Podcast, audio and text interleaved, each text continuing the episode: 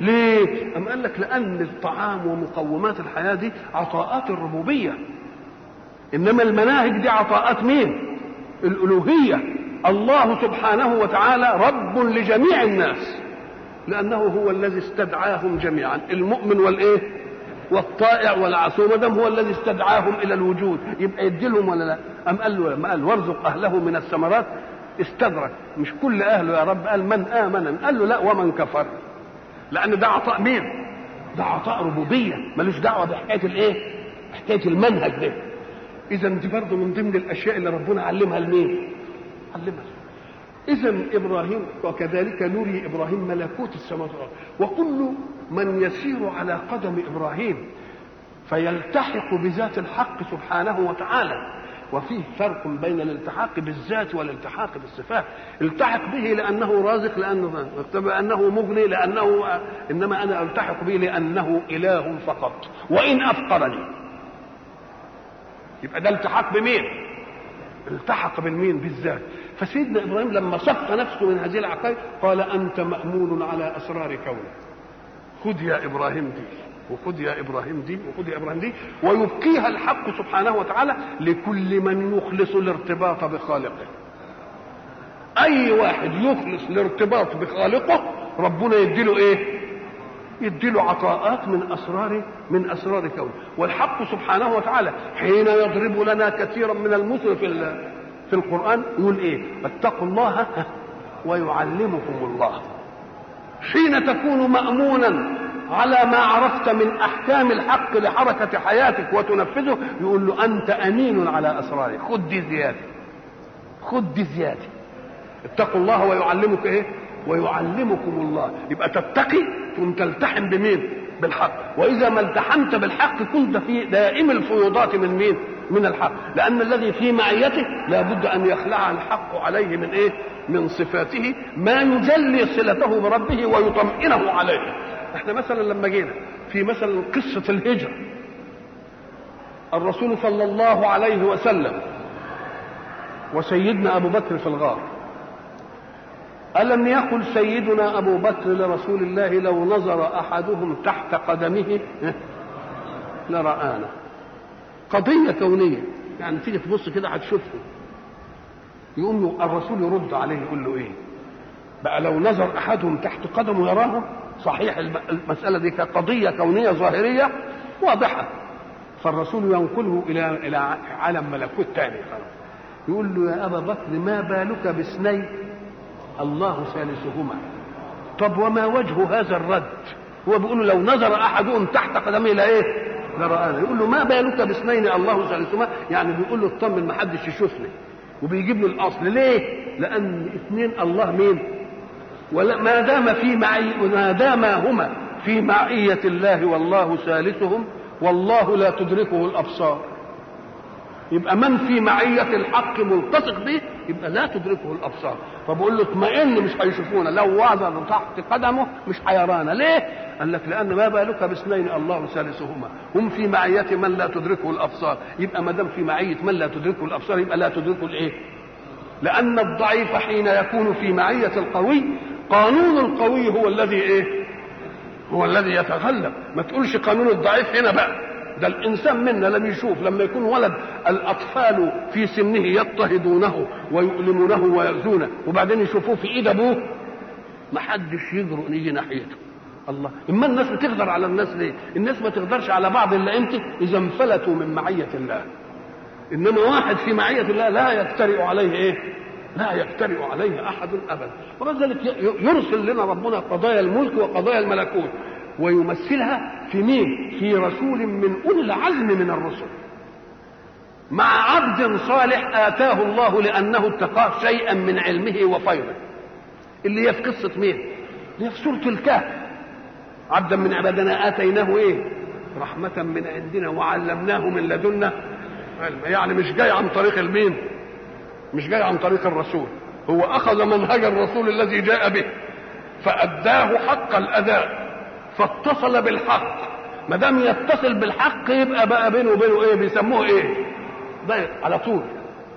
الله من لدنا علم. قال له ولذلك القضية تستعجب موسى ينظر في عالم الملك والذي آتاه الله من لدنه رحمة وآتاه من عنده علما ينظر من عالم الملكوت. لكن موسى معذور. لأنه بينظر في الدائرة اللي إيه؟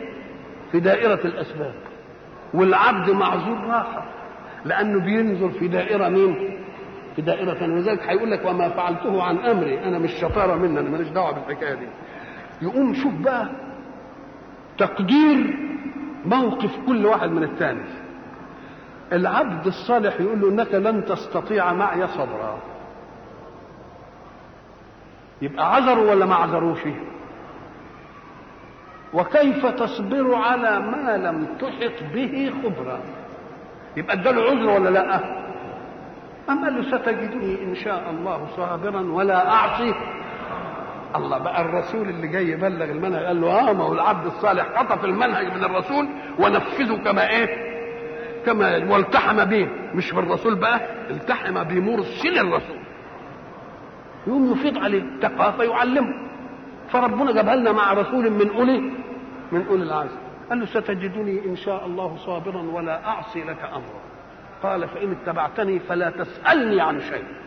ليه؟ قال لك لأنه عارف إن ده هيتكلم في عالم الملك وده هيتكلم في عالم الإيه؟ في عالم الملكوت. ومساله صعبة قوي على بعض. قال له إن اتبعتني فلا تسألني عن شيء حتى أحدث لك منه إيه؟ ذكرى. انطلق. طب حين ركب السفينة خرقها العبد الصالح. الخرق إفساد ظاهري في عالم الملك. لما تشوفه كده تلاقي إفساد إيه؟ ظاهري فموسى يقول لا ده القانون اختل أنت اعتديت على سفينة وغلامين يتي مش عارف إيه والله. فإزاي اعتديت عليها بالإفساد؟ قال له أنا مش قلت لك إنك أنت مش هت مش هتصبر معي ولا لكش طاقه معايا لأنك ما تدريش المسائل دي إيه. قال له بس افتكرت. وبعدين جه حكاية الغلام وبعدين جت حكاية الايه؟ الجدار. حين ننظر إلى المسألة نجد عالم الملكوت بيصحح الشذوذات في عالم الملك. عالم الملكوت يصحح إيه؟ الشذوذات في عالم الإيه؟ إحنا قلنا إن خرق السفينة إفساد ولا لأ؟ لكن إذا علم موسى أن هناك ملك يأخذ السفن السليمة الصالحة كده ويستولى عليها ويغصبها ودي بقى السفينة لمساكين يعملون في البحر. وعايز العبد الصالح يحافظ لهم على السفينة. عشان الملك المغتصب ده ما ياخدهاش. يقوم يعمل فيها إيه؟ يخرق عشان الملك يقول مخروق بلاش تسيبوها. يبقى اذا المقارنة مش بين سفينة سليمة وسفينة مخروقة. لا المقارنة بين سفينة مخروقة ولا سفينة أصلا. تبقى اللي احسن يبقى المخروقة أحسن قال له نصلحها يبقى لو علم موسى نفسه بهذه المسألة كان هو اللي خلقها ولا لأ؟ اذا لو علم صاحب نظرية الملك ما في نظرية الملكوت من أسرار لفعل هو إيه؟ لفعل هو هذا. اذا فعلم نيجي مثلا في قتل غلام. طب دي سفينة. وبعدين مشوا كده امرأة غلام فقتله قتل غلام. والغلام ذنبه إيه؟ ونقعد بقى نعمل إيه؟ هيصة. يقوم يفسرها له يقول له أما الغلام فكان أبواه إيه؟ مؤمنين. عال كده خشينا أن يرهقهما طغيانا وكفرا. يقعد بقى عايزين يدللوه يمكن يجيبوا لهم مال من حرام يمكن يعمل مش عارف إيه ويعمل لهم فتنة. طيب عال. قام قال لك نقوم ناخد الغلام ده من سكتهم عشان يظل لهم إيه؟ الإيمان ودينهم. وما دام ظل لهم الإيمان ودينهم تبقى دي غاية الغايات ولا لأ؟ غاية الغايات طب الغلام ذنبه إيه؟ تقول له والله ما أنت عارف ده ذنبه إيه. ده ربنا عجل به إلى الجنة مباشرة. يبقى عمل في الاثنين جميل ولا ما عملش جميل يبقى عمل في الاثنين جميل يبقى ما تقولوش قتل الغلام ليه لأنك أنت تصعب عليك الغلام لما يكون الغلام ده أنت فاهم إنه هيوفق في الدنيا وهيعمل كذا وهيعمل لا ده هو خدها من إيه وقصر له مسافة التجربة في الدنيا ووداه إلى مين؟ ووداه إلى الجنة يبقى إذا عمل في الأب في الوالدين إيه؟ جميل وعمل في الغلام جميل أيضا أنه عجل به إلى الإيه؟ طب لما جه في الجدار قال لك يا أخي ما هو أنت تشوف برضه عالم الملك هنا وعالم الإيه؟ عالم الملكوت في ظاهر الأمر أنهم لما أتيا أهل قرية استطعما أهلها. معنى استطعما أهلها يعني طلب إيه؟ طعاما. وطلب الطعام شهادة صدق في الضرورة. لما يقول لك اديني فلوس يمكن تقول ده بيدكنها بقى وبيحوش وهيبقى على قلبه كله مش عارف. الناس ده بيقول لك اديني رغيف اكل هل تعتقد أن واحد شبعان ويقدر ياكل؟ ما يقدرش ياكل. إذا ما دام يقول لك اديني رغيف اكل يبقى معناها إيه؟ ده آية صدق الضرورة أن تطلب طعاما. لذلك واحد يجي يخاف لا لا تكذبوا لك بس والله يجيب لي رغيف وشوية فولة كله يبقى ده صادق ولا مش صادق؟ طب ما دام استطعم أهلها فأبوا أن يضيفوهما. يبقوا دول إيه بالنسبة للخلق؟ لئام ولا كرام؟ ده ما قالوهمش ادونا فلوس ما قالوهمش ده بيقولوا ادينا نا إيه؟ ادينا ناكل. طيب ما رضوش ادوهم أكل. وبعدين العبد الصالح شاف جدار يريد أن ينقض. يعني شاف جدار كده قايل للإيه؟ للسقوط. أم أقاموا؟ وقعد يبنيه ويعمله ومش عارف إيه وبتاع وحاجات زي دي. فسيدنا موسى زعل إحنا استطعمنا هؤلاء فلم يطعمونا. فكيف تبني جدارا لهم؟ ها؟ وهم ما ادوناش الطعام. كان يصح أن تاخد عليه إيه؟ أجر. لأن دول لئام ما ادولناش الطعام اللي إحنا طالبينه. سيدنا موسى بيقول كده حسب الظاهر. لكن العبد الصالح لما حب يشرح المسألة قال له أنت لو عرفت أنا عملت كده ليه؟ طب ما أنا عملت كده عشان هم لئام ولا ادوناش طعام. فحبيت أجازيهم وأعاقبهم. ليه؟ قال لك لأن ما دام لئام ولا ادوناش طعام ونحن قد طلبنا الطعام. لو أن الجدار وقع. وظهر الكنز تحته وهم لئام بهذا الشكل. كانوا يعملوا إيه؟ كانوا ياخدوا الكنز ده وياكلوه على مين؟ يبقى أنا دلوقتي أنا جاملتهم في اني ما خدتش الأجر ولا عملت فيهم فصل لأن ما خدتش منهم. طب ده أنا عملت فيهم فصل. ده أنا دريت عليهم الإيه؟ عليهم الكنز.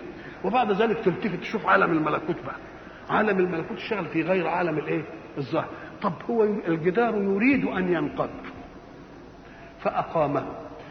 ليه؟ قال له عشان لما العيال يكبروا بقى كده إيه ياخدوا الكنز بتاعهم. طب وايه اللي هيعلم العيال ان فيه كنز تحت الجدار ما دام الجدار قد بني؟ لازم العبد الصالح بناه بهندسة إيمانية ألهمه الله بها بحيث إذا بلغ الولدين الرشد الجدار إيه؟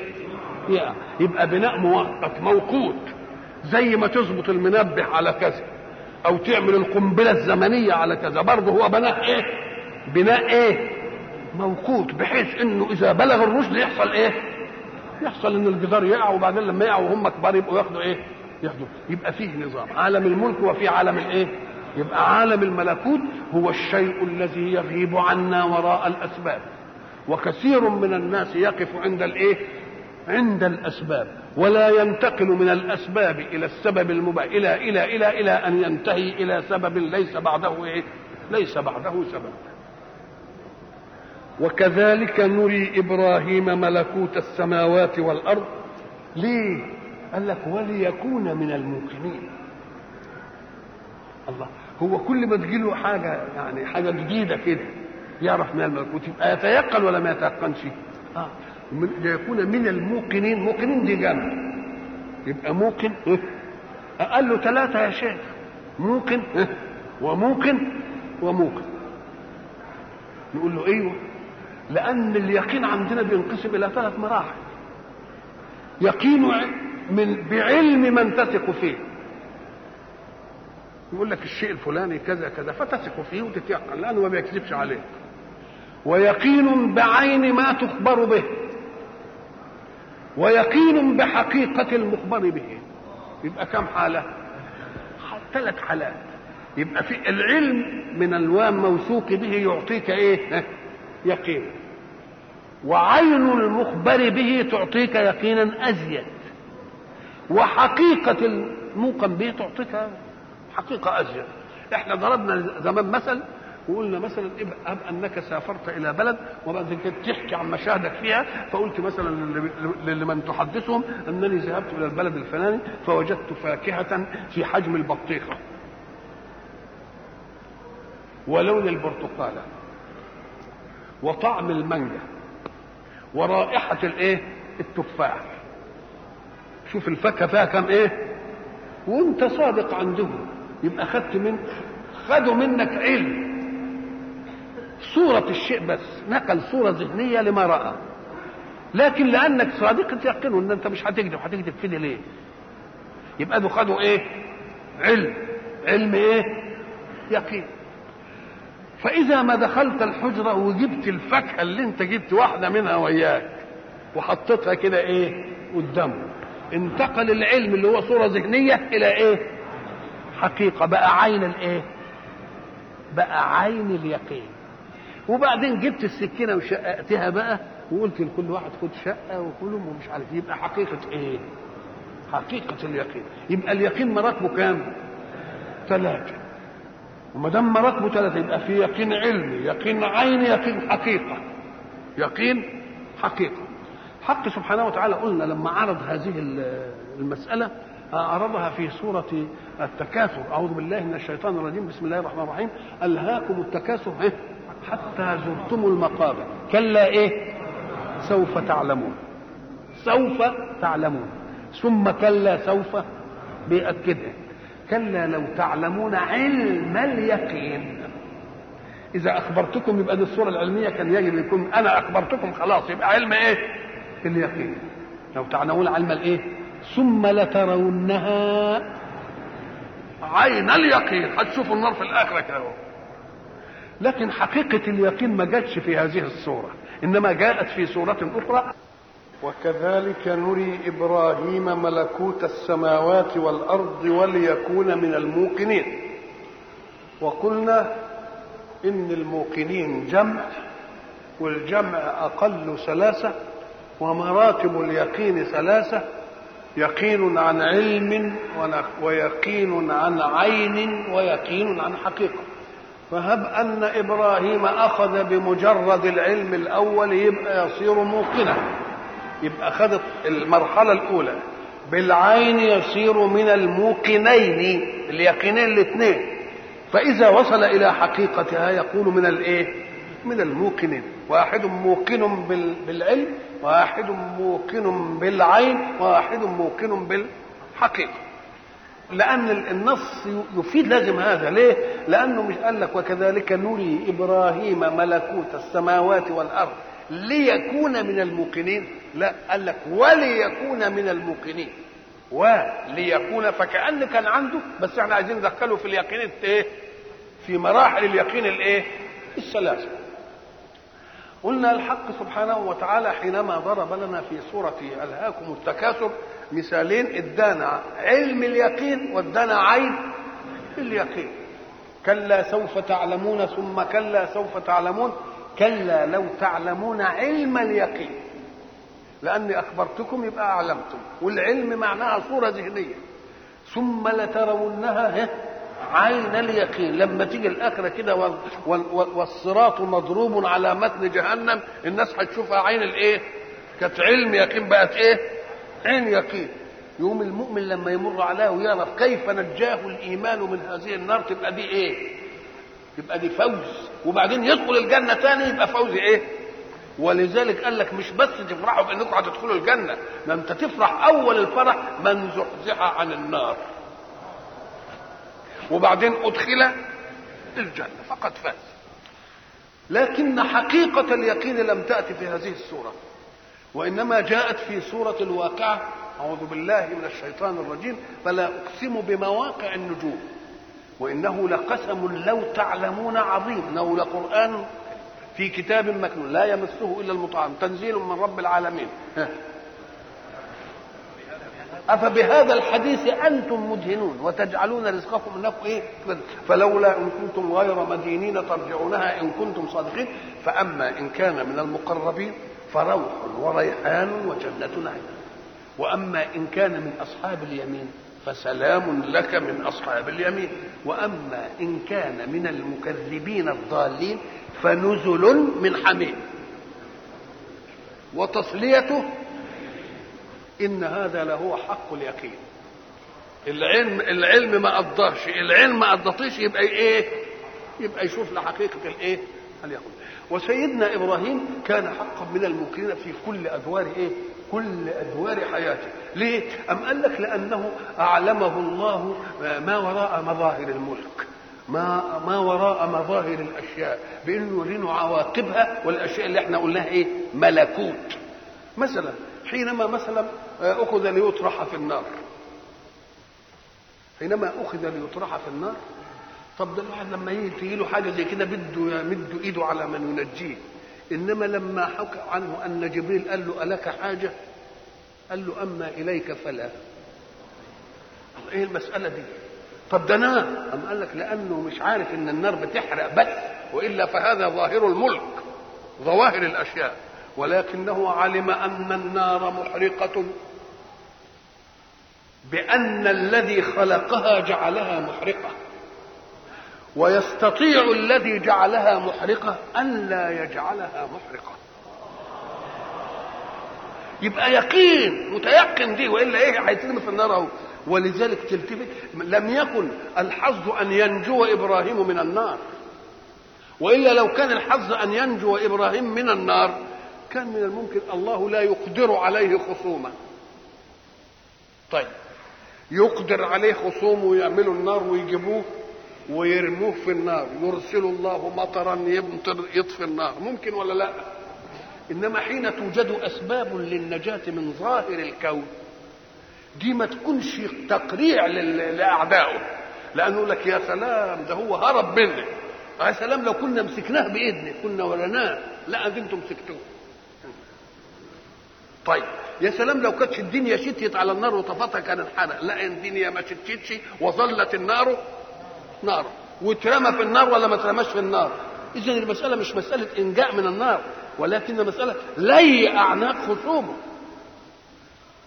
قلنا يا نار أنا خلقت فيك قوة الإحراق أنا بقول لك دلوقتي ما تحرقيش. قلنا يا نار كوني بردا وسلاما. انت يبقى إبراهيم عارف الحقائق دي ولا لأ؟ عارف ما وراء اللي لما جه طب إبراهيم ابتلي في أول حياته بإنه يترمي في النار. ويصبر ويقول أما إليك فلا. وبعدين يجي في آخر حياته يبتلى بذبح ولده. والإنسان يمر عليه طور تكون ذاتيته هي المسيطرة على نفسه.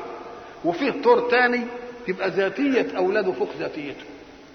يحب أولاده أكثر من نفسه. اللي مش عارف فاته في نفسه بده يحققه الأولاد. فلما كبر وبقى عنده ولد ومش عارف إيه وما شافوش إلا بعد مدة وبعدين يجي يبتلى بأن إيه؟ مش يقتل. يعني غيره يقتله؟ لا ده أنت اللي تذبحه ابتلاء كبير ابتلاء جامد قوي وانت اللي تذبحه مش بواسطة وحي لا بواسطة رؤيا. طب الرؤيا دي كان برضه يطرش يقول لك لا ده رؤيا الأنبياء حق. لكن إبراهيم يعلم إن الحق سبحانه وتعالى لا يطلب من خلقه إلا أن يستسلموا لقضائه. ولذلك إذا رأيت إنسانا طال عليه قضاء ربه في أي شيء في مرض في مصيبة في مال في مصيبة فاعلم أنه لم يرضى بما وقع له. ولو أنه رضي لانتهى القضاء لا يرفع قضاء حتى يرضى به.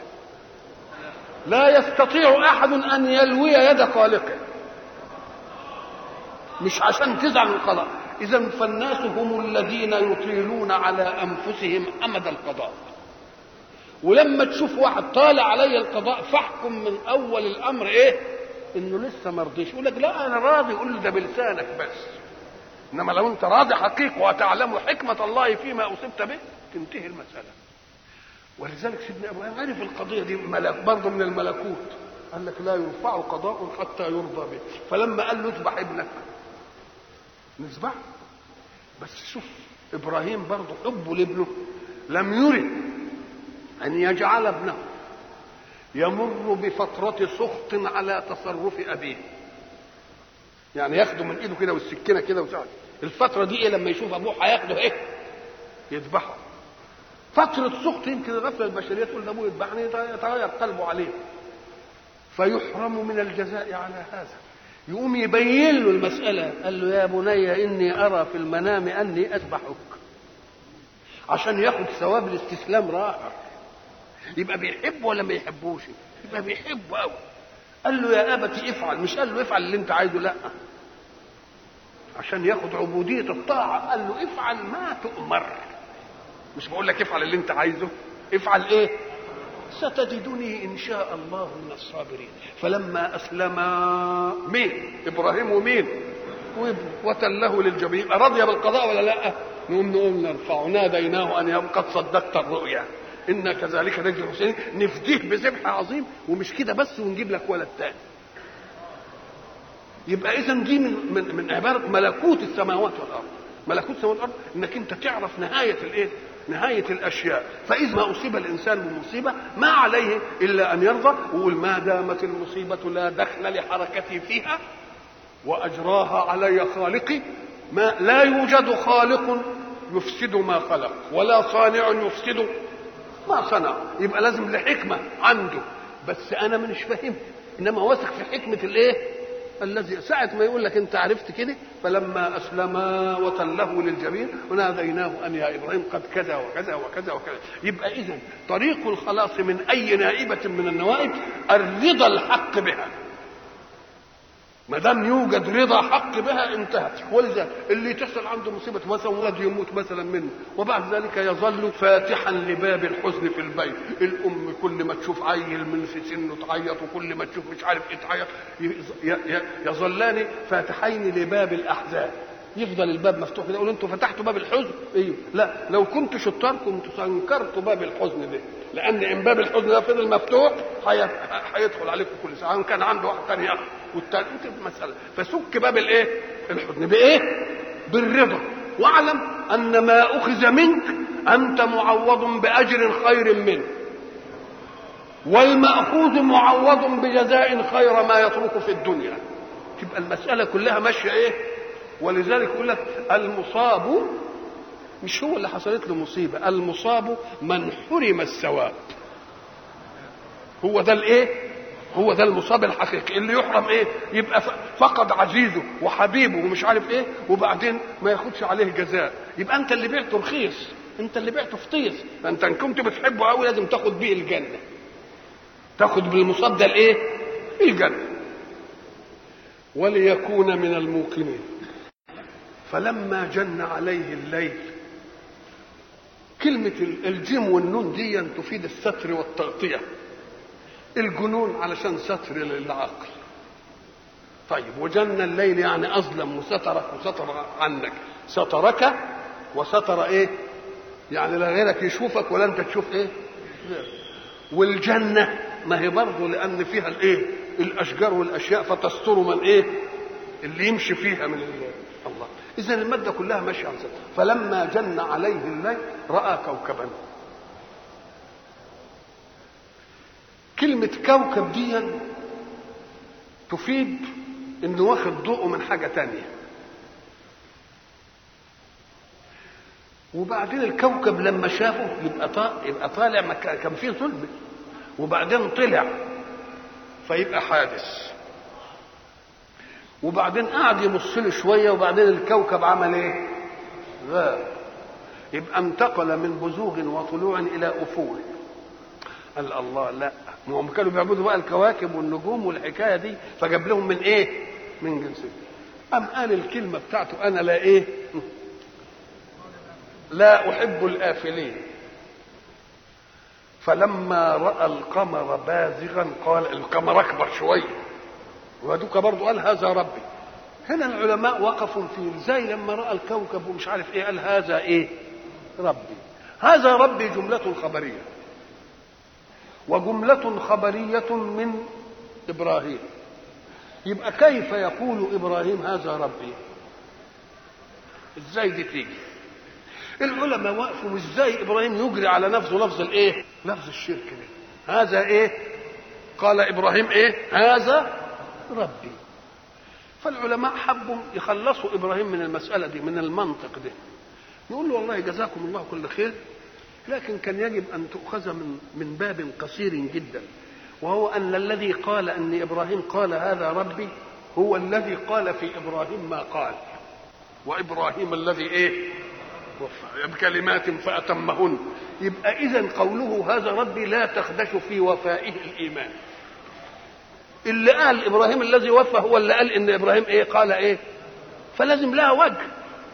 هذا ربي. قال لك نعم طيب القوم يعبدون الكواكب. ويريد أن يلفتهم إبراهيم إلى فساد هذه العقيدة. فلو أن إبراهيم من أول الأمر ساعه ما شافهم قال لهم يا كذابين يا ضلالية يا اللي يا اللي, يا اللي إلى آخره وقعد يشتم فيهم وبتاع وحاجات زي دي يعني. كانوا. ما يسألوش عنه ولا يسمعوا له. إنما في حاجة اسمها في الجدل اسمها مجاراة الخصم مجاراة إيه؟ علشان تستميل أذنه وتاخد قلبه وياك وما يعرفش إنك أنت متعصب عليه من أول الأمر. فتاخد بإيده وياك كده إيه؟ مرة يذكر الشيء وفيه محذوف الناس ما تلتفتش إليه ولكن سياق الحركة يدل عليه. إزاي يعني؟ افرض إن الواحد عنده بنت وجي لها خطيب والخطيب طلع مثلا قصير قوي والبنت ما شاء الله طويلة. تقوم مثلا لما جه عشان يشوفي تقوم تقول له امها دي خطيبي؟ دي هذا خطيبي؟ قالت هذا خطيبي يعني إيه يعني؟ يعني بتقول لهم أه بتنكر أن يكون هذا إيه؟ فكأنهم بيقول هذا ربي. يبقى معناها إيه؟ هذا ربي يبقى إنكار ولا مش إنكار؟ بس. هذا ربي هذا ربي. إدت المعنى اللي عنده إدت المعنى اللي عنده تهكم وادت تانيث لهم ده بقول هذا ربي. يبقى جابت الاثنين ولا لأ؟ ادي فتنة النبوة. هذا ربي. يبقى اذا لما يقولها تهكم طب ما هم قالوا أهذا الذي يذكر آلهتكم؟ مش كده قالوا كده؟ هذا الذي يذكر آلهتكم؟ هو ده اللي بيقول. يبقى بينكروها ولا لا بينكروها يبقى لما يقول هذا يا رب يبقى إنكار ولا مش إنكار؟ يبقى ولكنه يقول سلمنا جدل يا سيدي إن ربكم نشوف اهو قفله اهو غاب عنكم. يبقى لا أحب الآفلين. يقولوا ده مش متعصب. وبعدين يطلع القمر يلاقيه أكبر شوية برضه هذا إيه؟ هذا يا ربي. برضه خدها على الإيه؟ على المحمل الثاني وبعدين تطلع الشمس تقول هذا ربي ده أكبر ده فيش كلام. قامت قفلت أخرى قال لا بعد الحكاية ما تنفعش كلها. الحكاية إيه؟ يبقى اذا المنطق الذي قاله يحقق نيته في أن ينكر هذه الربوبية ويستأنس به آذان من يسمعه. علشان وإلا لو أنه قابل من يسمعه بالتهجم والإنكار والبتاع ما إيه؟ ما يسمعوش منه. وفيه أشياء يجعلها الحق سببا مبررا لارتكاب أشياء كثيرة إلا أن بتتعمل مقارنة بينهم وبين بعض. إزاي مثلا؟ لما ربنا حكى لنا ولكن من شرح بالكفر صدره قايلها ليه ولكن من شرح بالكفر صدره ليه جايب دي؟ قال لك جاء بعد قوله إلا من أكره وقلبه مطمئن بالإيمان. واحد مسكه بجيب له فلفل كده ووقف عليه قال له قول ما فيش إله. ده أكره إنما قلبه إيه؟ فإذا كان الله قد أباح إجراء كلمة الكفر على لسان المؤمن المطمئن لإيمانه بربه لينجي حياته وهو فرد. أفلا يصح لإبراهيم أن يقول لهم هذا ربي بما تحتمل من أساليب علشان ينجي أمة بأسرها من أن تعبد الأصنام؟ يبقى هي صح. اذا فقول إبراهيم هذا ربي يؤخذ على محملين ألم يقل الله سبحانه وتعالى بنفسه عن نفسه؟ ويوم يقول يوم يناديهم فيقول أين شركائي؟ مين اللي بيقول الكلام ده؟ يوم يناديهم فيقول إيه؟ أين؟ طب ده ربنا اللي بيقول أنا هو ربنا عارف ان له شركاء. بس الشركاء في زعمكم ما تخلوهم يجوا أين إيه؟ شركائي ورسول الله صلى الله عليه وسلم حينما كان ينادي في بعض نعاته يا إله الآلهة. يا إله الإيه؟ لأنه يعلم أن قوما اله ظواهر طبيعية في الكون لما يرون من الخير فيها. فقال اللي فوقهم هو الإله. اذا لذهب كل إله بما خلق ولا على بعضهم قل لو كان لابتغوا إلى ذي العرش سبيلا. برضه لما تقول الشمس اله هي اللي عايزه لها مين؟ عايزه لها عايزه لها إله يا إله الإيه؟ يا إله الآلهة. طب وهذا الذي يذكر آلهتكم؟ طب ما يبقى بالنصوص اهي يبقى قول الحق سبحانه وتعالى يوم يناديهم فيقول أين شركائي؟ يبقى إذا في زعمكم أنتم. طب لما ربنا يجي يقول للكافر الذي كان يعتز بجاهه في دنياه يقول له ذق إنك أنت الع... أنت العزيز الإيه؟ الكريم. أنت الإيه؟ طب وهو برضه العزيز الكريم ولا كلام تهكمي ولا كنت عزيزا كريما عند نفسك؟ فشوف أنت دلوقتي فين فين اذا فقول إبراهيم هذا ربي إما أن يحمل على أنه تهكم واستنكار ولكن ليس بأداة الاستفهام الإنكاري ولكن بصيغة إلقاء السؤال. لأنك تقول هذا ربي كخبر وتقول هذا ربي بس شوف الإشارة بس اهي هذا ربي. يبقى فهمناك انك إنك انت بتعمل إيه؟ بتنكر. وبعدين. الارتقاء من مراحل لمراحل. افرض إن البنت ما عجبهاش الولد ده لأنه قصير بقى هيبقى خطيبي؟ ما ينفعش. قام جه واحد طويل. طيب معاه إيه؟ ما معاهش مؤهل. هيبقى خطيبي؟ ما معاهش مؤهل. نجيب إيه؟ ده. نقعد نتنقلها نقلها. يبقى معناها بنرفض كل إيه؟ بنرفض كل إيه؟ كل حاجة. فلما رأى الشمس بازغة قال هذا ربي. كان المنطق كده في اللغة يقول هذه لأن الشمس مؤنثة. مش كده؟ فلما رأى الشمس بازغة إيه؟ قال إيه؟ آه لأنه قال هذا في الكوكب وهذا فجعل الأمر على سياق وحال ويجوز أن يكون الله جعل الشمس ضياء. جعل الشمس إيه؟ ضياء. أهذا الضياء؟ أو أن لما يكون الخبر مذكر يبقى يصح إننا الايه؟ نذكر الايه؟ المبتدئ هذا رب ما قالش هذه إيه؟ رب. وأراد ان أن ينزه كلمة الرب مطلقا عن أن تلحق بها علامة التأنيث. ما تلحقش بها علامة التأنيث لأن علامة التأنيث فرع التفكير. يقول له لا ما ألحقهاش به وأيضا فالشمس مش مؤنث حقيقي. آه مؤنث مجازي. مؤنث إيه؟ مجازي ولذلك العلماء يفتنون إلى هذه المسألة فيقول أنك إذا بالغت في واحد إذا أعطيت واحدا صفة العلم تقول فلان إيه؟ عالم. خلاص؟ إذا كان يعني العلم بتاعه يعني بقى ملكة عنده كده تقول ده فلان عليم. ولذلك يقول لك وفوق كل ذي علم عليم. طب فإذا حبيت تديله في وصف تاني أكتر تقول ده علام. علام. ولذلك ربنا بيقول علام الإيه؟ علام الغيوب.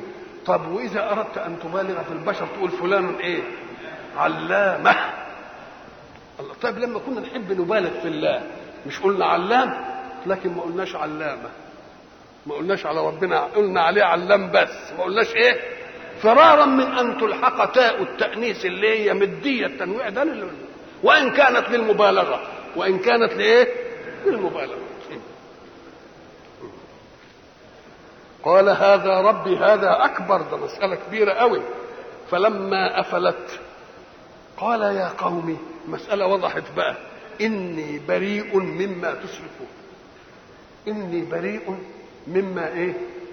ده جابها بقى صريحة دي ولا لأ؟ ليه؟ لأن بالترقيات الجدلية اللي قالها دي أي عاقل يسمع الكلام ده يبقى لازم متفق في الإيه؟ في الموضوع ده. وليه قال إني بريء مش قال لهم كونوا براء مما تشركون؟ آه لأن من طبيعة الناصح أو من طبيعة المنذر أو من طبيعة المبشر أو المبلغ أن يحمل نفسه على الأمر قبل أن يحمل مخاطبه. أنا إن غشتكم مش هغش مين؟ مش هغش نفسي.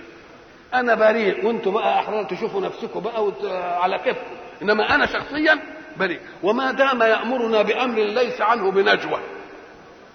يبقى اذا إن غش الناس مش هيغش إيه؟ هيغش نفسه. ودي أشياء بيتنبه إليها العقل حين يريد به الله هبة الهدايه يعني مثلا المرأة البلجيكية اللي أسلمت لأنها كانت تقرأ تاريخه صلى الله عليه وسلم ثم مرت على خبر من الأخبار في قصته. فقالت إن الرسول كان يحرسه أصحابه مخافة عليه من أعدائه وخصومه. ففوجئ الحراس من الصحابة أن رسول الله صلى الله عليه وسلم قال للحراس انصرفوا عني لأن الله قد عصمني من الناس. فوقفت عند دي قالت أوه مش ممكن. هذا الرجل لو خدع الناس جميعا ما خدع نفسه في حياته. ما يمكنش. فإسلام. حاجة بسيطة كده تمر. لأن ما كانش ربنا هو اللي عصمه. كان يكذب ويقول إنه عصمني طب ما يمكن يطلعوا عليه يموتوه. يبقى هيعمل إيه يعني؟ قال لك إن خدع الناس جميعا لا يخدع الناس في إيه؟ لا يخدع نفسه في حياته. قال يا قوم إني بريء مما تشركون. والبراءة من الشرك تخلية عن المفسد. في حاجة اسمها التخلية؟ يعني أن تنفك أو تنقطع عن العمل المفسد. وبعد ذلك تدخل في عمل الإيجاب الصلاح. فقال إيه؟ إني بريء مما تشركون. إني وجهت وجهي للذي فطر السماوات والأرض. وجهت وجهي للذي فطر السماوات والإيه؟ والأرض. وما دام أنا وجهت وجهي للذي فطر السماوات والأرض والسماوات والأرض هم المظهر الأول للكون الذي طرأ عليه الإنسان. لأن الكون اللي طرأ عليه الإنسان الإنسان الخليفة جه كده لقى إيه؟ سماء وأرض ولقى فيها كل الخيرات والمسخرات وبتاع. فأول شيء قال إيه؟ ولذلك الحق سبحانه وتعالى يقول إياكم أن تقولوا إن خلقتكم دي اللي أنتم شايفينها في نفسكم دي دقيقة. قلنا لخلق السماوات والأرض أكبر من إيه؟ من خلق الناس. للذي فطر السماوات والأرض حنيفا. حنيفا. آه. طب الحنف في اللغة هو ميل في رجلين يبقى يعمل كده. رجليه هنا من تحت من بعد الركبة للقدم مقوس إلى الخارج. في ناس لما تمشي تلاقيها. يبقى ده اسمه حنف يبقى ميل في الرجل طب هو الحنيف ده ده ميل في الرجل يبقى حنيفا يعني مائلا؟ قال لك إيوه. ليه؟ لأن الرسول قلنا السماء تتدخل بالرسالات حين يطم الفساد في الأرض. فحين يأتي الرسول مائلا عن الفساد يبقى معتدل ولا مش معتدل؟ يبقى معتدل. حنيفا أي مائلا عن الفساد. وما أنا من المشركين. وحاجه قومه. حاجة يعني حاججه بس الجيمين مضغومين في بعض. حاجة قومه يعني إيه؟ ده يقول حجة وده يقول يكر عليه بالإيه الحجة. فإذا كنت في نقاش وكل واحد يدلي بإيه؟ بحجته يبقى اسمه إيه؟ الحجاج. أو الجدل المبطل أنت بتبطل كلامه وهو بيبطل إيه؟ يبطل كلامه. وحاجه قومه قال أتحاجوني في الله وقد هداني. طب ده أنت عايز بقى بتحاججني عشان تقنعني. طب ده الاصول إن أنا رسول اقنعك وأنت بتحاججني علشان تقنعني. ده أنا انتهيت من المسألة دي. يبقى كأن الغرض من الحجاج صرف إبراهيم عن دينه الحنيف الذي ارتاه في قوله إني وجهت وجهي للذي فطر الإيه؟ السماوات والأرض. حاجة قوم قال لا تحاجوني في الله وقد هداني. المسألة دي فرغ منها انتهينا منها خلاص. بالنسبة لي أنت دوروا على إيه؟ على روحكم ولا أخاف ما تشركون به. كأنهم هددوا ما دام جت كلمة الخوف ونفاها عن نفسه خوفا مما يشركون به فكأن حصل تهديد. قالوا له بقى إيه؟ زي ما قالوا إن نراك إلا اعتراك بعض آلهتنا بإيه؟ بسوء. قالوا له انت قلت بقى وعملت في الاصنام وعملت في الكواكب وعملت في حاجة الهتنا بقى مش هت مش هتسيبك. يبقى هو الحجاج كان عشان إيه؟ عشان يثنوا عن إني وجهت وجهي للذي فطر السماوات والأرض إيه؟ حنيفا. فحجوه عشان يعرفوا وقالوا له اسمع بقى. أنت بقى تدور على روحك لأن آلهتنا مش هت إيه؟ مش هتسيبك. فبيقول لهم تعالوا بقى. ولا أخاف ما تشركون به. لا أخاف ما تشركون به من إيه؟ من الكوكب اللي شافه الأول هو القمر والشمس والأصنام وده أنا أخافش ما تشركون به. طب ما أخافش ما تشركون به لأن دول ما لهمش نفع ولا ولا ضر. طب فإذا أراد الله أن يكون بهم ضر لك بأن يسقط كوكب على إنسان تقول له هو الكوكب ما سقطش ده أسقطه الله يبقى اللي عمل فيه الضر مين؟ الله. يبقى هو مش اللي عمل ولذلك شوف الدقة في الأداء العقدي يقول لك إيه؟ ولا أخاف ما تشركون به إلا أن يشاء ربي شيئا.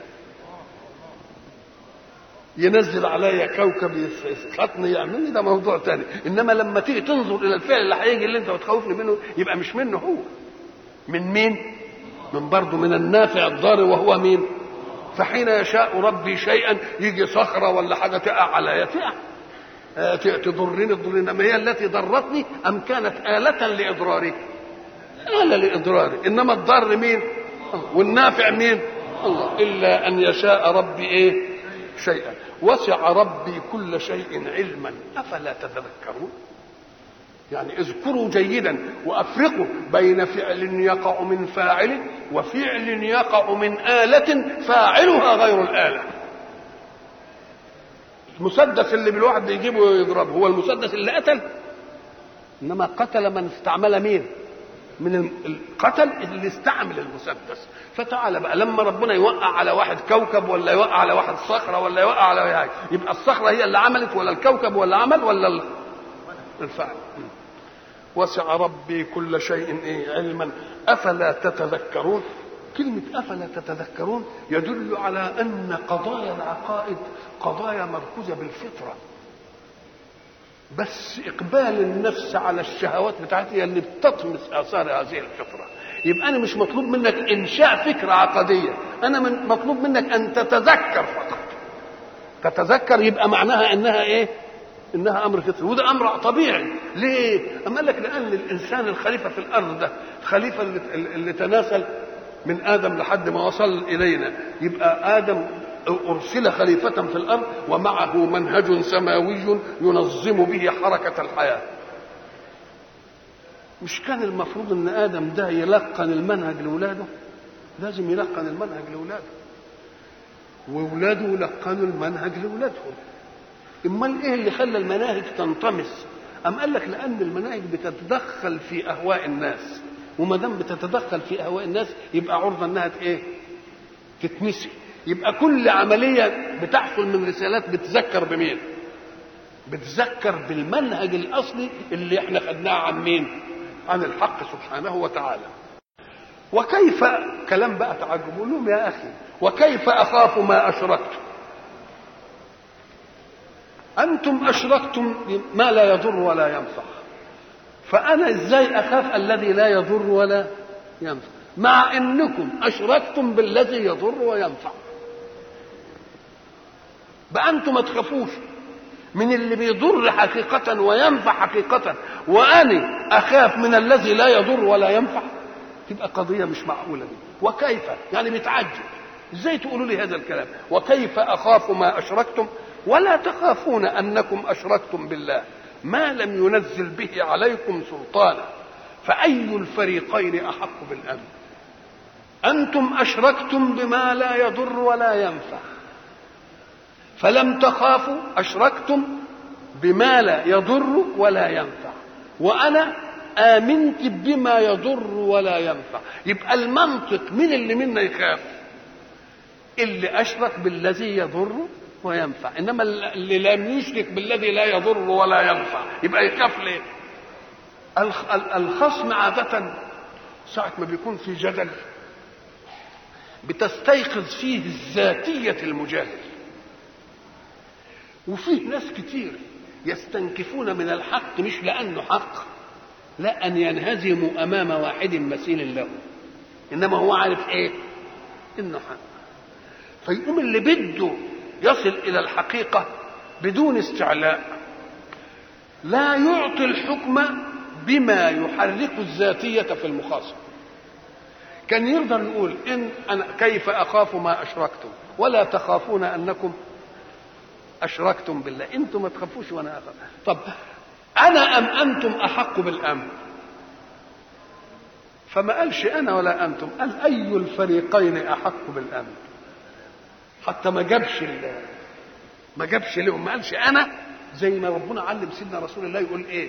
وإن أو إياكم لعلى هدى أو في ضلال مبين. الرسول يقول للقوم اللي بيكفروا اللي كافرين بيه وإنا أو إياكم لعلى هدى أو في ضلال مبين. آه ده منتهى الحيدة في الجدل. منتهى الحيدة في الجدل. حيدة في الجدل بتقول على كل حال منهجي ما يلتقيش بمنهجكم. فواحد منه على هدى وواحد منه على ضلال. بس أنا ما بقولش مين اللي على هدى ومين اللي على ضلال ثقة مني. في أنكم إذا استعرضتم منهجكم واستعرضتم منهجي ستحكمون بأنني اللي على إيه؟ اللي على هدى. وأنكم على إيه؟ انكم آه. وإن أو إياكم لعلم الجدل ال- الارتقائي. جدل إيه؟ ارتقائي. مثلا الحق سبحانه وتعالى. ساعة ما يقول إيه؟ قل لا تسألون عما أجرمنا. ربنا بيعلم رسوله إنه يقول لخصومه إيه؟ قل لا تسألون عما أجرمنا. عما أجرمنا بقى الرسول هيعمل عمليات جرائم. ده على فرض كلامكم. قل لا تسألون. ما انتوش هتسألوا عني إن كنت أجرمت. طب كان بيقول إيه؟ ولا إيه؟ نسأل عما إيه؟ لازم كان يقول عما تجرمون. ما قالش كده. ولا نسأل عما تعملون. الله. حتى ما جابش المسألة الإجرام بالنسبة له جابها بالنسبة لمين؟ لأنه واثق أنهم إن أعادوا دراسة القضية فكريا وعقديا وعاطفيا حينتهوا إلى إيه؟ فلم يشأ أن يقول. لا نسأل أنا هجيبها لنفسي. لا تسألون عما أجرمنا ولا نسأل مش عما تجرمون عما تعملون. شوف لطف الجبل إيه شكل فأي الفريقين؟ أحق بالأمن. إن كنتم تعلمون. إن كنتم تعلمون. طب قال لك لأن ما هو العلم؟ العلم أن تأخذ قضية. هذه القضية تعتقدها ولها واقع وتستطيع أن تدلل عليها. إن اختل شرط فيها يبقى خرج عن كونها تبقى علم. يبقى العلم إيه؟ قضية. تعتقدها وهي واقعة. وتستطيع أن تأتي عليها بدليل. ده اسمه إيه؟ العلم.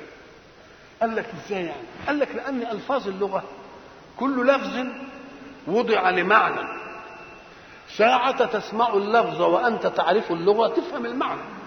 ساعة ما أقول الشمس تيجي في ذهنك ساعة ما أقول الأرض يجي في ذهنك ساعة ما أقول الماء يجي في ذهنك الماء. الهواء يجي الهواء. الجبل يجي الجبل. إنما بيجي الجبل تصور لمعنى اللفظ فقط بدون أن يكون فيه نسبة.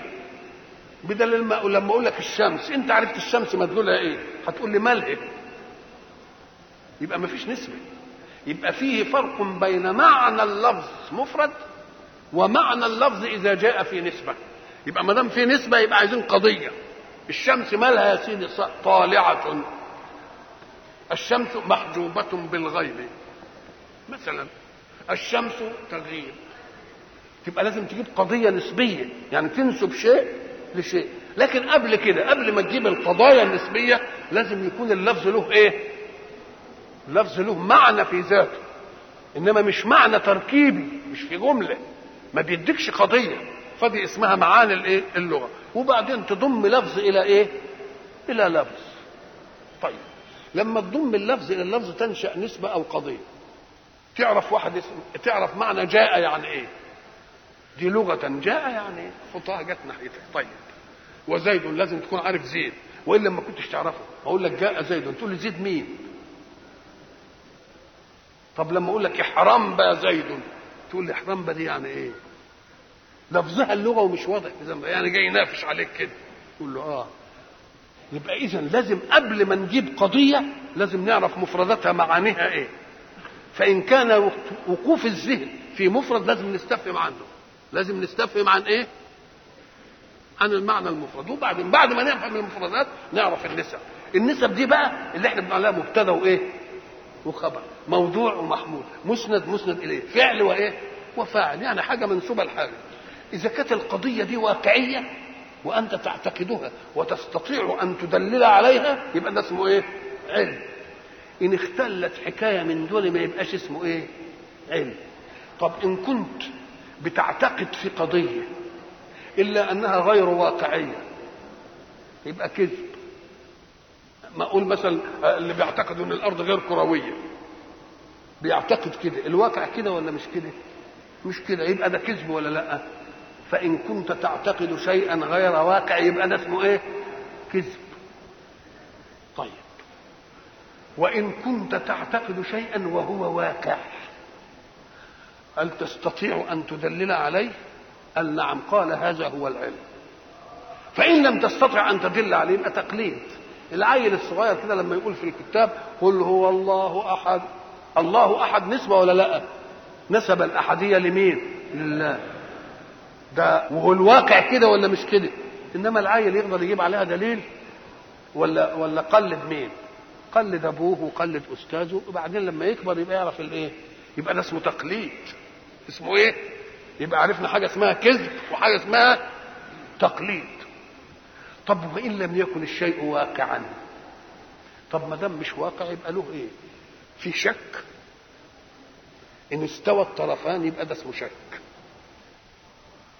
طب إن كان في طرف راجح شوية يبقى ده ظن والمرجوح يبقى وهم يبقى كل قضايا نسبية لا تخرج عن هذه الإيه؟ كل قضايا تشوف أهي واقعة أم غير واقعة؟ يقول لك غير واقعة. غير واقعة ليه؟ فيها شك؟ تقول له هو الشك ده إيه؟ قال لك النسبتين تبقى أنا مش عارف زيد جواد ولا بخيل. يبقى ده اسمه إيه؟ شك. طب إن كان يترجع عندك إنه جواد يبقى ده اسمه ظن. إن كان يترجع عنك إنه إيه؟ يبقى وهم. يبقى إذا كانت النسب غير واقعية تبقى فيها كم حكم؟ يا شك يا ظن يا وهم. طب وإن كانت واقعة؟ إن كنت معتقدها يقول له والله بقى تقدر تدلل ولا ما تدللش؟ إن دللت تبقى علم. وإن ما دللتش تبقى تقليد. يبقى إن كنتم تعلمون أي علما إيه؟ قضية نسبية واقعة معتقدة تستطيعون أن تدللوا إيه؟ أن تدللوا عليها. الذين آمنوا ولم يلبسوا إيمانهم بظلم. ساعة ما نزلت هذه الآية الصحابة إيه؟ ارتعشوا. قالوا يا رسول الله وأينا لم يظلم؟ المسألة دي يعني الظلم بيجي برضه كده في التصرفات. فرسول الله عالم إن دي تفزعهم قال لهم لا إنما الظلم اللي هو قال الله فيه إن الشرك لظلم عظيم. ليه؟ أم قال لك يعني حتى النص يدينا هذا. هو قال إيه؟ الذين آمنوا ولم يلبسوا إيمانهم. يبقى الظلم اللي هنا اللي فيه الكلام متعلق بإيه؟ بالإيمان ولا بالعمل؟ بالإيمان. الظلم اللي موجود هو الظلم المتعلق بإيه؟ بالإيمان مش بالعمل. ما قالش الذين آمنوا وعملوا ولم يظلموا. لا لأن الذين آمنوا ولم يلبسوا أعمالهم بظلم ولا إيمانهم بظلم. يبقى الكلام في الإيمان. يبقى ما دام ظلم في الإيمان يقول لك ده ظلم القمة. ولذلك إن الشرك لظلم إيه؟ إن الشرك لظلم عظيم. أم قال لك يعني إيه لم يلبسوا إيمانهم بظلم؟ قال لك فيه أشياء صحيح الناس معتقدة أن الإله واحد إنما زي ما قلنا يفتنون في بعض الأسباب. يفتنون في بعض الإيه؟ يبقى دول يبقى عندهم كده يعني. الذين آمنوا ولم يلبسوا إيمانهم بظلم أولئك لهم الأمن وهم مهتدون. وقلنا إن صحابة رسول الله صلى الله عليه وسلم حينما سمعوا هذه الآية أشفقوا على أنفسهم لأنهم استعرضوا حركة أعمالهم فوجدوها لا تخلو عن ظلم. إذا فهم غير داخلين في أولئك لهم الأمن. فشق عليهم ذلك. فرفعوا أمرهم إلى سيدنا رسول الله صلى الله عليه وسلم فقال لهم مطمئنا إن ذلك الظلم هو الذي أشار إليه الحق في قوله سبحانه إن الشرك لظلم عظيم. والآية تدل بمعطياتها على أن ذلك الظلم هو الناشئ لا في العمل ولكن في الإيمان. وعلمنا أن التقاء الإنسان بربه مشروط أولا بعقيدة القمة. وعقيدة القمة هي أن تشهد أن لا إله إلا الله وأن تشهد أن محمدا رسول الله. ولا إله إلا الله معناها لا معبود أو لا أمر لأحد في خلق الله إلا الله ولا فعل لأحد من خلق الله إلا من الله ولا استمداد لأحد قدرة وعلمة وحكمة وقبضا وبسطا إلا من الله. تلك هي دائرة الإيمان العقدي في الإيمان فقول الحق ولم يلبسوا إيمانهم بظلم فكأن هذه المسألة والمنطقة هي منطقة الظلم. أما العمل فالحق سبحانه وتعالى فصل لنا بين إيمان ينفجر عنه العمل وبين عمل تنفجر منه الطاقات. فقال سبحانه أعوذ بالله من الشيطان الرجيم بسم الله الرحمن الرحيم والعصر إن الإنسان لفي خسر إلا الذين آمنوا وعملوا الصالحات. والعطف يقتضي المغايرة. إذا فالإيمان عمل ينبوعي في القلب. ولكن ولكن العمل ناشئ عن عن الالتزام الذي شرعه الإيمان فيه. الذين آمنوا ولم يلبسوا إيمانهم بظلم. إذا فيجب على المؤمن أن يتنبه إلى أن الله واحد في ذاته وواحد في صفاته وواحد في أفعاله وما دام الحق واحدا في ذاته فيجب أن تعلم أنه لا فرد معه مثله وواحد في صفاته فإن وجدت صفة في الله ووجدت صفة مثلها فيه فاعلم أن الصفة فيك كالقدرة مثلا وكالقدرة لله مثلا قدرة دائرة في دائرة ليس كمثله شيء. يبقى لك قدرة لا كقدرته ولك ذات لا كذاته ولك فعل لا كفعله. فإن اختل شيء من ذلك يبقى الظلم واقع في الإيمان. فمثلا أنت تقبل على الأشياء وتقبل على الأشياء بالطاقات المخلوقة لك من الحق سبحانه وتعالى. وقبل أن تفعل أي فعل لا بد أن يمر على بالك. الذي يمر على بالك نسبة ذهنية قبل أن تكون نسبة قولية أو فعلية هذا هو العمل المنوط بك. أما العمل الذي لا يمر ببالك فلست مسؤولا عنه. هب أنك سائر في الطريق. ثم وجدت حفرة تكاد تسقط فيها فهناك أمر غرزي لحفظ الإنسان فيكن رجله. ما يستطيعش في المسألة ده أن يمررها بباله لأنه على ما يمررها بباله لينشئ امرا للحركة تكون المسألة وقعت انتهت. إذا فتلك أعمال نسميها الأعمال الاضطرارية أو الغريزية أو القسريه ولذلك رسول الله صلى الله عليه وسلم قال كل أمر ذي بال لا يبدأ ببسم الله فهو أبتر أو أقطع أو اذى ذي بال يعني إيه ذي بال يعني كل أمر تفعله بعد أن يمر ببالك أن تفعله يجب أن تذكر فيه اسم الله.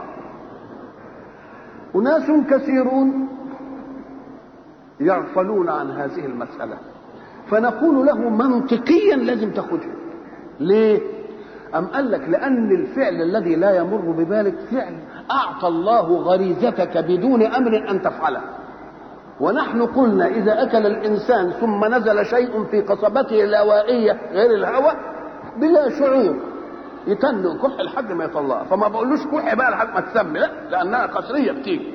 اقوم لكن الأمر زي بال يمر ببالك نسبة ذهنية ثم يمر بالفعل. إن كان قلت قوله وإن كان فعل تفعله. هو ده اللي مطلوب منك أن تسمي بالله. أما الفعل الغرضي فالله أوكل غريزتك بما يحفظ حياتك. الحق سبحانه وتعالى يطلب منا أن لا تشغلنا الأسباب عن المسبب لها. فأنت مثلا حين تزرع الأرض تحرسها ثم تعطي البذرة ثم ترويها وبعد ذلك ينبت. ألك في ذلك شيء؟ إنك لك تجميع فعل. البذرة مخلوقة لله والتربة اللي وضعتها في الأرض مخلوقة لله والعناصر الموجودة في الأرض لتغذي البذرة مخلوقة لله والخاصية الموجودة في البذرة لتمتص شيئا يربي جزيرها ثم تنفلق الحبة كل دي مالكش فيها أبدا. ولكن الله احترم فعلك فقط فقال أفرأيتم ما تحرسون بس. أأنتم تزرعونه أم نحن الزارعون؟ يبقى إذا ما دام يبقى من من مخصصات الإيمان أنك حين تقبل على أي شيء ذي بال أن لا تنسى من سخر لك هذا. ليس في قدرتك أن يفعل لك. فإذا ما فعلت ذلك يبقى نسبت الأمر نفسه نحن في قوانيننا الوضعية. ساعة يجلس القاضي. ليحكم بين الناس حكما. وفي سلطة تنفذه بيقول إيه وهو بيحكم قبل ما يقول باسم الشعب أو باسم القانون. إذا الشعب أو القانون هو اللي أعطاك الفرصة لأن تحكم على هذا. ما هي القدرة التي جعلتك تحكم على الأشياء أن تنفعل لك؟ ما هي قدرته فتقول بسم الله الذي سخرك لي. إذا أنت تقبل على العمل باسم مين؟ بسم الله. فإذا أقبلت على عمل بغير ذلك تبقى أنت مفتات لأنها مش في سلطتك ولا في قدرتك ولا أي حاجة. امال اللي خلاها في سلطتك مين؟ الحق سبحانه وتعالى. فقل لها باسم الحق انفعل لي. باسم الحق يا ماء اروني باسم الحق يا طعام غزني. باسم الحق يا يا كساء افسني. لكن مش أنت اللي بتعمل. فإذا اللي يغفل عندي يبقى لبس إيمانه بإيه؟ يبقى لبس إيمانه بظلمه. وإذا ما رأيت ثمرة من ثمارك إياك أن تقول كما قال قارون أوتيته على علم. لا إذكر وقل ما شاء الله. هو ربنا اللي عمل ولذلك لما قال أوتيته على علم طيب ما دام أنت أوتيته على علم المنطق يقول لك واحتفظ به بالعلم. فخسفنا به وبداره الأرض. أين ذهب علمك الذي جئت به؟ لا. يبقى اذا الشيء اللي ما قدرش يصل لك ما معك يبقى هو ما جابوش. اذا فكل أمر من الأمور يجب أن تنسبه لله. فإن اختل شيء فيك من هذه المسألة فاعلم أنك لبست إيمانك بظلم. الحق سبحانه وتعالى يطلب منا ذلك لماذا؟ حتى تكون النعمة إقبالا عليها أو انتفاعا بها مبروكة الوصلة بك. يعني لا ينشأ من العمل الذي تعمله مبتدئا ببسم الله إلا ما يعينك على طاعة ويعينك على بر ويعينك على خير ولا تصرفه إلا في عافية. وبعد ذلك مجتمع هذه الأشياء في كل حركاتك وأعمالك يؤهلك إلى أن تأخذ أمنا آخر أجمع من ذلك الأمن. بعد أمن الدنيا في هذه المسائل تأخذ أمن الآخرة بأن تدخل الجنة. إذا أولئك لهم الأمن أي الذين لم يلبسوا إيمانهم بظلم. والحق سبحانه وتعالى يريد منا أن نتصل دائما به ليه؟ لماذا؟ قال لك لأن الله سبحانه وتعالى إمداداته مستمرة ورحماته وتجلياته لا تنقطع عن خلقه أبدا لأنه قيوم ومعنى قيوم مش قائم على الأمر ده مبالغ في القيام بالأمر زي ما قلنا مرة بيقول لنا نام ارتاح لأنني ما بنامش. يبقى قيوم. يبقى ما دام الأمر كذلك فكن دائما في صحبة القيوم. ما دمت في صحبة القيوم. يتجلى القيوم عليك بصفات حفظه وصفات قدرته وصفات علمه وصفات وصفات حكمته. لذلك يقول الحق سبحانه وتعالى في حديثه القدسي رغبة منه أن يتصل عبده به دائما. من أحدث ولم يتوضأ فقد جفاني. طب ما دام هو مش عايز يصلي يا رب أم قال لك لا أنا عايز يبقى موصول بيا ولو في غير وقت الصلاة. من أحدث ولم يتوضأ فقد جفاني. طيب ومن توضأ ولم يصلي ركعتين كده سنة الوضوء فقد جفاني. ومن صلى ولم يدعني فقد جفاني. ومن دعاني فلم أجبه فقد جفوته ولست برب جاف الله. إذا الحق سبحانه وتعالى يريد منا أن نتصل به إيه؟ اتصالا ليعطينا. مش اتصال عشان ياخد إيه؟ لأن إحنا قلنا الفرق بين العبودية البشر للبشر أن العبد للبشر البشر يأخذ خير عبده. ولكن عبوديتنا لله تعطينا خير ذلك السيد. نأخذ منه. كل ما ازددنا في عبودية ناخذ منه. اذا فالحق دائما يريد أن يصلنا أن يصلنا به. أولئك لهم الأمن. الأمن في الدنيا. والأمن بمجموع ما كان في الدنيا إلى الأمن في الآخرة. لقائل أن يقول هناك أناس لا يسمون باسم الله ولا يخطر الله على بالهم ويتحركون في في طاقات الأرض ومادتها. وينعمون بها ويسعدون وقد يسعدون بابتكاراتهم سواهم. نقول له نعم هذا صح لأن فيه فرق بين عطاء الفعل والبركة في عطاء الفعل. هذا الفرق بين الاثنين. إذا زرع الكافر برضه الأرض بتديله عمل أي حاجة الأرض بتديله فتديله العطاء. إنما ما البركة في العطاء. إيه البركة في العطاء؟ أم قال لك لأن البركة في العطاء أن أن يكون ما أخذته من هذا العطاء لا يعينك على طاعة لا يعينك على معصية بل دائما يعينك على طاعة. وإحنا نشوف الناس اللي بالشكل ده أذهبتم طيباتكم في حياتكم الدنيا وإيه؟ واستمتعتم بها. فإياك أن تغالوا تقول هم لا بيسمم ولا بيعملوا ولا بيقول له آه هم واخدين طيبات حياة الدنيا إنما في الآخرة ما لهمش أي حاجة. وأيضا فإنك تنظر إليهم تجد كل مرتقيات حضارتهم. وطموحات أبحاثهم واكتشافاتهم جاية دائما في الشر. كلها جاية في الشر. ما شفتش ابدا ابتكارا لما استعملوه في إيه؟ ما استعملوه في الشر. إلى أن يأذن الله في في فيشغلهم عن أشيائهم بما يصب عليهم من العذاب وبالنكبات. اذا أولئك لهم الأمن أي في جزئيات أعمالهم والأمن المتجمع من أمنهم في جزئيات أعمالهم يعطي لهم الأمن في الجنة. أولئك لهم الأمن وهم مهتدون. وهم مهتدون. إحنا قلنا الهدايه هي الطريق الذي يوصل إلى الغاية. وإحنا قلنا إن علشان تعرف الهداية لازم تشوف الغاية الأول. ليه؟ أم قال لك لأنك لا يقال لك أنك موفق في الحركة إلا إذا أدتك هذه الحركة إلى غاية مرسومة في ذهنك. ما نعرفش انت موفق لما ذاكرت إلا إذا كان في غاية النجاح. اذا لازم تعرف الغاية وبعد ذلك تشوف الطريق الذي يوصل إلى الغاية. وإحنا قلنا لا مخلوق ولا مصنوع يحدد غايته. ما فيش صنعة في, في عرف البشر. اترك المسألة الأولى العليا جانبا في صنع البشر لا توجد صنعة تحدد مهمتها ابدا. زي ما قلنا ما فيش واحد عمل حاجة كده آلة وبعدين الله هي الآلة دي تصلح لإيه؟ قال لك ده تصلح غساله ودي تصلح ثلاجه ودي تصلح تلفزيون لا ده قبل ما يعملها حدد الغاية منها وصنعها لتؤدي الغاية اذا فالغاية موجودة قبل مين؟ قبل الصنعه طيب وما دام الغاية موجودة قبل الصنعه من صنعك أيها الإنسان ليحدد لك الغاية؟ فمن الذي يشقى بالتجارب؟ اللي فرض النظام ولا اللي بيطبق عليه النظام؟ اللي, اللي بيطبق عليه النظام. ودوك هيقدر بقى يعيش إيه؟ يعيش 24 قيراط مبسوط وحافظ نفسه من النظام. لكن الابتكارات العلمية المادية المعملية اللي نشأ من التفاعل مع المادة الذي يشقى بالتجربة أولا هو العالم. وأنت لا تعلم التجربة إلا بعد إيه؟ بعد ما تنتهي وتبقى كويسة. لو عرفت أي اختراع من الاختراعات دي كم شقي بها العلماء في معاملهم وكم تعبوا إنما أنت ما إنما أنت بعدين خدتها إيه؟ زي ما يقولوا بيضة مع الشر.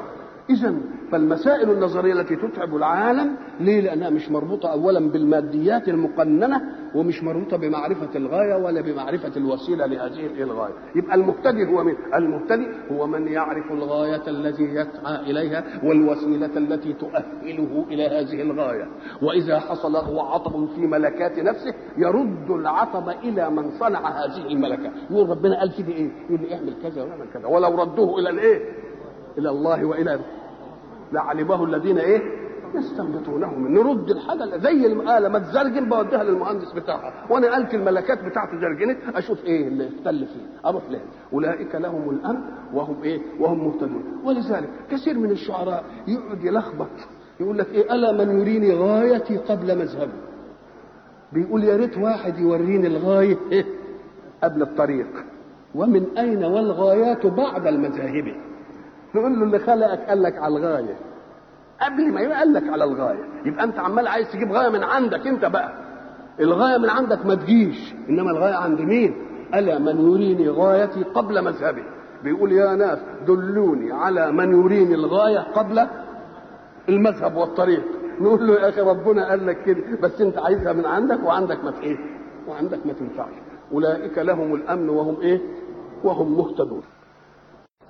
وتلك حجتنا. تلك حجتنا. الحجة هي البرهان القائم لإثبات القضية المطلوب إثباتها. هي الحجة. الحجة إيه؟ الحجج اللي مشيت دي كلها. الحق سبحانه وتعالى يريد منا حين نحاجج تكون لنا غاية في الحجاج. الغاية في الحجاج إن تعدت موضوع الحجاج نفيا أو إثباتا تبقى تهريج. يبقى أنت بدك تنتصر عليا وأنا بدي إيه؟ أنتصر عليك. نقول له لا في الحجاج لازم نجعل الغاية الأصيلة هي الإيه؟ هي الأساس.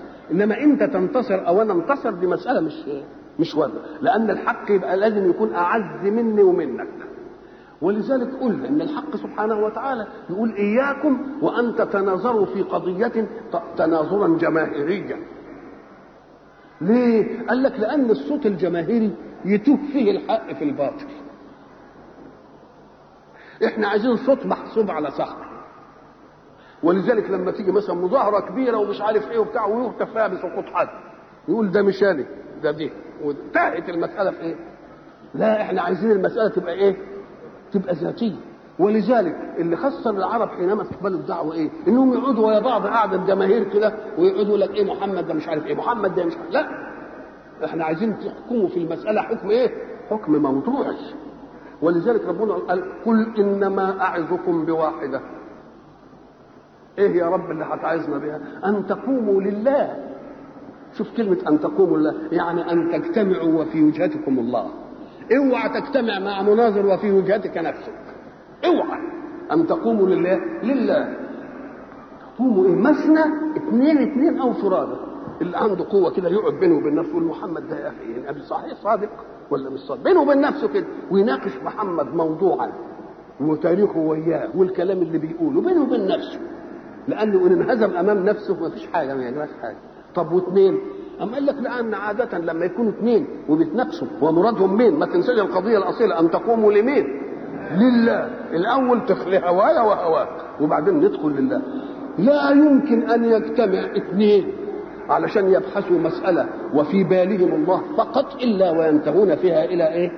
إلى رأي إيه اللي بيخسر الدنيا بقى؟ إن اثنين قاعدين يتناقشوا وعشرة قاعدين يتفرجوا اللي بيتناقشوا كل واحد في حسابه رأي الآخرين فيه انهزم ولا ما انهزمش فلان كانت حجته أقوى ولا مش حجته هنقعد نفسد الدنيا فأقول لا أن تقوموا لله مثنى وفراد ثم تتفكروا ما بصاحبكم من جنة.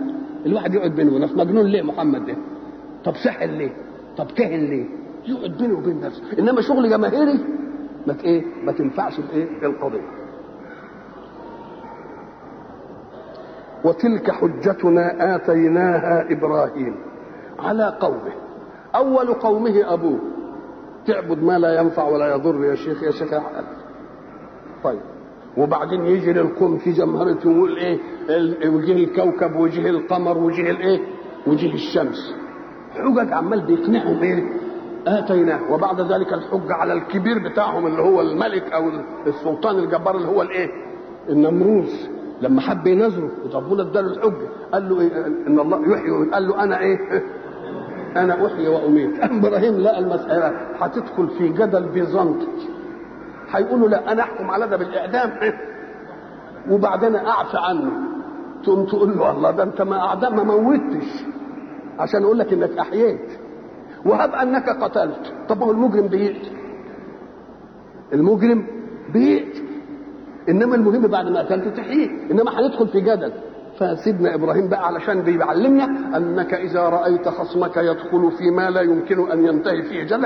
انقله إلى حتة إيه؟ آه اللي يسموه خده في احبسه في, في الكر خليه يعني ما يقدرش قال له هتدخل في الجدل دي بتقول أنا أحكم بالاعداء وبعدين أعفي.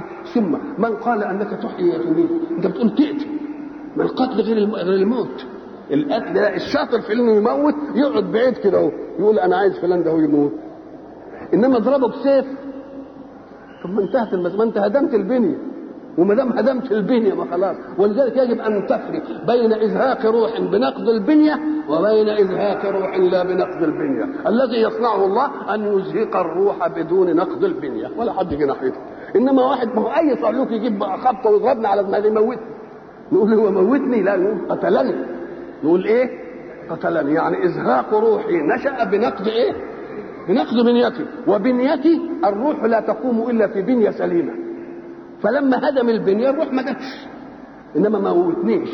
موتني يقعد كده يقول أنا عايز الجدع ده يموت. أدي الشطارة. نقوم نقول له أنت بقى جبت يحيي ويميت مش بتاعتك. أنا وحي ويميت تقول له كذاب. أنت تخطف معلش. إنما ما تميتش لأن تميت تبقى ما تجيش ناحيته خالص ولا حد يجي ناحيته وتريد أن يموت. ولذلك خدوا بالك من معطيات القرآن حين يعطي القرآن يعطي قضايا بس مش مش مش في باب كذا لا ده يجيبها كده يعمل. يقول إيه؟ وما محمد إلا رسول قد خلت من قبله الرسل. أفإن مات أو قتل انقلبتم على أعقابكم.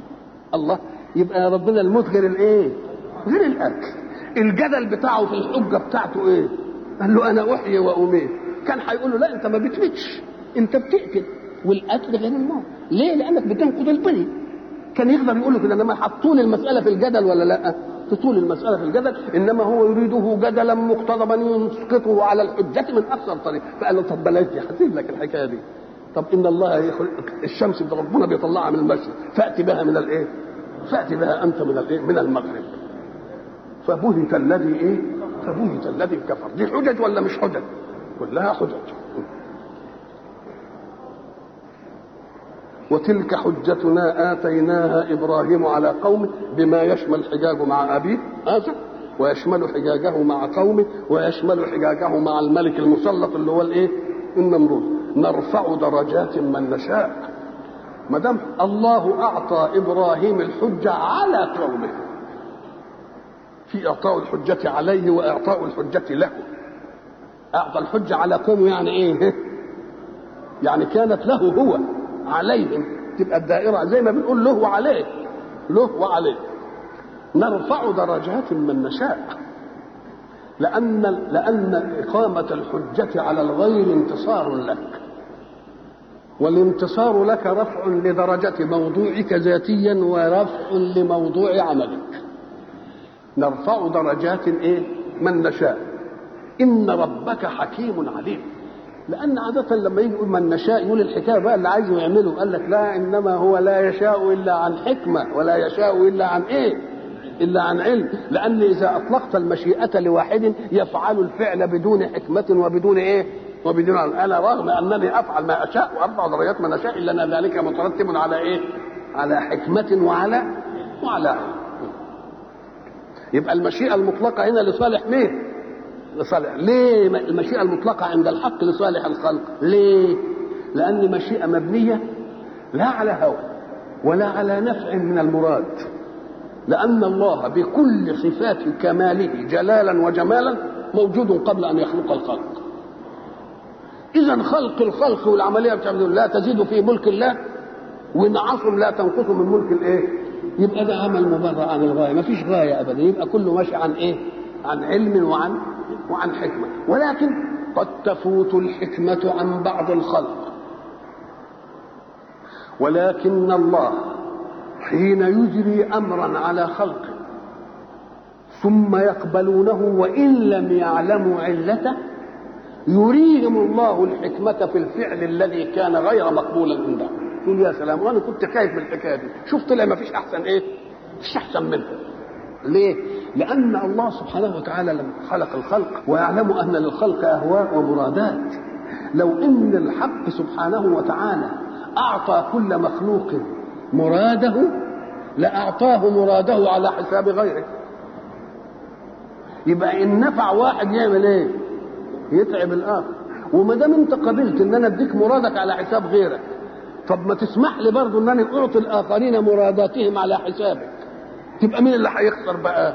هيعطي واحد على قد مراده وبعدين يعطي الجميع مراداتهم على قد يبقى مين اللي تعبان؟ يبقى من الحق إننا أعلم إنها إيه؟ حكمة. لا تعطي مراد أحد إلا مراد أحد. وبعد ذلك لو أن ربنا عايز إن كل اللي أنا عايزه ينفذه لي. أقول له يا أخي أنت عايز ربنا موظف عندك؟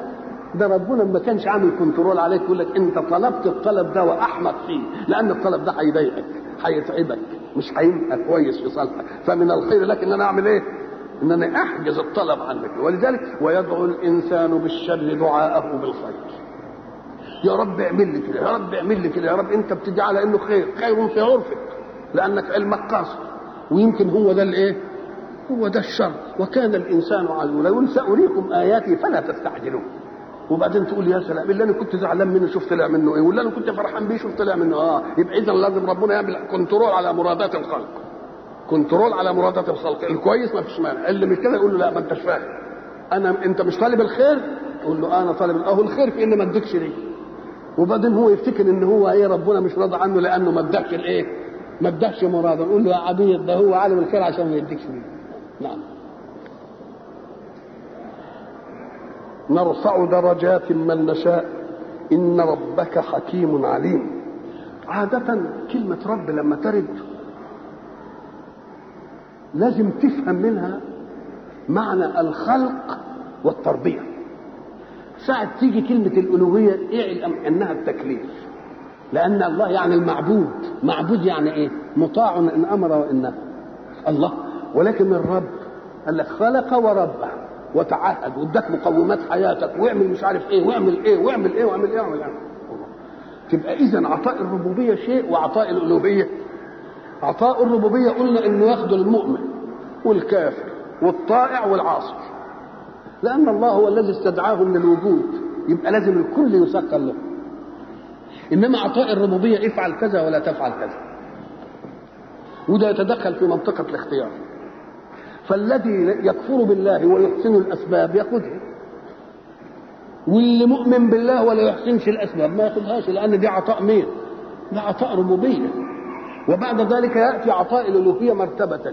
فلما أقول ما دمت رب لهذا ورب لهذا ورب لهذا فبرضه أنا معطي الحكمة لهذا. هل الحق سبحانه وتعالى فرز الذين يؤمنون به وفرز اللي بيكفروا به وبعد ذلك جعل لذلك قانون صيانة في غرائزه ولذلك قانون صيانة في غرائزه ابدا. كلهم إيه؟ زي بعض. كلهم زي بعض. الشمس لهم زي بعض. الهواء يمر عليهم زي بعض. الأرض تنفعل لهم زي بعض. الأسرار الكون تنفعل لهم زي بعض. ده عطاء مين؟ عطاء ربوبية. ولذلك ما دام عطاء ربوبية لك عن حكمة وعن إيه؟ وعن علم. ووهبنا له إسحاق ويعقوب. كلا هدينا. إحنا عارفين إن إسحاق الابن الثاني لسيدنا إبراهيم بعد مين؟ بعد إسماعيل. ويعقوب اللي هو مين؟ اللي هو ابن إسحاق. ساعة ما تشوف الهبة افهم أنها ليست بالحق. الهبة شيء والحق شيء آخر. الهبة إعطاء معط لمن لا يستحق. إنما لما تديله اللي يستحقه تبقى مش هبة بقت حق. الحق سبحانه وتعالى يقول إياكم أن تعتقدوا أن أحدا من خلقي له حق عندي إلا ما أجعله أنا حق له. إنما كل شيء إيه؟ هبة. وما دام كل شيء هبة قال لك امسكها في القمة الأولى وهي قمة السيادة الأولى في الكون للإنسان. أم قال لك الإنسان بيتكاثر وبيتكاثر فرع وجود ذكورة وأنوثة وبعدين يجوا الأولاد قال لك إيه؟ أم قال لك إيه؟ لله ملك السماوات والأرض يخلق ما يشاء. يهب لمن يشاء إناثا ويهب لمن يشاء الذكور. باسم مجرد انه خلق راجل وامرأة ويلتقوا ببعض يبقى إيه؟ جبريا أن يوجد. يهب لمن يشاء إناثا ويهب لمن يشاء الذكور أو يزوجهم ذكرانا وإناثا ويجعل من يشاء عقيم يبقى لو إن المسألة ميكانيكي كان ما دام وجد رجل وامراه تيجي الايه؟ لا مش ميكانيكي يا اخويا جابهم على ألوانهم يهب لمن يشاء إناثا يهب لمن يشاء الذكور أو يزوجهم ذكرانا ويجعل من يشاء عقيما. يقوم اللي يفهم بقى في فهم الملكوت بقى يقوم يقول لك الله كلها هبة. يهب لمن يشاء اناثا ويهب لمن يشاء الذكور ويزوجهم ذكرانا واناثا ويجعل من يشاء عقيما. أبو لو إحنا فهمنا بقى نجعل العقم ده هبة أيضا. العقم بس استقبلوا من الله على أنه هبة. استقبلوا من الله على أنه إيه؟ هبة. الذي يستقبله من الله على أنه هبه يقول له استقبله على أنه هبه هتشوف الهبه دي أوسع من الأولانية ولا اضيق ما دمت استقبلت الحكم ده ولا نظرتش إلى أبناء الغير لا بحقد ولا بحسد ها؟ ولا بإن دي شغلتك وده اوعى تعمل هذا. يجعل الله كل من تراه أبناء لك. بدون تعب في حمل أم أو ولادتها وبدون عناية رعاية منك طول عمرك. تلتفت تلاقي كده رضيت بأنك أنت عقيم يوم ربنا يعمل لك ها؟ يخلي كل اللي بتشوفه دول مين؟ ولاد تعال. طب يهب لمن يشاء إناثا. أم قال لك والله لو رضيت بهم وقلت ده رزق الله ومش عارف إيه وبتاع تلتفت بعد مدة بسيطة كده ربنا بعت لك البنتين أو الثلاثه أو الأربعة خمس رجال. ويتجوزوا البنات ولا تعبت فيهم لما لا مراتك ولدتهم ولا انت وجم لك خمسة واطوعوا لك من آبائهم لأنك رضيت. يبقى لازم تاخد الهبة في كل إيه؟ الهبة في العطاء والهبة في الإيه؟ والهبة في المن. يهب لمن يشاء إناثا ويهب لمن يشاء الذكور أو يزوجهم ذكرانا وإناثا. فبيقول بقى أنا اللي بهب أنا وهبت له إسحاق. طيب. ومن وراء إسحاق مين؟ يقول لك ده إيه المسألة؟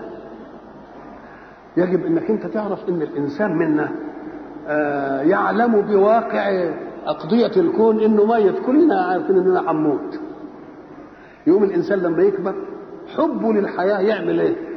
نفسه يجي له ولد إيه؟ يصل اسمه بالحياة قال يبقى زعلان قوي.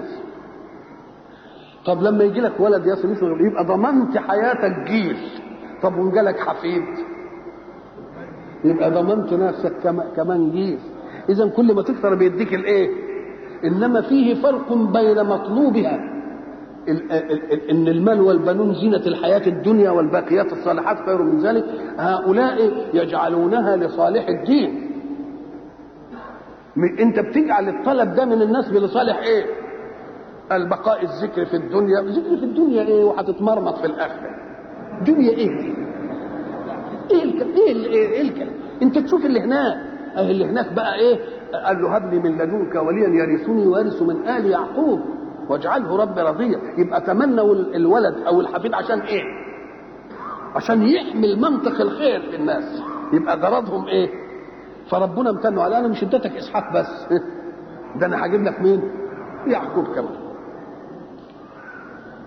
وكلا إيه؟ يعقوب كلا هدينا شوف كلا هدينا ونوحا هدينا من قبل. يعني هدايتنا مش مبتدئة بدول ده نوحا هدينا إيه؟ من قبل. ومن ذريته؟ داود وسليمان. خلاص؟ وأيوب ويوسف وموسى وهارون وكذلك نجزي المحسنين. طيب. وزكريا ويحيى وعيسى وإلياس كل من الصالحين شوف التنفيسات مش جابهم ال 18 كده يعني. راس لا. جعلها تقاسيم. والتقاسيم لها حكمة. طيب. وإسماعيل واليسع ويونس ولوط وكلا فضلنا على العالمين. بس هم دول يا رب قال لك لا من آبائهم وذريتهم وإخوانهم وبتاع في حاجات كتير. بس أنا جبت الإيه؟ العلم. نقول التنفيسات دي إيه؟ إسحاق ويعقوب وبعدين ومن ذريته وكلا هدي ونوحا هدينا من قبل ومن ذريه داود قال لك. لأنك أنت لو نظرت إلى هؤلاء دول 18 المذكورين هنا 18 ولذلك بيقولوا إيه؟ في أسماء الرسل اللي هم 25 اللي ربنا قصهم علينا كام؟ 25 يوم يقول لك الناس عشان يضبطوا النظم يقول لك إيه؟ في تلك حجة منهم ثمانية من بعد عشر يبقى في تلك حجتنا الآية دي فيها كام؟ واحد. 18 في تلك حجتنا منهم ثمانية من بعد عشر ويبقى سبعة عشان يبقوا 25 وهم إدريس هود شعيب صالح وكذا ذو الكفل آدم بالمختار قد ختموا. يبقى دول السبعة يطلعوا الإية الخمسة وعشرين. فإذا أطول آية فيها قسم من الرسل اللي هي تلك الإيه؟ الآية في تلك حجتنا الحق سبحانه وتعالى لم يجعل من الأنبياء الملوك للاثنين سليمان وداود حتى يعطينا فكرة أن الله إذا أراد أن يقهر خلقا على شيء ما حدش يرضى عليه لما بقى ملك ما حدش قدر يعني. ليه؟ لأنه معه القدرة إنما هو ربنا عايز بالقوة والخوف والسلطان والرهبوت ده عايزها بالاختيار ولذلك جعل الأنبياء مش ملوك النبي عليه الصلاة والسلام أنا خيرت بين أن أكون نبي وملك فرضيت أن أكون إيه؟ نبي بس ملك يعمل إيه؟ لأن الملك هيجي بسلطان وبما له يمكن إيه؟ يفرض. طيب. فسليمان وداود اللي عايز إيه؟ القدرة. وعايز سعة الملك. والسلطان يقول ادي سليمان وادي داود. طيب. داود وسليمان. طب وأيوب؟ قال لك أيوب ده خد زاوية من الزوايا اللي كل كل نبي فيه قدر مجتمع في الأنبياء مشترك وفيه تميز شخص سليمان وداود خدوا الملك مع النبوة. أيوب يعني خد الايه خد الابتلاء والصبر على البلاء. فدي الميزة اللي كلهم برضه بيصبروا إنما ده جابوا نموذج في إيه؟ في الصبر والبلاء. طيب أدي أيوب. طب ويوسف؟ أم قال لك في الاثنين. خدها بلاء الأول وبعدين خدها ملك وسلطان فين؟ وخدها ملك وسلطان في الآخر. يبقى يوسف جمع مين الاثنين؟ يبقى عندنا سليمان وداود أدي قسم وبعدين عندنا أيوب خدها في البلاء والإيه؟ ادو وبعدين يوسف خدها في مين؟ احسن ربما يقول لك ده ما يمكنش تجتمع دي ودي واحد خد القدرة والسلطان والمش عارف إيه وبتاع وواحد خدها في الايه اللي خدها في القدرة والسلطان وواحد خدها في البلاء. يعني ياخد يقول واحد يصح يجتمعوا فيه. فاجتمعوا في مين؟ اجتمعوا فين؟ في يوسف طيب. وموسى وهارون. موسى وهارون بقى شهرة شهرة الاتباع. ولذلك إحنا ما نعرفش نكاد لا نعرف من الأديان الا اليهودية والمين؟ والمسيحية والآيات البينات وأولي العزم من الرسل والعملية الطويلة العريضة دي. طيب يا سيدي. موسى وهارون. وكذلك نجزي المحسنين. وزكريا ويحيى وعيسى وإلياس. دول بقى الزهاد اللي في الأنبياء. خدوا ملكة الإيه؟ خدوا ملكة الإيه؟ الزهد طيب. وإسماعيل واليسع ويونس ولوط خدوا زهوة حياتهم ولا لهمش أتباع لحد دلوقتي.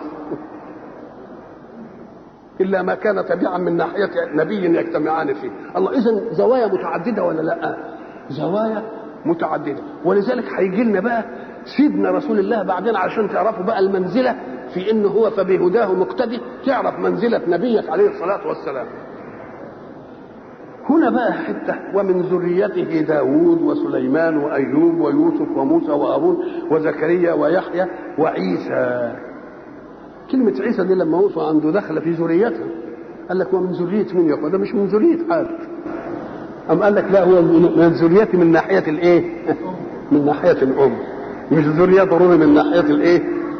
من ناحية الصلب. صحيح؟ وإنما أمهات القوم أوعية مستحدثات وللأحساب آباء إنما لأن العنصر البشري في عيسى ما فيش إلا مين؟ إلا فيش تبقى من الذرية ولذلك هذه المسألة التي احتج بها. أبو جعفر مثل محمد الباقر أمام الحجاج. قال له أنتم تدعون أنكم من نال رسول الله ومن نسل رسول الله ومش عارف إيه مع أن رسول الله ما جابش ولا النسب يعني مقطوع. قال له كأنك لم تقرأ القرآن. قال له أي شيء في القرآن؟ اقرأ. ومن ذريته إلى أن تقرأ وعيسى عيسى من ذرية نوح. من أي؟ من أب أم من أم؟ قال له من أم. يبقى يبقى إحنا من ذرية محمد ولا مش من ذريته؟ لا من ذريته. نعم. ذلك هدى الله. ذلك إحنا قلنا إن ساعة ما تسمع كلمة ذلك اعرف إنها حاجتين اتنين. ذا والكاف للخطاب. ومرة تقولها ذاك ومرة تجيب في وسطهم لام وتقول ذلك يبقى إن قلت ذاك يبقى إن قلت ذا لوحدها تبقى كلمة إشارة. وإن قلت الكاف لوحدها نكاكا يبقى خطاب. إن جبت ذا والكاف يبقى إشارة وخطاب إن قلت ذلك وجبت اللام في وسطهم يبقى فيه بعد. يبقى لما تشير لحاجة قريبة شوف اللغة. لما تشير لحاجة تقول تقول له ذا. هذا. إن أردت يعني تبقى شوية بعيد شوية تقول له ذاك. وإن أردت إنه بعيد قوي تقول ذلك. كل درجة لها إيه؟ لها خيار ذا إشارة. والكاف خطاب ذا إشارة لمين؟ أي الذي تقدم ذكره. هذا الذي تقدم ذكره وإن كان من متعدد. لأنه ذكر مين؟ إسحاق ويعقوب وسليمان إلى آخره. كان كان يقول إيه في الإشارة إليهم؟ أولئك أم قال لك لا؟ ده القدر المشترك أنهم مجتبون ومهديين من الله. ذلك المبتدا. ولو كان متعددا يبقى إشارة لإيه؟ للشيء الجامع وهو شيء واحد. والكاف بيخاطب مين؟ أم قال لك يخاطب مفردا وهو رسول الله صلى الله عليه وسلم وبعد ذلك يكون خطاب الرسول صلى الله عليه وسلم خطاب لأمته. ذلك هدى الله يهدي به من يشاء من عباده. ذلك قلنا إشارة إلى شيء تقدم. هذا الشيء الذي تقدم الحق سبحانه وتعالى قال به فيما بعد الإشارة. ذلك هدى. أي الهدى الذي هدينا به القوم هو هدى مين؟ هدى الله. نجد إن كلمة هدى التي تدل على الغاية المرسوم لها طريق قصير يوصل إليها وقلنا إن ربنا هو اللي خلق وهو اللي يضع الغاية ويضع الطريق إلى الغاية. حين تضاف يضاف الهدى إلى الله هدى الله. يبقى يدل على المنبع أي هدى من من الله. ولكن إذا قال الحق بعد ذلك فبهداهم. بهدى المين؟ بهدى الأنبياء السابقين. بهدى الأنبياء بهداهم. أضيفت لمين؟ للأنبياء. يبقى كلمة هدى مرة تضاف إلى الواهب وهو الحق وإلى الموهوب وهو الأنبياء وكذلك شأن الإضافة. الإضافة دائما كما تعلمنا في النحو تبقى بمعنى إيه؟ إلا. وبمعنى من؟ وبمعنى في. على الأول. ما دام تبقى بمعنى اللام أو بمعنى من أو بمعنى في أردب قمح يعني أردب من قمح. مال زيد يبقى مال لزيد. مكر الليل يعني مكر حصل في الليل يبقى الإضافة على كم معنى؟ ثلاث معاني.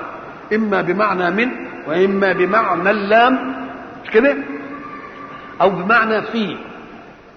فإذا قال الحق ذلك هدى الله أي هدى من الله. وإذا قال الحق بعد ذلك فبهداهم أي هدى إيه؟ لهم أو هدى فيهم. إن كنت تنظر للعمل بتاعهم يبقى هدى لهم. صادر من مين؟ على أساس أخذ الهدى من مين؟ من الله. يبقى هدى من الله. فأخذوه فصار هدى. لهم يهتدون إيه؟ يهتدون. وهدى فيهم تشوف العمل بتاعهم تلاقي الهدى فيه. يبقى نموذج لك ولا لأ؟ يبقى كأن الإضافة بتأتي على كم معنى؟ على ثلاث إيه؟ معاني. فإذا أضيفت إلى الله فهي بمعنى من. إذا أضيفت للمصطفى من الله هدى هدى محمد هدى الأنبياء نقول له هدى له وهدى إيه؟ وهدى فيه. ذلك هدى الله. يهدي به من يشاء من عباده. يهدي به من يشاء. إحنا زمان كنا قلنا علشان المشكلة اللي بتمر ببعض الأذهان الذين يريدون من النص القرآني تبريرا لإسرافهم على أنفسهم. يقول لك ما دام ربنا هو اللي بيهدي وأنا ذنبي إيه بقى؟ هدى الله هو اللي بيهدي ما هدانيش مثلا مش ده اللي بينقال؟ وبعد ذلك يقول هو ربنا اللي خلقني وهو اللي يقول له والله الأسئلة اللي أنتم بتسألوها دي زي ما بنعرف كده بتيجي تقول لك إيه يا أخي ما دام ربنا هو اللي بيهدي وهو اللي بيضل وأنا حصل لي ضلال يبقى بيعذبني ليه؟ ما هي دي لهجة بتنقال نقوم نقول له طيب بالله لو أن هذه وقفة عقلية في قضية كان الأصول أن تاتي بالمقابل ما دام قلت هو اللي بيضلني وبيعذبني ليه؟ كان تقدر تقول هو اللي بيهديني وبيسيبني ليه؟ اشمعنى ديا كلته وديا قلته؟ قال لك لأن اصله ما دام بيسيبني بيديني بيديني خير إنما هو بيتكلم في الحتة اللي هتجيب له إيه؟ تجيب له شر عايز يعني تقول له لو أن الوقفة وقفة عقلية كان يجب أن تقول إذا كان هو اللي بيضلني بيعذبني ليه؟ تقول قبلها إيه؟ إذا كان هو اللي بيهديني بيسيبني ليه؟ أنت ما قلتش دي يبقى اذا الكلام بتاعك إيه؟ تبرير نقول له لو أنت علمت أن القرآن عندما نزل بلسان عربي مبين والألفاظ في اللغة العربية لها معاني. هذه المعاني لازم تستصحبها لأن القرآن بليغ والقرآن بليغ ما حدش قدر يرد بلاغته حتى من المكابرين أبقى الله بعض الكافرين ليعاندوا وليعارضوا علشان إيه؟ ليه؟ قال لك لأنهم لو وجدوا حتة في القرآن مش عربية يقولوا قرآن عربي بقى ده لسانكم. ما حدش قال رغم إنهم إيه؟ رغم إنهم كفروا نقول له يا أخي إحنا قلنا إن الهدى ده قسمين. هدى بمعنى الدلالة وهدى بمعنى المعونة. يبقى في هدى دلالة وهدى إيه؟ معونة. هدى الدلالة يشير عليك بطريق الخير يشير عليك بطريق الشر ويقول لك والله أنا عملت فيك خيار اسلك اللي عليه يبقى دلني ولا ما دلنيش؟ دلني. وبعدين إذا رآك قد شرعت. في أن تسلك طريق هداية إلى الخير يقوم يعينك ويساعدك. زي ما قال في القرآن والذين اهتدوا زادهم هدى. وآتاهم إيه؟ وآتاهم تقواهم. والقرآن أساليبه بتدينا هذه المسألة. إزاي بقى؟ قال لك القرآن يا أخي بنقول أما ثمود مالهم فهديناهم. يبقى حكم الحق سبحانه أنه هدى مين ثمود. أما ثمود فهديناهم. فاستحبوا العمى على الهدى. الله. يبقى هديناه هنا دللناه بس هم آثروا الهدى على الضلال على الإيه؟ على الهدى. طيب. يجي الحق سبحانه وتعالى يقول لحبيبه صلى الله عليه وسلم إنك لا تهدي من أحببت. فنفى عنه إيه؟ ويجي في آية ثانية يقول له وإنك لتهدي إلى صراط مستقيم. طب أسلوب واحد اللي قايله ربنا وربنا حكيم وربنا بليغ وربنا يوم يجيب أسلوبين متعارضين إذا رأيت حدثا ينفى مرة ويثبت مرة عن فاعل واحد. يبقى ده اسمه كلام؟ ما يمجيش. يبقى يقول له إنك لا تهدي من أحببت. يبقى نفى الهداية عنه. مش كده؟ ويجي في آية ثانية يقول له إيه؟ أنك لتهدي إلى صراط مستقيم. نقول ده كلام يعني لازم تشوفوا لكم صرفه فيه. لأن الحدث الواحد من فاعل واحد لا ينفى عنه ويثبت من بليغ أبدا. لو كانوا من اثنين واحد يقول كده وواحد يقول كده معقولة. إنما من من, من واحد يتكلم يقول لك ما ينفعش. أما قال لك يا أخي تلك أساليب نستعملها في لغاتنا. أما لك لأن هناك فرق بين حركة الفعل وبين المطلوب من الفعل. أنت تأتي لابنك اللي جه قرب عليه الامتحان. تقول له أنت تلعب والامتحان قد قرب قوم يا مذاكر وأنا هقعد اشوفك كذا تقوم أنت تقعد في حتة وقاعد في المكتب وقاعد إيه يتطوح ويقلب الدفتر وبعدين بعد ساعة جيت عشان تشوف حصيلة إيه. المذاكره فلقيته مش فاهم حاجة خالص. قمت أنت تقول له ذاكرت وما ذاكرت. ذاكرت يعني إيه؟ يعني عملت عمل الإيه؟ المذاكرة. تقرأ وتقلب ورق وما ذكرت يعني ما فيش إيه؟ حصيله يبقى أنت لا يقال أنك نفيت الفعل وأثبته عن فاعل واحد. إنما الجهة منفكة. يجي القرآن يقول إيه؟ وما رميت إذ رميت. الله. ما رميت دي نفس وإذ رميت. إثبات. لازم تكون الجهة منفكة يا أخي. إزاي؟ قال لك لأن النبي عليه الصلاة والسلام أخذ الكف شمرنا كده ورماها في الجيش كده. نقول له أنت صحيح عملت العملية دي. إنما أثر العملية دي لك القدرة على أن توصل هذه الرمية إلى كل الجيش؟ يقول له أنت عملت العملية الشكلية إنما الموصل مين؟ الموصل. تبقى الجهة إيه؟ الجهة منفكة. يعني لما يقول له إنك لا تهدي يعني لا تحمل على الهداية. ما تعينش عليها مش شغلتك. وإنما أنت تهدي بمعنى تدل. فإن أثبتناها كانت الهداية هنا بمعنى إيه؟ إنك لا تهدي يعني تدل الناس. إنما تحملهم على إنهم يبقوا هادين لا مش شغلتك. تعينهم مش شغلتك. إنما مين اللي يعملها؟ الله سبحانه وتعالى. يبقى إذا جاء فعل ونفي مرة وأثبت مرة نقول له من بليغ لازم الجهة تبقى منفكة. جهة النفي غير جهة الإيه؟ غير جهة الإثبات.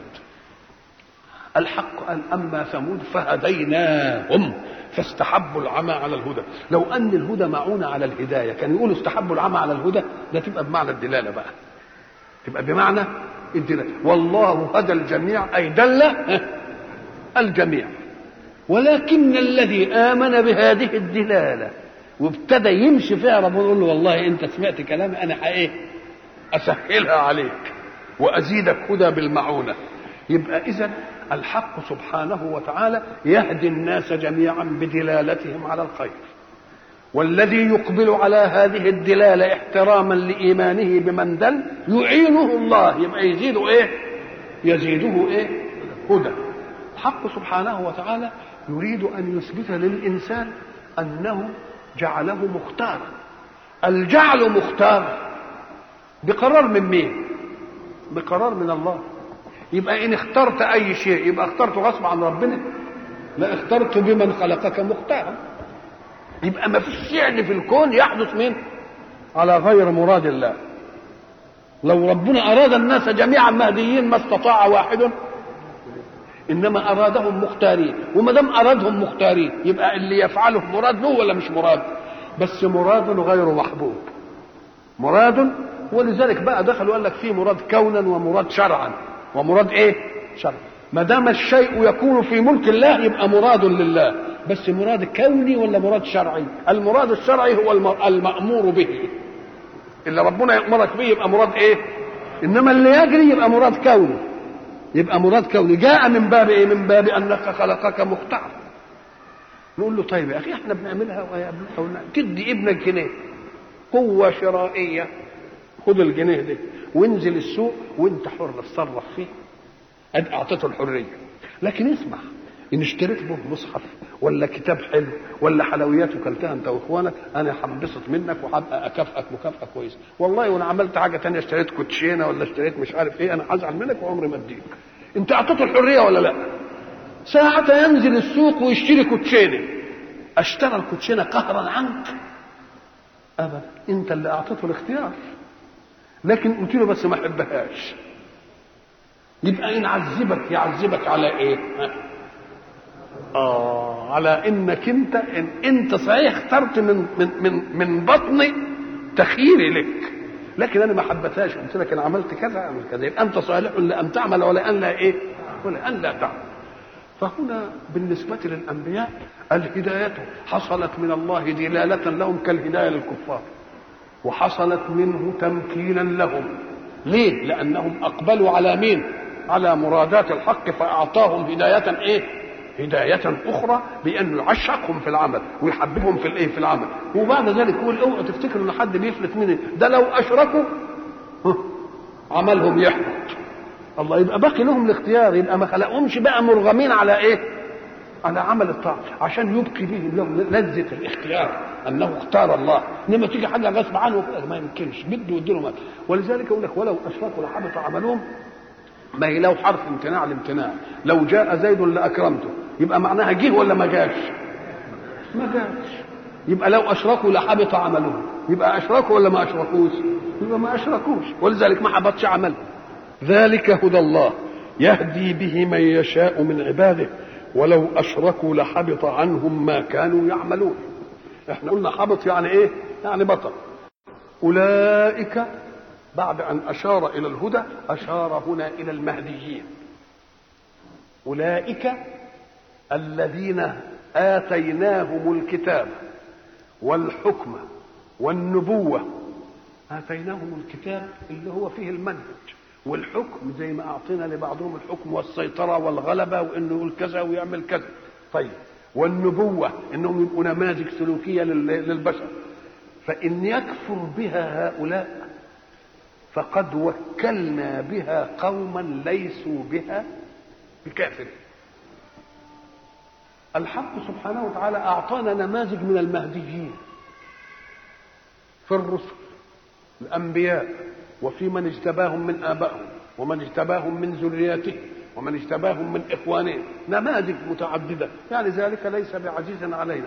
فهؤلاء القوم الذين جئت لتأخذ بيدهم من الظلمات إلى النور.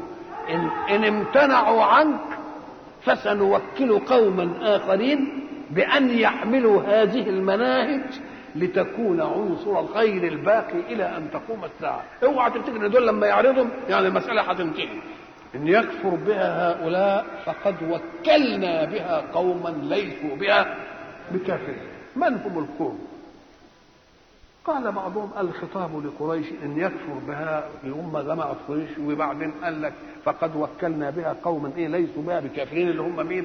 أهل المدينة الأنصار كفروا بها دول وهم دول اللي خدوا الإيه؟ وخدوا اللي دعوا أو لكل ممتنع ولكل إيه؟ مقبل إن يكفر بها واحد يبقى وكلنا بها إيه؟ لأن الله لا ينذر قضية الخير في الخلق وبعد ذلك يطمسها بل لا بد أن إيه؟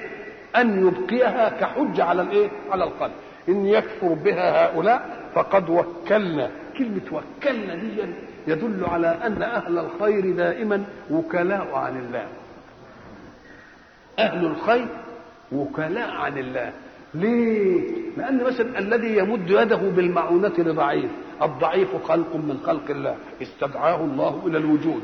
وبعد ذلك ما مش قادر يعمل حاجة. فأنت عملت له. تبقى أنت أكنك وكيل ربنا لأنك أنت عملت اللي مطلوب من ربنا يعمل. وجعلك سببا له يبقى كل إنسان يعمل خيرا في موجود يبقى اكنه وكيل عن مين؟ لأن الله رب الجميع ومربي الجميع وراعي الجميع ورازق الجميع. يبقى اللي بيعمل حاجة بالنسبة لأي إنسان يبقى كأنه إيه؟ كأنه وكيل عن مين؟ يعمل خصلة خير يبقى وكيل عن مين؟ عن الله. شوف بقى صاحب الخير الذي يجعله الله وكيلا عنه في أن يشيع الخير في خلق الله. فقد وكلنا بها قوما ليسوا بها بكافرين. أولئك أي المهديين برضه الذين هدى الله. هدى الله هداية دلالة وهداية إيه؟ معونة. بدليل إنه قال إيه؟ فبهداهم إيه؟ اقتدى. الخطاب لسيدنا رسول الله صلى الله عليه وسلم. لأن أولئك دي مشار إليه اللي هم المتقدمين. والكاف خطاب للنبي صلى الله عليه وسلم. أولئك الذين هدى الله فبهداهم اقتده إحنا لما بنقرأ اقتدي مش اقتدي بنقول بإيه؟ اسمه يسموها هاء الإيه؟ هاء السكت. هاء السكت دي عادة في اللغة لا ينطق بها إلا في الوقف لكن إذا جت في الوصف ما ينطقش بها قال لك لكن هنا مكتوبة في الإيه؟ في هداه مقتده طب وإذا وقف قال لك يا ما تقفش عشان هاء الساكت عشان هاء الإيه؟ أنتم بتقروا طبعا آه ما أغنى عني إيه؟ هي قال مالية ولا مالية هلك عني سلطانية بنجيب إيه اهي دي اسمها هاء الايه؟ هاء السكت. هاء السكت دي كان الأصول. إنها في, الوصف تتحذف وفي الوقف تيجي. إنما دي ال ال ال الهاءات اللي موجودة دي موجودة وصلا وإيه؟ وصلا ووقفا. فبهداهم اقتده طيب بهداهم كل واحد قلنا له خصله تميز بها وفيه قدر مشترك بين الجميع. القدر المشترك بين الجميع إخلاص العبودية لله والإيمان بالله واحدا في ذاته وفي صفاته وفي أفعاله. الأصول دي ما فيهاش كلهم مشتركين في هذه الأصول. لكن زي ما قلنا لكل واحد تميز بخصلة في الخير. زي ما قلنا سيدنا سليمان وداود خدوا القدرة والسلطان والإيه؟ والملك. مش كده؟ وزي ما قلنا إن أيوب خد القدره إيه؟ على إيه؟ في الصبر على البلاء. ويوسف خد مين؟ خد الاثنين. الله. طيب. وسيدنا يونس قال لك ده ده الايه الضارع إلى الله المتضرع إلى الله. لأنه بقى لما تضرع هو في بطن الإيه؟ في بطن الحوت. كل واحد له إيه؟ كل واحد له. إسماعيل قال لك ده صادق الوعد. يبقى كل واحد مجتمع فيهم جميعا خصال متحدة وفيه تميزات لكل واحد. فإذا كان رسول الله صلى الله عليه وسلم قد قال الله فبهداهم وهم جماعة اقتده. يبقى مطلوب من رسول الله ماذا؟ أن يكون كسليمان وكداود وكإسحاق وكيعقوب وكأيوب وكيوسف. الله وك... وك... كل دول الأنبياء قال لك وكيونس الله. طب لما ياخد خصلة التميز هنا وخصلة التميز هنا وخصلة التميز هنا وخصلة... وهو مشترك معهم في القضية ليه؟ القضية العامة الثانية وبعدين خد صفات التميز ومطلوب منه أن يأخذ صفات التميز من كل واحد. يبقى اجتمع التميز كله في جميع الأنبياء في سيدنا رسول الله صلى الله عليه وسلم. فبهداه مقتده هداهم نشوف إيه؟ هدى في إيه؟ هدى في إيه؟ هدى في إيه؟ وإذا أمر رسول الله صلى الله عليه وسلم أمرا من ربه فلازم نعتقد إنه نفذه ولا ما نفذوش؟ يبقى لازم ننفذه. يبقى خد من ده كذا ومن ده كذا ومن ده كذا ومن ده. قال لهم اللي مشتركين فيه على العين والرأس. وبعد إنت متميز بايه متميز بيه. أنا أخوي متميز بايه متميز متميز بايه يبقى ما دام اجتمعت فيه مزايا الأنبياء يبقى حق له أن يكون خاتم الأنبياء ولا لا؟ حق له أن يكون خاتم أولئك الذين هدى الله فبهداهم اقتده مفهوم التأويل يبقى إذا قلنا إن سيدنا محمد سيد الرسل خاتم الرسل آه مش عارف قول قول زي ما ليه؟ لأن اجتمع فيه ما اجتمع أشتاتا في سائر الرسل. يبقى لا ما فيش مانع ابدا انه يكون سيد. نعم. أولئك الذين هدى الله فبهداهم اقتده قل لا أسألكم عليه أجرا. إن هو إلا ذكرى للعالمين. قل لا أسألكم عليه أجرا. الأجر ده يطلب ليه؟ لماذا يطلب الأجر؟ أنت لا تطلب أجرا ممن فعلت أمامه أو له عمل إلا إذا كان العمل الذي فعلته يعطيه منفعة تستحق أن تعطيه عليها أجر. فكأن ما يؤديه صلى الله عليه وسلم إلى الأمة لو بالإنصاف كنا نقول له ده أنت تستحق على ده إيه؟ تستحق على ده أجر. وهو قال قال لهم قول لهم أنا متنازل عن الأجر. شوف اللي بيقدم لك منفعه عشان يعمل لك أي حاجة لا تأخذ من وقته نصف ساعة. في جزئية من جزئيات إيه؟ حياته. يقول له ده ده بيديني منفعة هتتعدى الدنيا إلى أن تصل إلى الآخرة. يبقى عايز إيه منا دي؟ ده عايز حاجات كتير قوي. أم قال لهم وبرضه قال لهم أنا مش عايز منكم إيه؟ أنا مش عايز اجر كلمة الأجر دي دي مأخوذة على من كل الرسل إلا رسولين اثنين لم يرد في القرآن أن قالها. إذا ما جئت لسورة الشعراء مثلا تكلم الحق عن موسى وتكلم عن إبراهيم ثم تكلم بعد ذلك عن بقية الرسل. فموسى وهارون الاثنين ما جوش فيهم لا أسألكم عليه أجرا واللي بعد موسى وهارون جه عليهم حكاية الأجر دي. أولهم إيه؟ أخوهم نوح. ألا تتقون؟ إني لكم رسول أمين فاتقوا الله وأطيعون. وما أسألكم عليه من أجر إن أجري إلا على رب العالمين. إنما تلاقيها في قصة موسى ما جاتش. قصة إبراهيم ما جاتش. طيب وبعدين؟ كل رسول يجي برضه فاتقوا الله وأطيعون. طيب. وما أسألكم عليه من أجر. كل وما أسألكم عليه من أجر.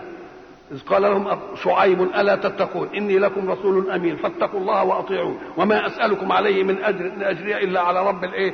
العالمين. الله. كلها وتستقرئ بقى سورة الشعراء ثم تجد الأنبياء كلهم. كلها وما أسألكم عليه من أجر. إلا مين؟ إلا سيدنا موسى وسيدنا إبراهيم. أم قال لك إيه؟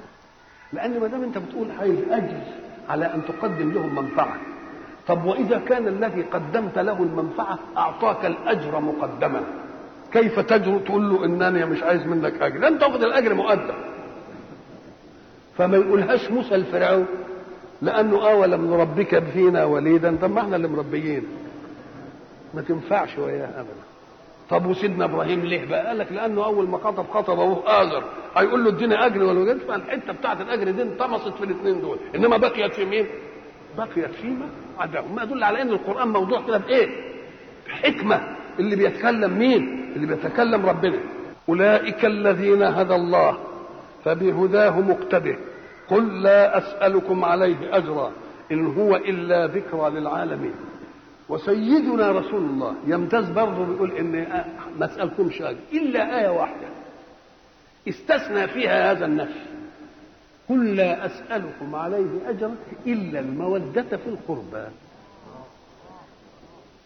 لا أسألكم عليه أجرا إلا المودة في القربة يبقى الرسول قالها برضه زي الرسل اللي قالوا. يبقى اثنين ما قالوهاش والباقي كلهم قالوها. وتميز محمد صلى الله عليه وسلم بأنه تيجي مرتين مرة باستثناء ومرة من غير استثناء.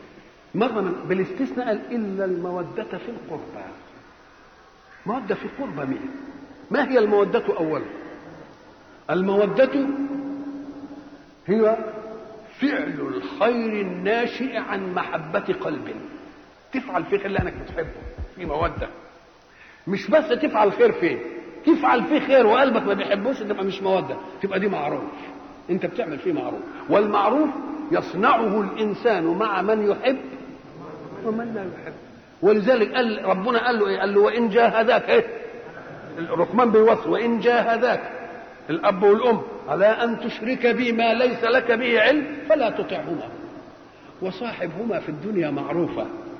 يبقى المعروف ده عمل امتداد خير سطحي مش جاي من هنا لكن الموده ولذلك بعض الناس اللي كانوا يقولوا لك القرآن يا أخي عمال بيجيب كلام ويناقض بعضه يقول لك وصاحبهما في الدنيا معروفة ثم يقول في آيات أخرى يقول إن كان أباؤكم وأبناؤكم وإخوانكم مش عارف أحب إليكم من الله ورسوله. الله. لا تجد قوما يؤمنون بالله واليوم الآخر يوادون من حاد الله ورسوله. تقول له يا شيخ أنت ما فرقتش بين المودة وبين الايه؟ المعروف. المودة ميل قلبي ينشأ عنه انفعال جارحي بالخير. إنما المعروف انفعال جارحي بالخير إنما مش إيه؟ مش نابع عن موده. ودي تعملها اللي تحبه واللي ما إيه؟ واللي ما تحبوش. إلا المودة إلا المودة في القربى. أدي المودة عرفناها والقربى قال لك يا ترى هي قرباه ولا المودة في قرباكم؟ نمسكها كده من باب المودة في القربة. القربة على إطلاقها. تبقى تنشأ كل قربة. القربة للمتكلم اللي هو الرسول اللي بيقول عن الله ولا القربة لك انت كل واحد يعمل مودة في قرباه أم قال لك يا أخي شوف كده نشوف. والله إن صنعت على أنها إلا المودة في قرباك إن أردت أن تعطي أجرا لرسول الله صلى الله عليه وسلم على ما أدى من الخير للدنيا فاعمل إيه؟ تحمل مجالك في قومك. تحمل مجالك وحين يتحمل كل واحد منا مجال الخير والمعروف في قومه تتلاحم دوائر الخير في الناس جميعا. إن هو إلا ذكرى للإيه؟ أهي ذكرى للعالمين دي هتديني بقى اجتماع الدوائر بقى كلها. اجتماع الإيه؟ الدوائر. وتلتفت كل واحد ملفوت لقرايبه تلتفت تلاقي ال- ال- الناس تتنازع القربة. تقول له لا ده في دايرتي يقول لك لا ده دايرتي أنا اقرب ده وما قدر الله حق قدره. الكلام على الذين تأبوا على الإيمان بالله قال لهم لم يعطوا الله لأن معنى القدر إيه؟ القدر معرفة المقدار. عرفنا قدر الشيء ده يعني إيه؟ مقداره. ما قدر الله حق قدره. حق قدره ما نقدرش عليه. طب بس نديه على قدنا أو على قد ما طلب منا. قال سبحانك لا نحصي ثناء عليك أنت كما أثنيت على نفسك. ليه؟ أم قال لك لأنك حين تثني على واحد تبقى لازم قيمت قدره علشان تقيم قيمة الثناء. مش كده؟ طبعا الأول ولما تقيم قدره تبقى تعرف صفات الكمال كلها فيه. وصفات الكمال في الله لا تتناهى. مش ممكن تحصل. يبقى أول حاجة مش هنعرفها لما آجي أعرف منه بعض الصفات وبده أديله على قدرها أستطيع أن أعطي الله على قدر ما يستحق من ثناء؟ ما أقدرش. ولذلك من رحمة الحق سبحانه وتعالى إنه عمل إيه؟ تحمل عنا صيغة الثناء عليه. ليه؟ عشان لا يوقعنا في حرج.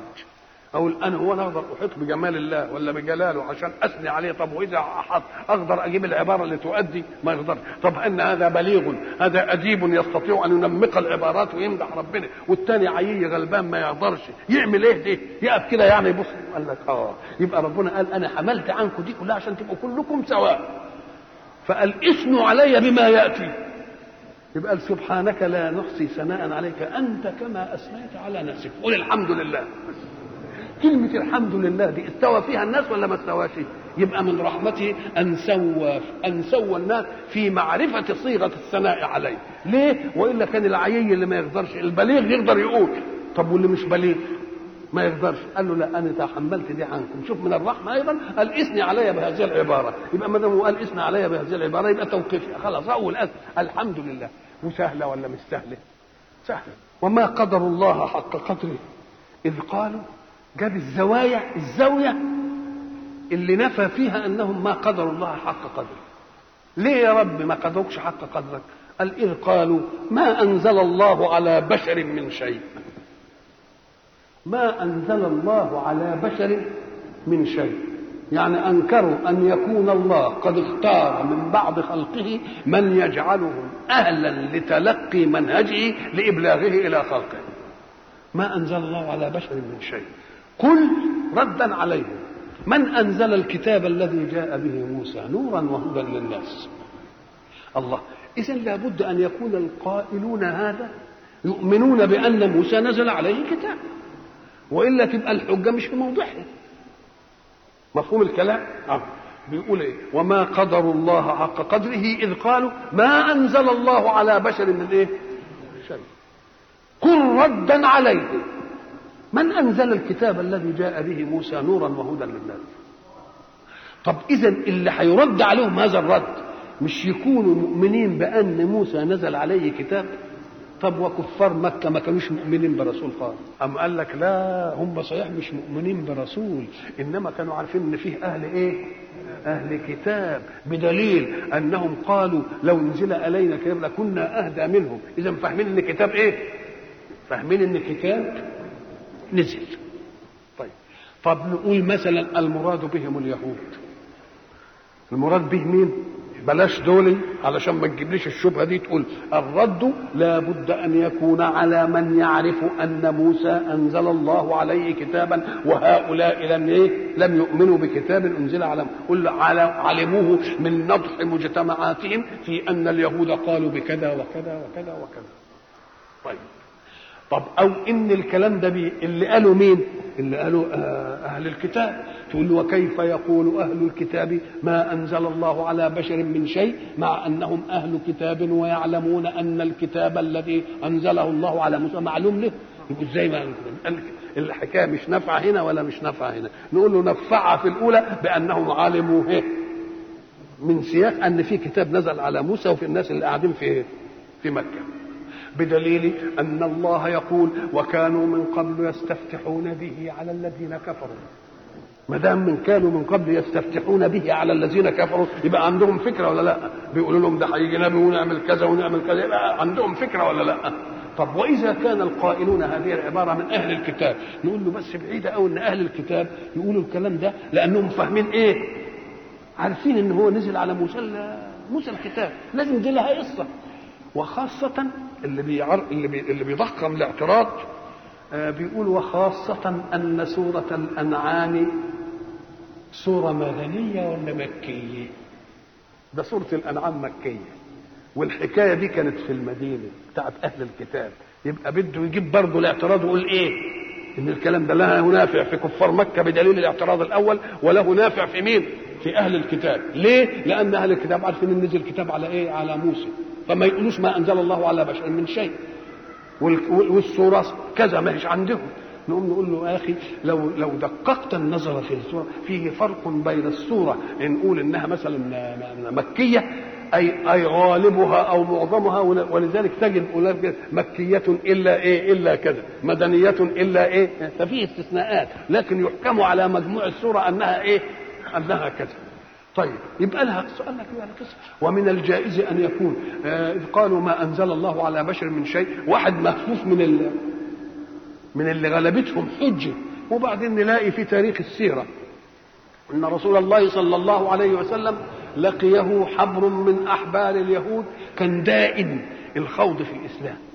اسمه مالك بن الصف فلقيه رسول الله صلى الله عليه وسلم. ومالك بن الصف دي كان إيه؟ عامل حبر الحبر اللي هو يعني عالم الايه؟ اليهود بقى اللي يعني الزهاد فيهم اللي قاعد منقطع للعلم إلا أنه كان إيه؟ كان سمين قوي. وعادة المنقطعين إلى العبادة وإلى العلم بيدوا نفسهم من الزاد بقدر ما يقوت. يبقوا دايما إيه يعني؟ لا على قدهم كده بقدر ما يقيم الإيه؟ فورد وارد في التوراة إن الله يبغض الحبر السمين. كن سمينا كما تحب. أنت حر. بس ما تعملش انك حبر بقى وقاعد للزهادة وللمش عارف الايه وللمد انت فحله انما لما ما تكونش عامل حبر انت حر.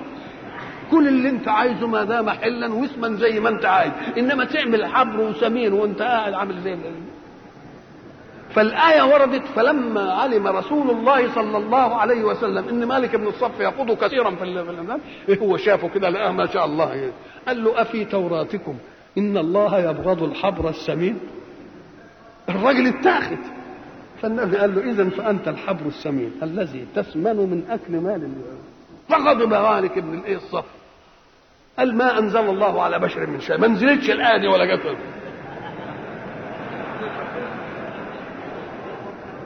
يعني ما أنزل الله على بشر من شيء من الذي أنت بتقوله أهو مش معناه إنه بينكر إيه؟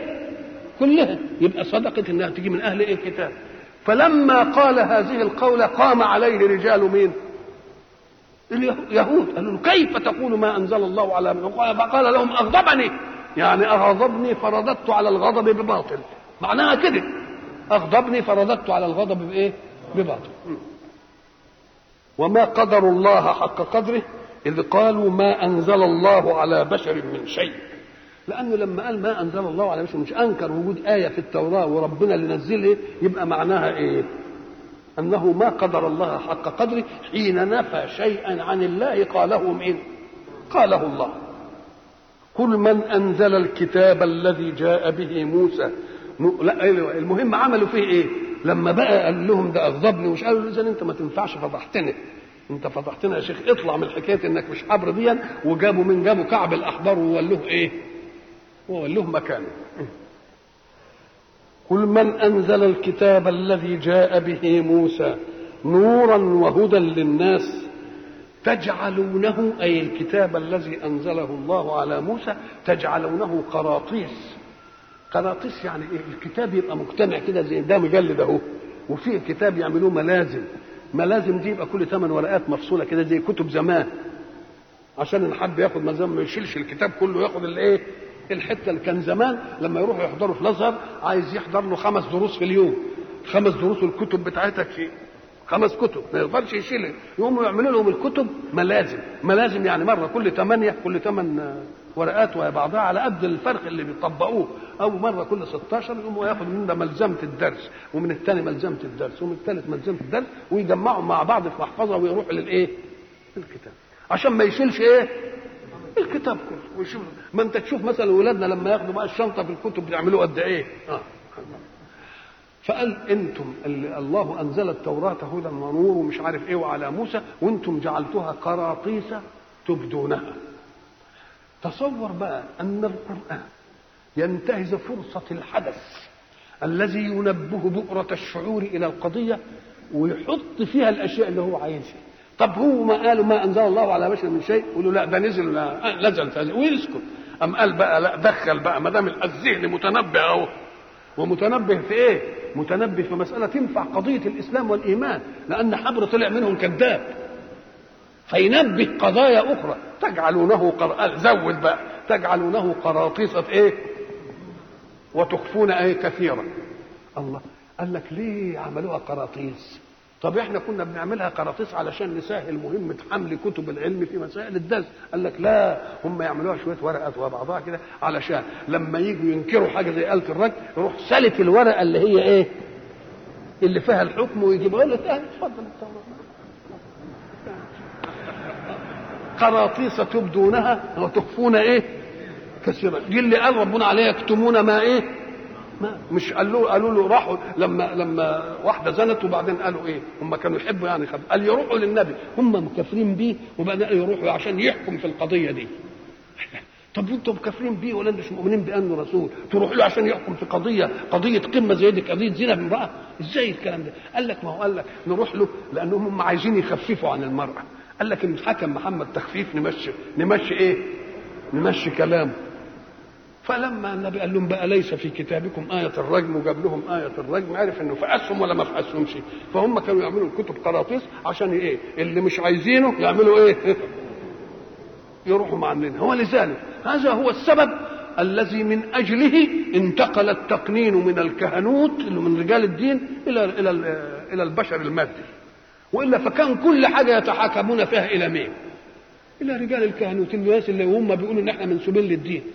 كل القضاء. تاريخ القانون بيقول إيه؟ إنهم كلهم كانوا بيتحاكموا لمين؟ طب إمتى تحاكموا إلى بعض البشر بوضع البشر؟ أم قال لك لأنهم جربوا أن هؤلاء الرجال القائمين على أمر الكهنوت يحكموا في قضية حكم. وبعدين تيجي بعد كده قضية ظروفها زيها تمام يحكموا بها بحكم مخالف. فلما يحكموا بها بحكم مخالف قال لك ده الناس اتبعوا أهواءهم. ده لازم يشتروا ذمتهم. ده ما عادوش ينفعوني. يلا إما نعمل لنا إيه؟ قانون نحكم به وبلاش قانون هؤلاء. فانتقل التقنين من رجال الكهنوت المنسوبين إلى السماء إلى مين؟ إلى البشر. وما قدر الله حق قدره إذ قالوا ما أنزل الله على بشر من شيء. قل ردا عليهم. من أنزل الكتاب الذي جاء به موسى نورا وهدى للناس. تجعلونه قراطيس تبدونها وتخفون كثيرا. وعلمتم ما لم تعلموا أنتم ولا آباؤكم. فإن قالوا ما أنزل الله على بشر من شيء فقل من أنزل الكتاب الذي جاء به موسى؟ فإذا لم يجيبوك فأجبهم واصدع بكلمة الحق. قل الله ثم ذرهم في خوضهم يلعبون. وقلنا إن الآية إما أن يكون الذين كفر كفروا من قريش هم الذين قالوا فقلنا وإذا كان الذين كفروا من قريش هم الذين قالوا فكيف يرد عليهم بقول الحق من أنزل الكتاب الذي جاء به موسى؟ وإن قلنا إن الجماعة أهل الكتاب هم الذين قالوا فكيف يجوز ذلك في سورة مكية مع أن الأمر كان في النسبة لآية مدنية؟ نقول له إن قيل سورة مكية يبقى أي أغلبها ومعظمها ولا يمنع أن يكون فيها بعض الآيات التي تخالف وصفها. ولذلك نقول يقول لك سورة كذا مكية إلا كذا مدنية إلا كذا. هنا كلمة قراطيس تبدونها وتخفون كثيرا هو أليق بأهل الكتاب. لأنهم كتموا ما أنزل الله عليهم. لأن الله بين لنا مسخهم لما أنزل عليهم في صور متعددة. نسوا حظا مما ذكروا به. هذه واحدة.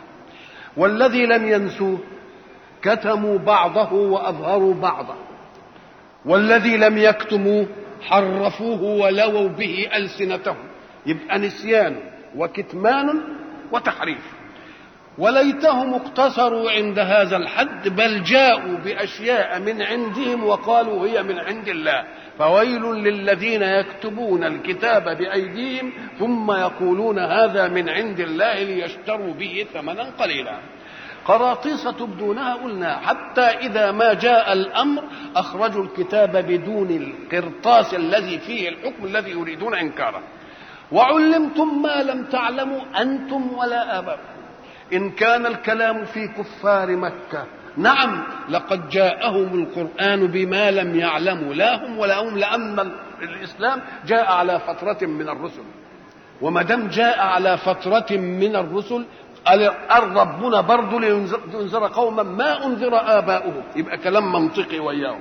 طب وإذا كان في أهل الكتاب وعلمتم ما لم تعلموا أنتم ولا آباؤكم؟ نعم لأنهم لما كتموا أشياء فضح القرآن ما كتموه وفضح القرآن ما حرفوه فالقوم الذين على علاتهم في الفكر وأخذوا منهم ذلك على أنه من كلام الله جاء القرآن فعدل لهم فكأنهم علموا الحق ليمسكوا به الباطل الذي عرفوه. وعلمتم ما لم تعلموا أنتم ولا آباؤكم. قل الله أي الذي أنزل الكتاب هو الله. ساعة يستفهم الحق سبحانه وتعالى بصيغة الاستفهام يعني الاستفهام الحقيقي بالنسبة لله محال لأنه يعلم كل شيء. امال بيستفهم ليه؟ في استفهام يقال له الاستفهام الإنكار وفي استفهام يسموه الاستفهام التقرير.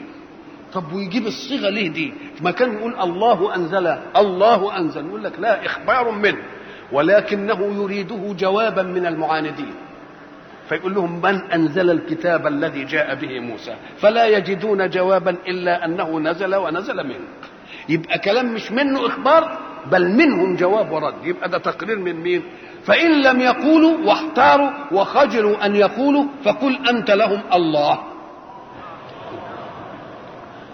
قل الله. ثم ذرهم في خوضهم يلعبون. إحنا قلنا الخوض هو الدخول في الماء الكثير والدخول في الماء الكثير لا تستبين العين فيه موضع القدم فربما نزل فيه هو يبقى الخوض الأصل في الماء الكثير ثم استعيض للخوض للخوض في الباطل. الحق سبحانه وتعالى يقول ثم ذرهم في خوضهم يلعبون. أي أن هذا لعب منهم لن يصل بعمل جدي ليقف أمام الدعوة. زي ما إحنا نقول سيبك منهم ده لعب إيه؟ ده لعب عيال كأن الدعوة سائرة في طريقها ولن يتمكنوا منها أبدا. فكل الذي يصنعونه هو خوض في باطل ولعب لا جدوى له من الايه من الجد لكن معنى هذا أيتركهم؟ لا. حين يجد آذانا منهم ينبههم يذكرهم. أو بعد أن ينفتح الأمر للإسلام الذي يقيم في جزيرة العرب نقول له إما السيف وإما أن تسلم لأن المعجزة جاءت لك مباشرة بقرآن أنت تعلم إعجازه. وهذا كتاب يعني الذي أنزل التوراة الذي أنزلها هو الله ومش بس اقتصرت على هذا.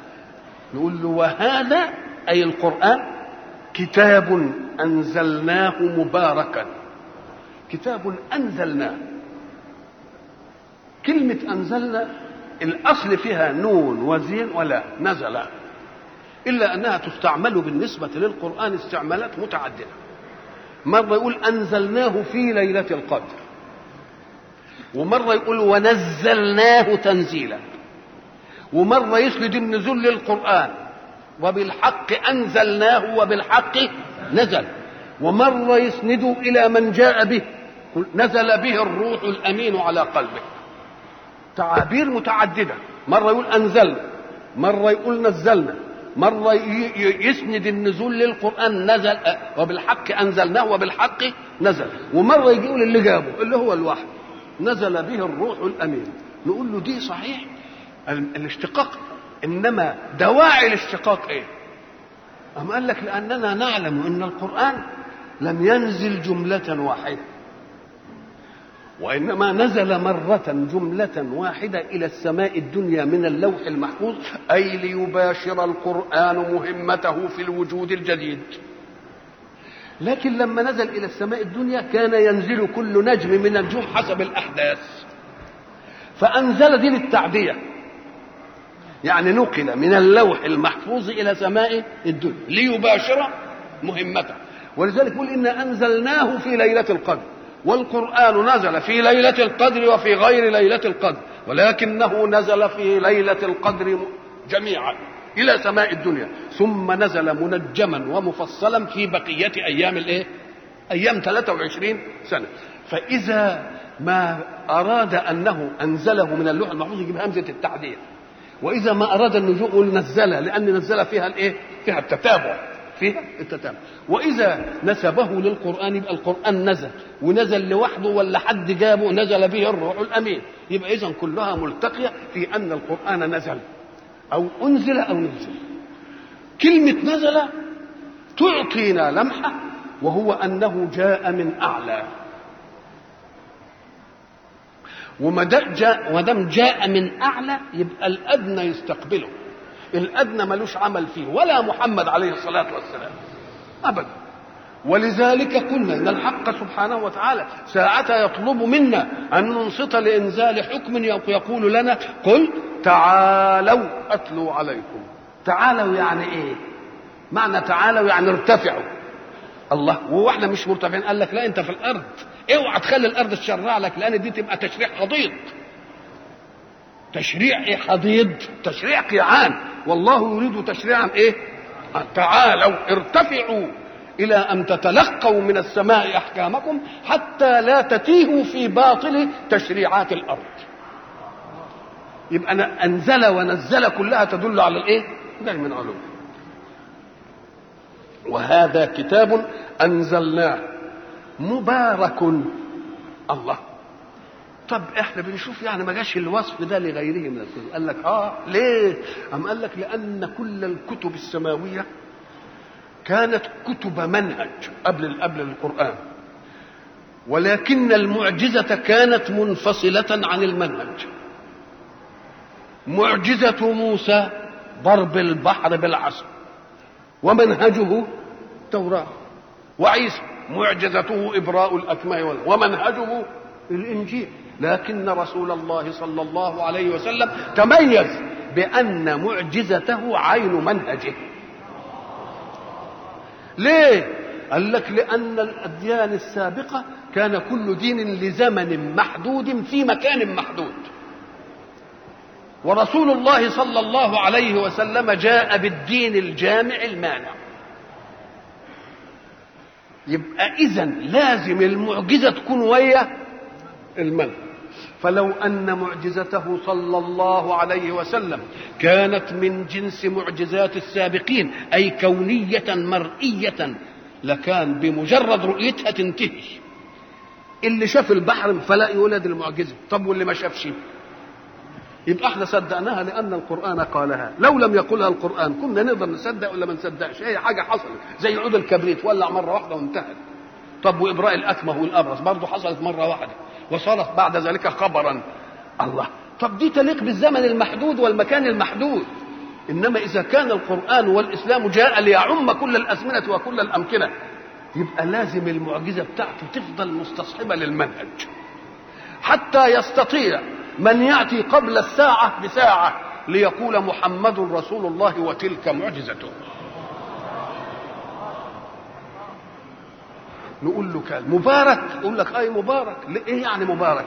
إحنا في اعرافنا حين نتكلم بالعامية نجيب الكلمة دي من نضح الاستعمالات الفصيحة التي سمعناها. يقول لك والله ده الأكل ده كان فيه بركة. معمول لاثنين وقد اربعه معمول لخمسة وقد عشرين. ده الحكاية دي مبروكة. آه إذا البركة أن يعطي أكبر من حجمه المنظور. البركة معناها إيه؟ أن يعطي أكبر من حجمه المنظور. نقول له صحيح طب قيس حجم القرآن بحجم الكتب الثانية تجد حجم القرآن إيه أفضل وبعد ذلك فيه من الخير والبر والبركات والتشريعات والمعجزات والأسرار ما تضيق به الكتب. يقعدوا علشان يألفوا ويفسروا والتفسير يبقى 30 جزء و40 جزء و50 جزء و100 جزء. ومع ذلك ما استطاع واحد أن يصل إلى حقيقة المراد من الله. لا. لماذا؟ لأن القرآن لو أنه جاء وأفرغ عطاءه في القرن الذي عاش فيه الرسول. لي بالله كيف يستقبل القرون الأخرى؟ استقبلها فاترا هي الكلام متكرر. نقول له لا بين فيه كل شيء ومنه آخذ قدر ذهنه كل تالي. كل تالي ياخذ على قده. وبعدين تمسك الآية وإلا لو أن القرآن يراد تفسيره لما فسره أحد غير من انفعل له نزولا عليه. كان يفسره. وإذا ما فسره أيستطيع واحد بعد ذلك أن يقول شيئا في التفسير؟ ولو فسره الرسول لجمده. لأن ما حدش يجرؤ أنه يقول تفسير بعد ما يقول مين؟ بعد ما يقول الرسول. ولكن عطاءات القرآن لا تتناهى. وافرض ان القرآن يفسره الرسول لا بد أن يفسره بما تطيقه العقول المعاصرة. والا انصرفوا عنه. بالله لو كان القرآن جه صريح كده وقال والأرض كرة وتدور حول الشمس وال... الله الله الله. بالله كده ده دلوقتي بينكروه طب بالله لو أنه قال دي الكلام ده يقوم يلمح لها تلميح إيه, إيه؟ خفيف. عشان لما العقول بقى تتسع لكن نقول يا سلام كأن القرآن لما قال الحكاية دي قال كذا قال كذا قال كذا قال كذا. آه يكور الليل على النهار ويكور النهار على الليل. وما دام الليل بيجي ورا النهار والنهار بيجي ولا الليل في شبه كرة. يبقى إيه الأرض اللي بيجي عليه الليل والنهار شكله إيه؟ طب ما هو يبقى شكل كرة. يقولوا كورت العمامة. مش لفتها على الرأس يكور الليل على النهار ويكور النهار على الليل فكأن الليل والنهار دائر وراء بعض. إيه؟ حول كرة إنما كان يقولها صريحة كده لا يعطيها كده بميزان. إذا اتسعت العقول للفهم يبقى يمكن يقول لو أن رسول الله صلى الله عليه وسلم فسرها. القرآن يروح رامز للمسألة والصحابة يقبلونها من الرسول على أي معنى؟ هو فهم يكور الليل على النهار يجي النهار يستر الليل. وتمشي ولا ما تمشيش؟ لما يجي مثلا القرآن يقول إيه؟ لله المشرق والمغرب. واضحة ولا مش واضحة؟ كل واحد منا يعرف المشرق وهو المغرب. أهو. طب ولما يقول رب المشرقين ورب المغربين؟ كان يفهمها إزاي المعاصر لرسول الله صلى الله عليه وسلم؟ يفهمها إزاي؟ قام قال لك إيوه؟ لأن هو ساعة ما يقول إنه اشرق من المكان الفلاني بيغيب عن حتة تانية. فساعة شروقه عندك يغيب عن إيه؟ وساعة يغيب عنك يشرقه يبقى كل مشرق وياه إيه؟ يبقى رب المشرقين ورب المغربين. بس متبادل إيه؟ بيبقوا متبادل. إنما كان يقول الكلام ده يفهموها إزاي بقى؟ يقول لك رب المشرقين لأنهم يرون للشمس للشتاء مشرقا وللغرب. وده كلام صحيح ولا لأ؟ وده كلام صحيح. ده الشمس لها مشرق كل يوم. اللي راح الصعيد ويشوف الايه؟ المعبد اللي فيه 365 طاقة. كل يوم تطلع الشمس من طاقة ولا تطلعش من الباقي كل يوم لها مشرق. اذا لما يقول المشارق والمغارب جاي ولا مش جاي؟ صحيح المشرق الناحيه دي. إنما من هنا ولا من هنا ولا من هنا ولا من هنا وتقعد الشمس تشرق وبعدين ترجع إلى الله.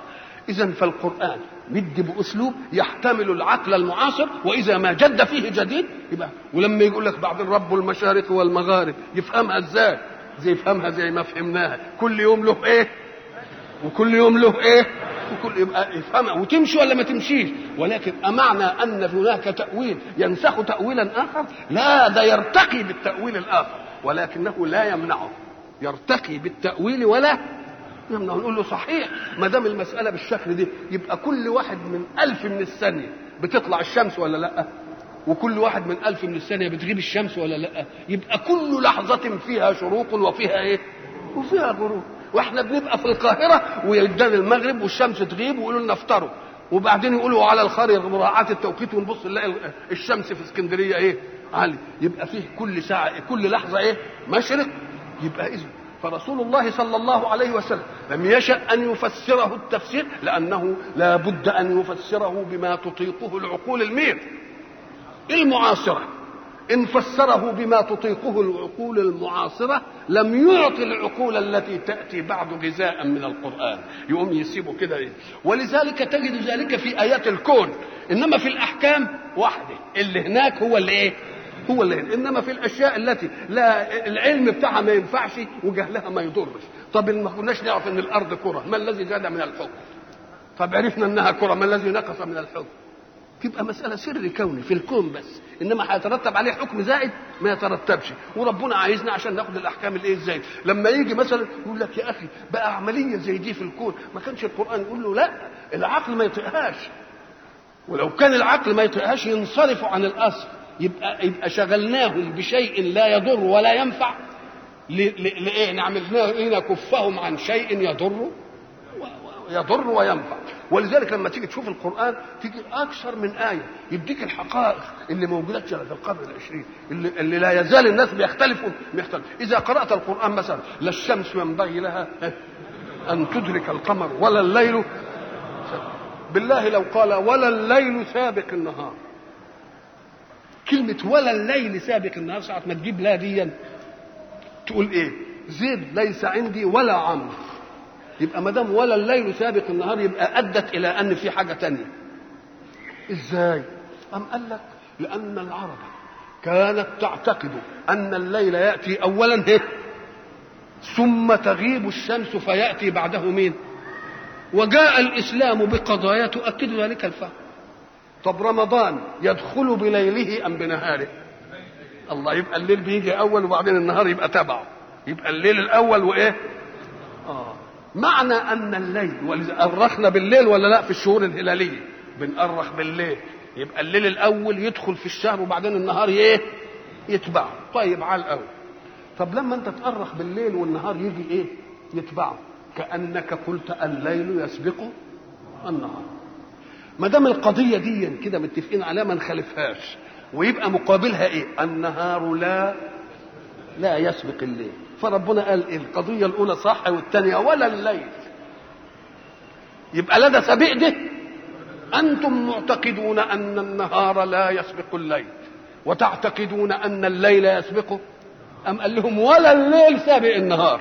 يبقى لا ده ده ولا ده ده طب ولا سبق ده إزاي ما تجيش إزاي أم قال لك إيه؟ ولا لا هذا ولا هذا. طب وإذا كانت الأرض مسطوحة عدلة كده إما أن تخلق الشمس مواجهة للأرض يبقى النهار الأول وبعدين تغيب يقوم يجي مين؟ طيب إن خلقت غير مواجهة يبقى الليل يجي وبعدين تطلع. الله إذا هي مش مسطوحة لازم تكون كورة.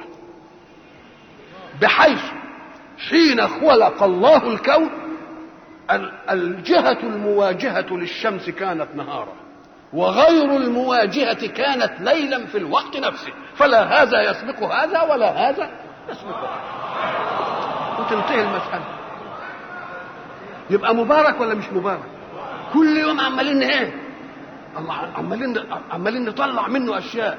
كل يوم.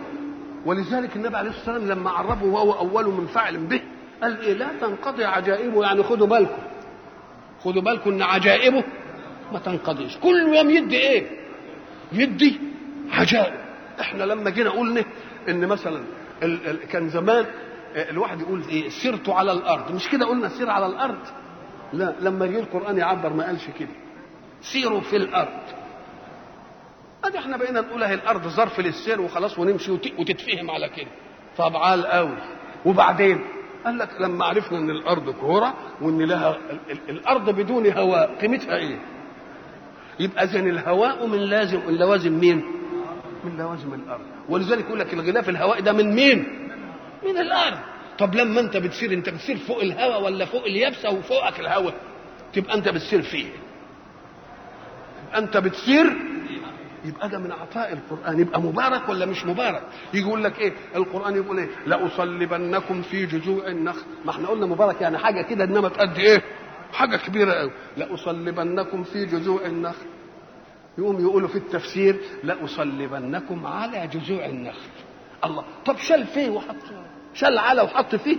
إيه مثلا؟ اوعى تقول لأصلبنكم على جذوع النخل بس. لازم تقول ما يأتي. لأصلبنكم في جذوع النخل. معناها لأصلبنكم على جذوع النخل تصليبا قويا بحيث تدخل أجزاء المصلوب في المصلوب فيه. شوف كلمة دي هات عود كبريت كده. عود كبريت وحطه على صبعك وبعدين لف عليه إيه؟ فتلة. تبص تلاقي كل ما تشد الفتلة العود يعمل إيه؟ يغوص مش يعلم. يغوص فكأنه بقوة الصلب دخل العود في الإيه؟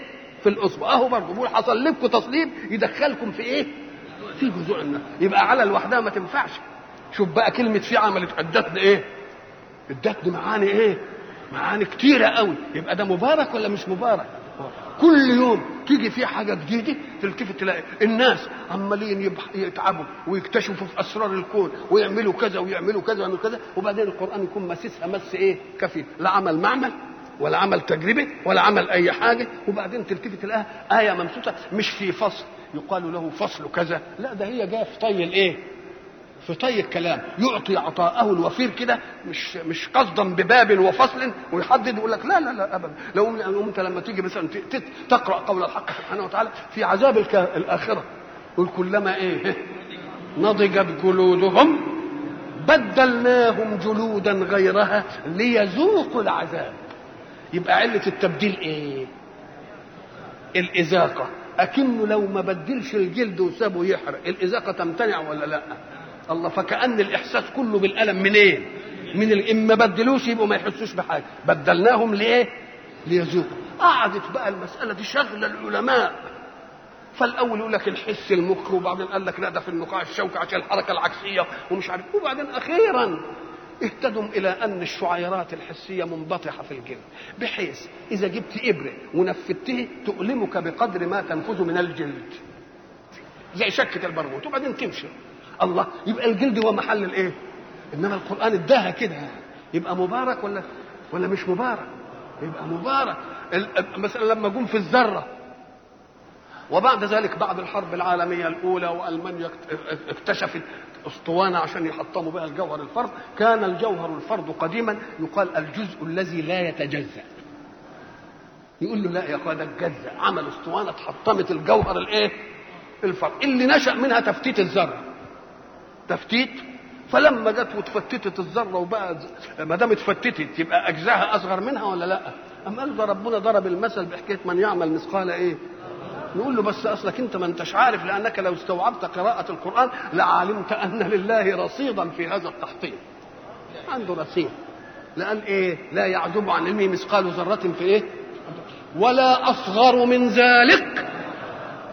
وبعدين قال ولا أكبر. وكلمة أصغر مرحلة ثانية لأن أصغر بعد صغير. يبقى كان يقول لا مثقال ذرة ولا صغير ولا يبقى فيه لسه رصيد عندنا ولا لا؟ رصيد إن حطموا المحطم يبقى فيه رصيد في الإيه؟ يبقى دي البركة ولا لا؟ وهذا كتاب مبارك. وهذا كتاب أنزلناه مبارك. مصدق الذي بين يديه.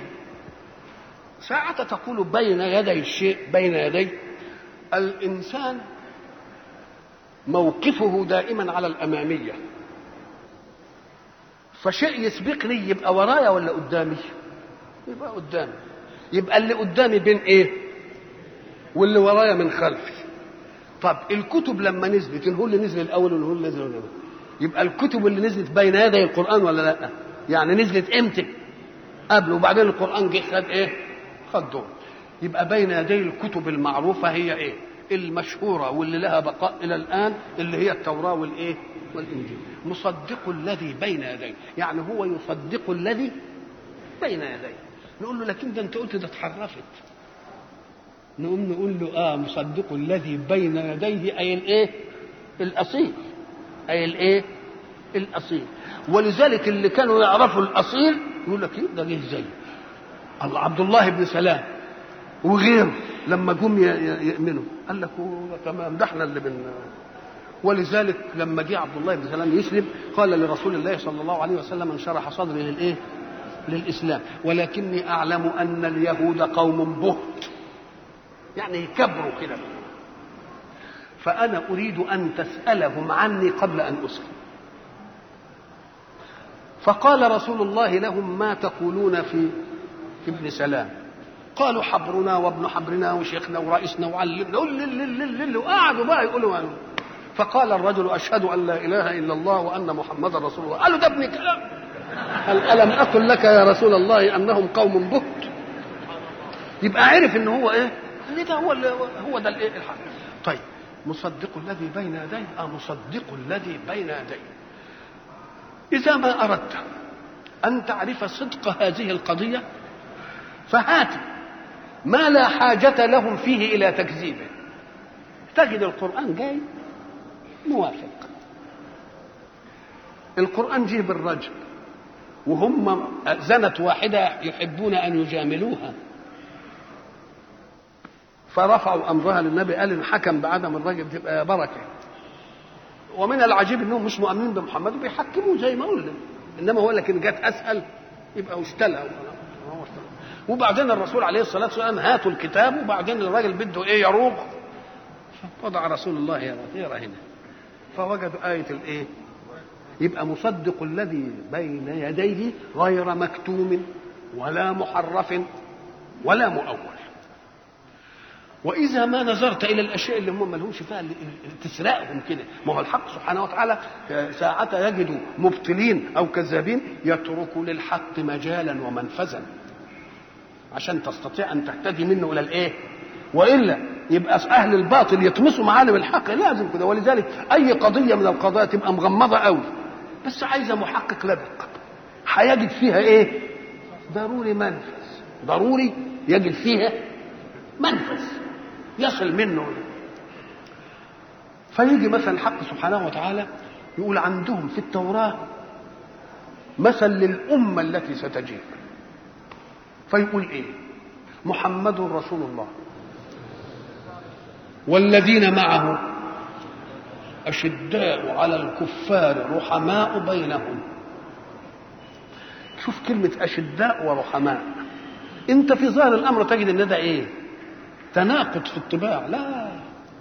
ده بده يقول لك إن الإسلام لا يطبع المسلم على لون واحد لأنه يريد منه كل الألوان.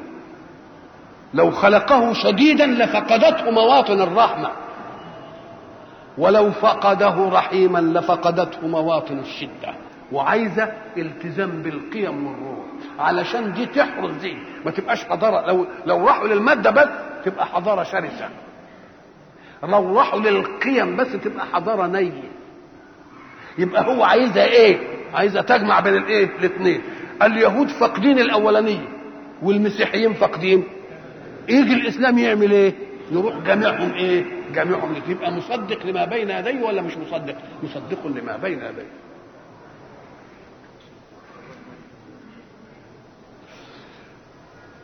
ولتنذر أم القرى. مصدق لما بين يديه. دي جابت أهل الكتاب. عايزين بقى التانيين الجماعة اللي مش أهل الكتاب اللي هم كفار قريش ولتنذر إيه؟ أم القرى ومن حولها. أم القرى إحنا تعرف إن أم القرى يعني مكة. أهي دي خدها الجماعة اللي قال لك ده القرآن نزل لجماعة العرب. لأن أم القرى واللي حواليه نقول والله يا أخي أنت ما بمعطيات اللفظ حتى. ما هو الحول اولا؟ حول أي نقطة هو كل نقطة. لما تيجي توقف أي حاجة كده وحولها اعمله قطر 10 متر. طب قطر 20 كيلو. طب قطر 100 كيلو. يبقى حولها برضه ولا لا؟ فكلما بعدت يبقى حولها ولا مش حولها؟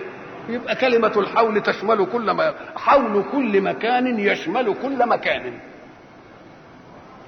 وسميت طبعا أم القرى ليه؟ إما لأن هاجر لما نزلت بابنها الرضيع نزلت بواد غير ذي زرع. وبعدين تكاثر الإيه؟ الناس. فصارت دي كالايه أولى فيها الكعبة. وكل الناس بي إيه؟ بيأموها. ده كلام عام. أو لأن الحج بيجيب الإيه؟ كما يهب الأبناء إلى إيه؟ إلى أمهم. لتنذر أم القرى ومن حولها. والذين يؤمنون بالآخرة يؤمنون به. يبقى من الذي يؤمن بهذا الكتاب الذي أنزله مصدق لينذر به أم القرى والآخرة؟ الذين يؤمنون بالآخرة. إيه الربط ده؟ قال لك لأن مش يروح لتعاليم القرآن ياخدها وينفذها الا الذي يؤمن بأن فيه يوم هنذهب فيه إلى الآخرة يقوم يخاف فيرهب المعاصي ويرغب في الطاعة ما دام في ثواب وفيه إيه؟ أما الذي لا يؤمن بالآخرة وتيجي تقول له عف وما عفتش هتعمل لي إيه؟ ما تسرقش وإن سرقت هتعمل لي إيه؟ وما تتكبرش وإن تكبرت هتعمل لي إيه؟ الله! يبقى اذا إيه اللي إيه اللي ملكنا؟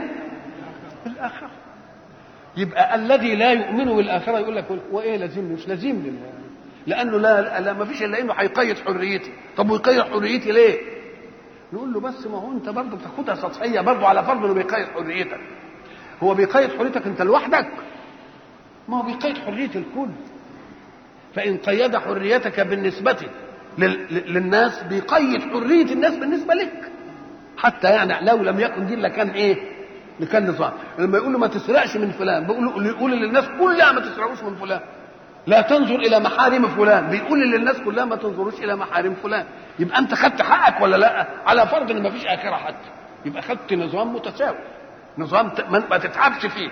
ليه؟ لأن الجاري عليك جار على غيرك مع مع جريانه إيه مع جريانه عليك. ده كلام عن الذين لكن اللي بيؤمنوا بقى بالآخرة اللي ما يحبش النظام ويحب مش عارف إيه وبتاع قوي وواخد بحقه بدراعه ما يمكنش يخاف إلا قلنا له إن فيه إيه؟ إن فيه آخرة. أما الذي لا يؤمن بالآخرة لأن ما دام الآخرة فيها ثواب وفيها عقاب وفيه وعد وفيه وعيد كل واحد بده ينجي نفسه من إيه؟ من العقاب ومن الوعيد ويدخل نفسه في الوعد وفي الإيه؟ وفي الثواب. ولله المسألة على لما نيجي مثلا نمثل. نقول للواد روح احضر علم علم لذاته كده أنا عايزك تحضر مش عايز شهادة. وبعدين تقول له لا ده أنا عايز شهادة. يبقى اللي عايز الشهادة يعمل إيه؟ يذاكر. لأنه يخاف ي- لا- يسقط. يقوم يحب إيه؟ طب وما كانش في امتحان بقى. يذاكر ما يذاكرش قد بعضه. يبقى مين أقرب إلى الاستجابة؟ الذي يؤمن بإيه؟ الذي يؤمن بالآخرة.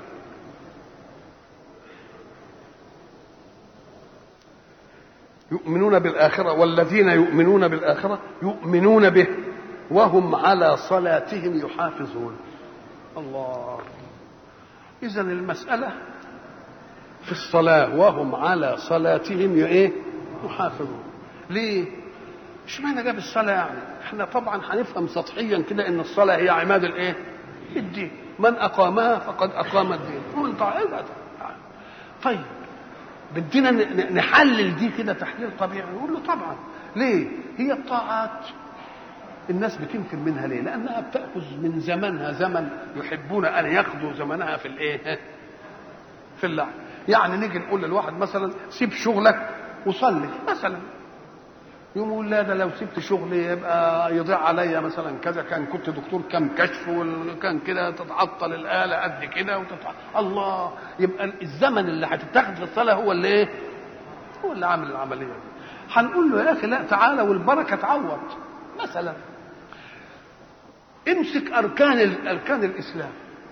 تجدها بالنسبة لانشغال الزمن بها. ثم تجد ركن ما يحتاجش منك إلا أن تقوله مرة. واحدة أشهد أن لا إله إلا الله. وأن محمدا رسول. الله يبقى انتهت المسألة؟ انتهت. يبقى ركن لم يستغرق إيه؟ زمنا طويلا ادي بالنسبة لزمنه. طيب تعالى يا سيدي لل- للزكاه أم قال لك الزكاه دي هتعوز مني إيه؟ يوم حصاده. اعملها مش هتاخد مني زمن يعني. تفريق الزكاه وبتاع. طب والصوم؟ ما هو شهر في السنة. برضه زمنه وإن كان أوسع إيه شوية طب والحج ده مرة في العمر إن كنت مستطيعا. يبقى اذا التكاليف الركنية في الإسلام بالنسبة للأزمان اللي الإنسان حريص عليها آه، بسيط الزمن لكن الصلاة هي اللي إيه؟ كل يوم. ومش كل يوم مرة كل يوم خمس مرات. يبقى هي رقعتها بالنسبة للزمن أوسع. والطريقة إليها برضه أضيق لأنه لازم إيه يبقى ما عندوش حدث وما فيش نجاسة وطهارة وطهارة المكان ويتوضأ ويعمل برضه عملية إيه. لذلك جاءت الصلاة ركنا أصيلا في الإيه في الإسلام. عماد الدين. طيب أنت قاعد ويا واحد كده. ما قالش طبعا أشهد أن لا إله إلا الله وأن محمد لأنه هو قالها قبل كده. خلاص. طيب. وما كانش في رمضان. يبقى مش صايم وما فيش يوم حصاده يبقى ما بيزكيش. وبعدين ما هوش في موسم الحج ما حجش. تبقى انت ما لا تعرف إن كان مسلم ولا مش مسلم. لكن ان سمع الوقت وقام يصلي كده. يبقى عرفت إنه مسلم. ولذلك هي الفارقة بين الإيه؟ لأن ديك أزمانها محصورة. ده على الأول. ومع أنها كذلك أخذت من التشريع حظها من الركنيات الأصيلة. ليه؟ كل تشريعات الإسلام أركانا وفروعا جاءت بالوحي. إلا الصلاة فإنها جاءت بالمباشرة.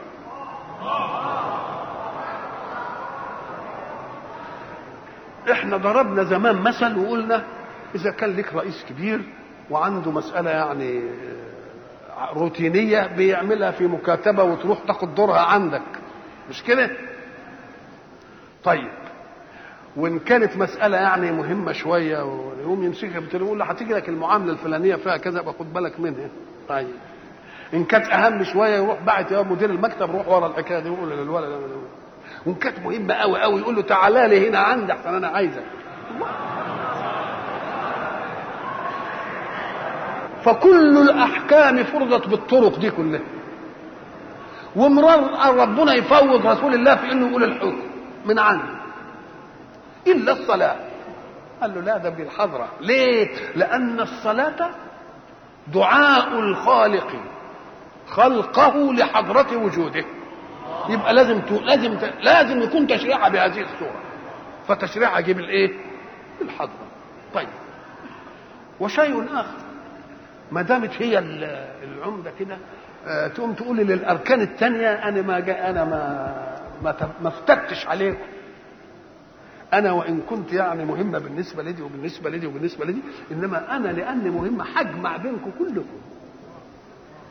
فتجده في الصلاة يقول أشهد أن لا إله إلا الله وأن فلفظ الإسلام والشهادة مكرر دائما فيه. يبقى جابت الركن الأول ولا ما جيتوش يبقى جابته طيب عايزين نصوم. طب هو الصوم ده إيه يا أخوي؟ الصوم ده امتناع عن إيه؟ ده عن شهوتي البطن والفرج. إنما بتكتب ولا ما تكتبش؟ تجري ولا ما تجري؟ تشتغل ولا ما تشتغلش؟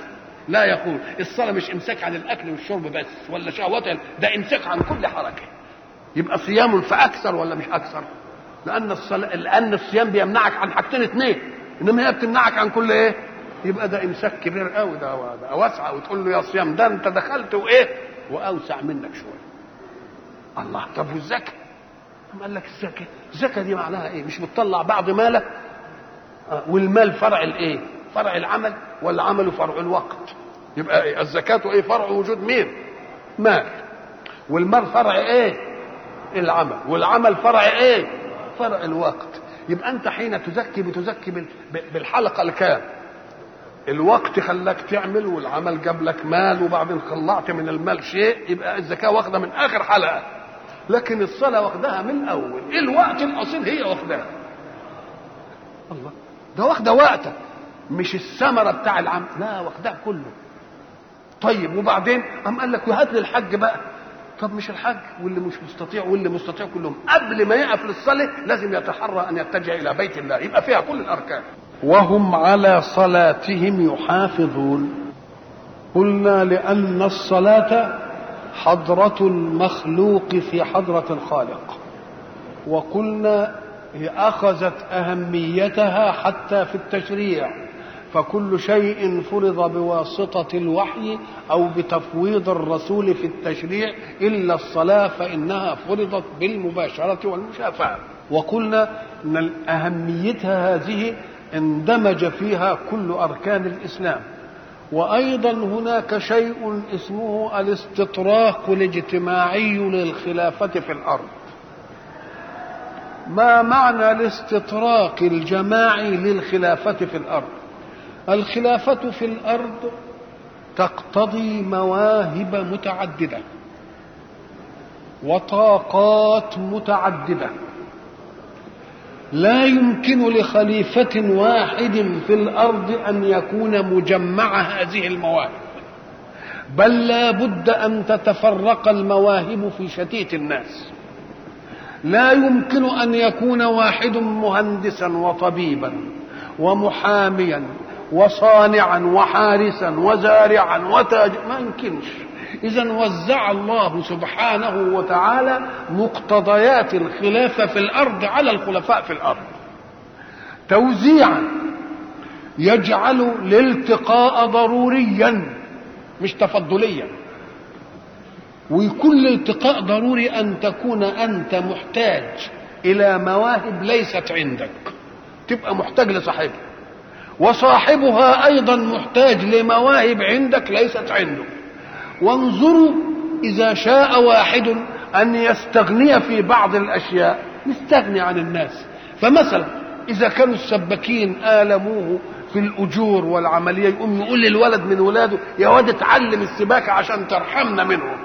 يقوم يتعلم الولد السباكة أو الرجل يتعلم السباكة. إلا بالله يروح لسباك تاني ولا يروح له ولا يسأل. يا واد اتعلم الخياطة. الله إذا معنى ذلك أن الله أبقى المواهب متفرقة مشتتة في الخلق ليحتاج كل خلق إلى كل الخلق. الناس لا تنظر في جهة التميز إلا إلى شيء واحد هو الغنى. نقول له الغنى ده نوع فقط من المواهب. إنما إذا مثلا نظرت إلى العالم اللي يقعد عشرين سنة يحضر علم وبعدين يقابله واحد يستفتيه في فتوى يقولها له ويقولها له مجانا. لو علم هذا السائل ماذا تكلف الأستاذ الذي أفتاه طول عشرين سنة؟ بحثا في الكتب وسماعا من الأساتذة واستيقاظا للامتحان. مسألة كان مسخر. أيامها كان مسخر لحضرتك عشان تيجي بس تسأله وأنت واقف كده تسأله. مسخر لك عشرين سنة. لكن أنت ما بتنظرش إلا للمسألة في إيه؟ في نضجها النهائي. لما تشوف مثلا واحد قاعد يمسح جزمة ولا حاجة ومدد رجله وواحد تاني بيمسح جزمة مثلا تقول إيه يا سلام على العنطزة دي؟ يا أخي أنت شفتني في وقت راحتي وشفت هو في وقت إيه؟ لو عرفت أنا جبت القرش أو الخمسة سنه اللي حدها له دي كنت بعمل إيه؟ كنت تعرف إن أنا كنت مسكر له ساعة كنت أعمل عشان أجيب له الخمسة سنه فإذا كل واحد إيه؟ ولذلك قال ليتخذ بعضهم بعضا سخريا. الناس ما بتاخد بين المسخر بس الغني والفقير. نقول له لا خذ التسخير على أن كل واحد في الكون مسخر ومسخر له. مسخر له في المواهب التي ليست عنده ومسخر في الموهبة اللي عنده. وأراد الحق سبحانه وتعالى أن يربط الناس بهذا ربطا قسريا مش تفضلي. ليه؟ قال لك لأن اللي عنده أولاد يريدون أن يأكلوا وامرأة عايزة تطعم وما عندهمش فلوس ومش لاقي مثلا عمل إلا إنه يروح زي ما قلنا يعمل في المجاري يستلك جردل كده يروح ينزح في المجاري. لولا ارتباطه بضرورة الحياة له ولمن يعول ما كانش يعمل العملية دي. اذا فهو مربوط ليؤدي خدمة في الكون. ربط ضروري ولا مش ربط ضروري؟ طب بالله لو كنا كلنا كويسين كده وبعدين نقعد نقول إيه والله البشوات والبهوات دول والأفندية كل واحد يتطوع يوم يجي ينزح ال ما حدش هيتطوع ما تجيش تفضل ابدا. لا تأتي تفضلا وإنما تأتي إيه؟ تأتي ضرورة يبقى الخلافة في الأرض تقتضي استطراقا. هذا الاستطراق لا يدوم كثيرا. واحد يبقى قوي ما يبقاش قوي طول العمر. واحد يبقى غني ما يبقاش غني طول العمر. واحد يبقى بس بت إيه؟ بتتنطر على الناس. ولذلك قال دول عشان كده. جعلناها إيه؟ دول علشان العالم يستقيم ارتباط ضرورة. لكن مسائل الخلافة والمواهب قد تعطي في ظاهر الأمر ناس متميزين. في شكلهم في هندامهم في مطيتهم في إيه؟ يعني مثلا الراجل اللي وراه مشاغل كتير دي وبده يقضيها وبده يقضيها وبده يقضيها. نقول له لما تمشي على رجليك تتعب يقوم يجيب عربية. تقوم أنت فاهم ان العربيه دي يعني لا. دي مصلحته كده. لو انت بقى شفت المسألة بس في في كوب الشاي الذي تشربه مزاج مش ضرورة يعني مزاج بس. وبعدين لم يجد الولد اللي بيعمل لك الشاي لما وجدش شاي الشاي خلص. تقوم تديله ربع جنيه تقول له هات باكو شاي. راح ذهب ليأتي بالباكو الشاي من البقال لا البقال مجهزه له اي لو عرفت الباكو الشاي دي مكلف كم جهاز من سنتين ولا من ثلاث سنين عشان يجي لك الباكو الشاي ده. ده مكلف ناس يزرعوا في البلد اللي بيزرعوا. ومكلف ناس يستوردهم ويدفعوا فلوس ويروحوا مش عارف إيه وكل يوم يروحوا الجمرك ويعمل عشان يجيب لك الإيه؟ باكو الشاي ده. ساعة ما أصلا. إنما ما أنتش عارف ال ال التعب. اذا فالمسألة كلها تسخيرات. يقوم لما يكون في فوارق اجتماعية تقتضيها أعمالنا يقوم الحق سبحانه وتعالى يجعل في الصلاة استطراق المجتمع. تقوم تلتفت ساعة ما يقول الله أكبر ده جاي وده جاي وده جاي والحقير قبل الغفير والغفير قبل الأمير والدين كلهم. خلعوا أقدارهم في خارج المسجد مع نعالهم. ودخلوا كده وده في رحلة وده في رحلة. وبعدين بقى اللي, اللي, له رئيس كده متعنطز عليه يشوفوا زيه كده واقف وساجد لله كده. وبيتبكبك لربنا وعمال بي الله يقوم يرتاح. يبقى لحظة استطراق إيه؟ استطراق عبودية تريحه. وافرض إننا هنصلي فرادى بقى ومش عايزين الحكاية دي يقوم يجيبنا ضروري في يوم الجمعة مع بعض. ضروري نيجي يوم الجمعة مع بعض. وبعدين ما فيش بقى أكتر من العظيم ما تشوفه كده متضرع وتشوفه بيبكي لا ويشوف إنك شايفه. شوف العظمه ويشوف إيه؟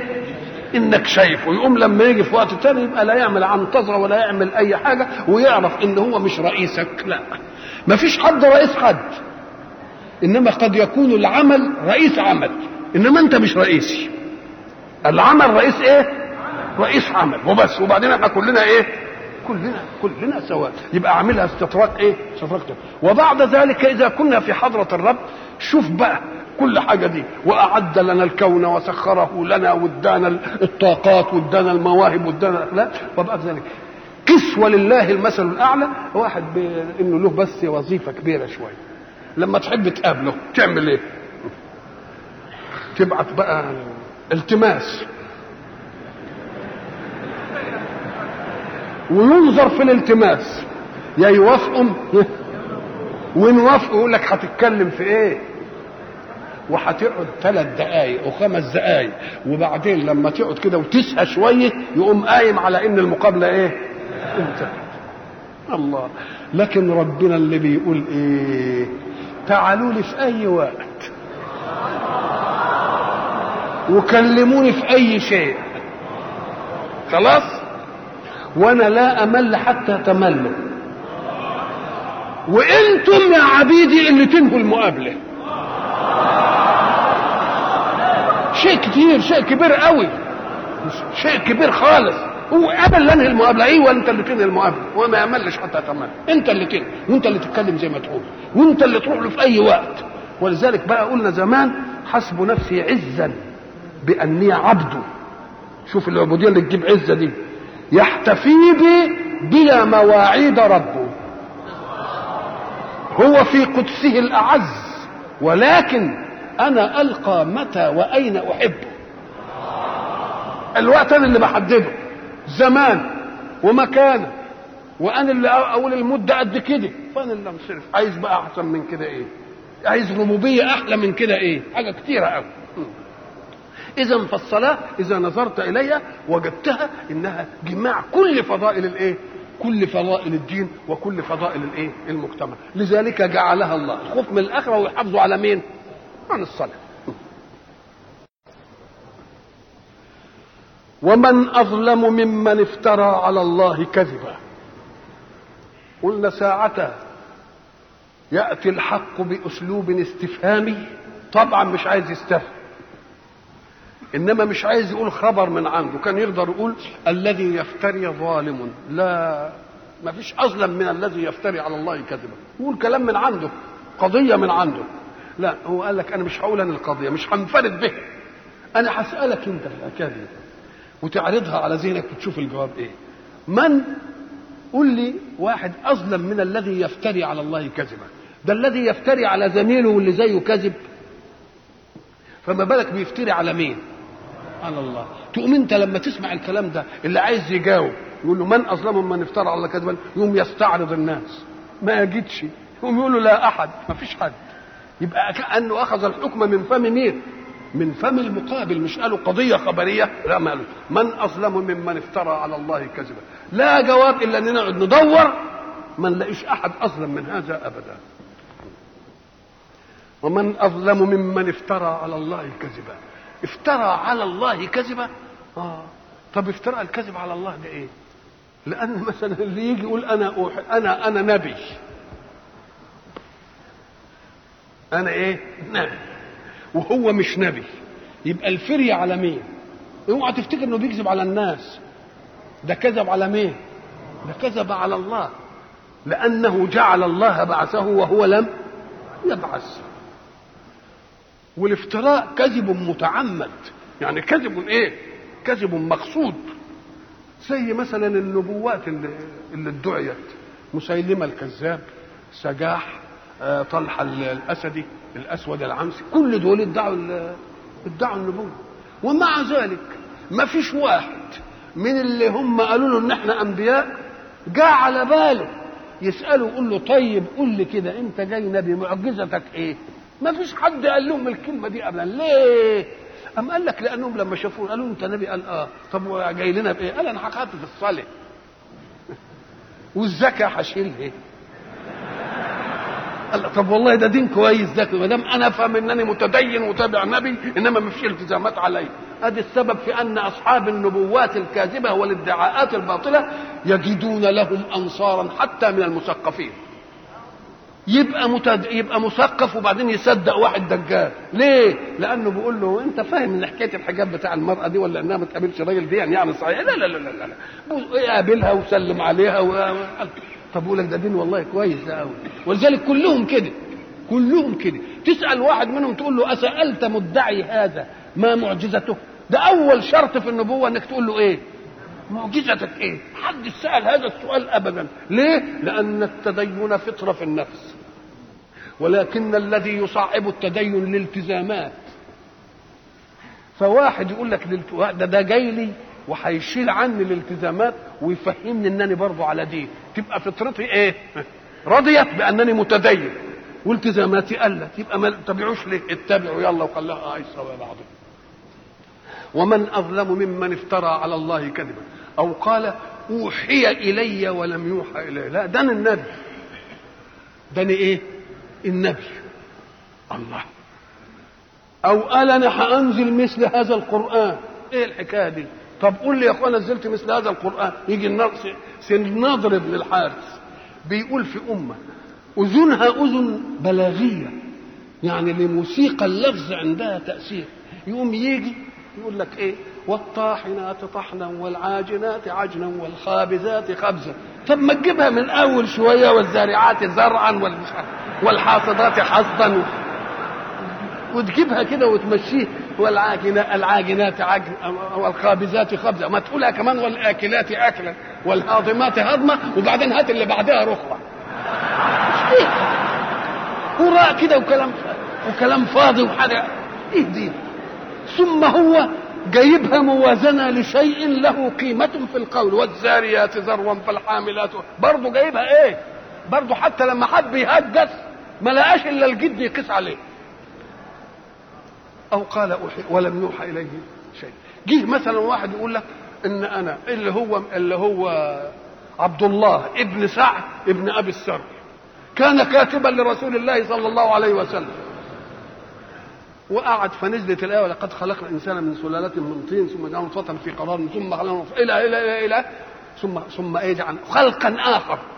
أم الراجل انبهر بالأطوار. كذا كذا كذا كذا. هو نفسه. انفعل للأسلوب فقال تبارك الله احسن الخالقين. فقال له رسول الله اكتبها فقد نزلت.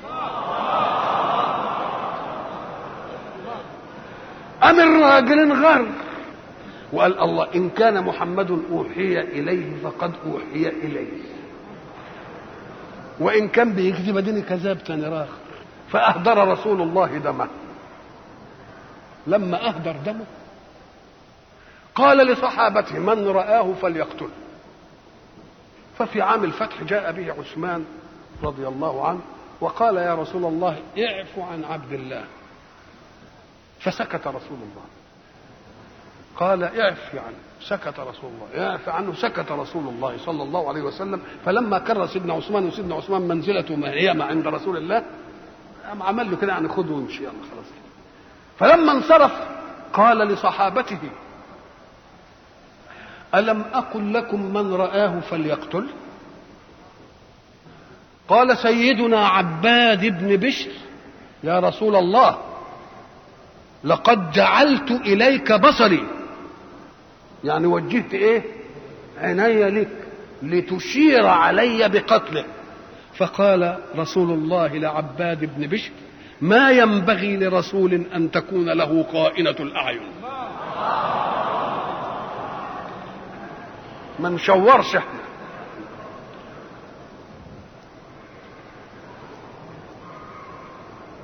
ومن قال سأنزل مثل ما أنزل الله.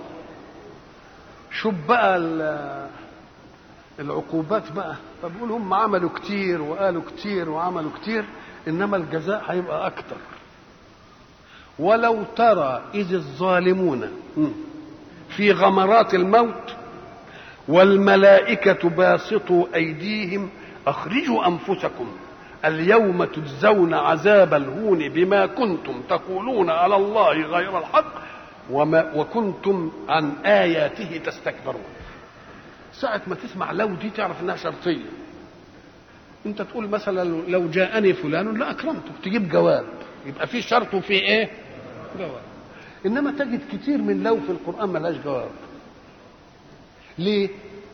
لأن المجيء بالجواب حصر للجواب في دائرة منطوقه. فإن أردت إن الجواب لا يمكن لللفظ أن يحصره تقوم تتركه للثاني. تقول له إيه؟ ولد فتو عامل في الحارة ومصدب الحاره وتعبها وبعدين بقى وقع في إيد البوليس وخدوه بقى دع وفي الكلبش ويضرب وده يضربه بالدر ويضرب. يوم ولد من يقول لك يا سلام آه لو شفت الواد الفتوه وهم ماسكينه طب فين الجواب؟ لو شفته كان حصل إيه؟ يعني لرأيت أمرا عجيبا يضيق الأسلوب عن أدائه. لرأيت امرا عظيما يضيق الأسلوب عن ادائه تجد لو دائما بالشكل ده ولو ترى إذ المجرمون ناكسوا رؤوسهم عند ربهم. طب ترى إيه؟ ما قاليش أرى إيه؟ قال لك ده أنت هترى عجب. اللفظ ما إيه؟ ما يأديش لما تحب تجيب دي, دي تفلت منك ودي وعاده مشاء مسألة ما تنقل. زي ما تقول إيه؟ ده حصل له حكايات إيه؟ ما تنحكيش. ما تنحكيش يعني إيه؟ يعني الأساليب لا تفي بإيه؟ بأدائها. فبيقول بقى ولو ترى إذ الظالمون في غمرات الموت. الغمرات هي الشدة. لا يستطيع الإنسان منها فكاكا ولا تخلصا. ولو ترى إذ الظالمون في غمرات الموت والملائكة باسطوا أيديهم. أخرجوا. باسطوا أيديهم. ساعة ما تقول بسط إلي يدا يعني بالإيه؟ بالسوء. لئن بسطت إلي يدك لتقتلني. فهم هل هم ملائكة الموت اللي بيشدوا روحه؟ ولا الكلام ده في ملائكة العذاب؟ قال لك تش... تشمل دي ودي اشويه زي ما تيجي هنا وهنا. والملائكة باسطوا أيديهم أخرجوا أنفسكم. إيه يعني؟ هم هيقبضوا الروح. يقول لهم كنتوا يعني أنتم متأبين على الله في كتير من أحكام. تأبيتم على الله إيمانا وتأبيتم على الله أحكاما وتأبيتم على الله تصديق رسول. طب ربنا هياخد روحكم بقى. ما تفكوا نفسكم منها ما أنتم مش مش متعودين إنكم ما تخضعوش لمرادات الحق. يلا ورونا الشطار اخرجوا أنفسكم. أي من إيه؟ من أيدينا. أو أنهم يبالغون في النكايات. بيقول له زي ما تقول له اخنق نفسك. اخنق نفسك. يعني مش أخنقك يعني اخنق نفسك. اخرجوا أنفسكم. أو أخرجوا نفسكم من العذاب الذي يحيط بكم.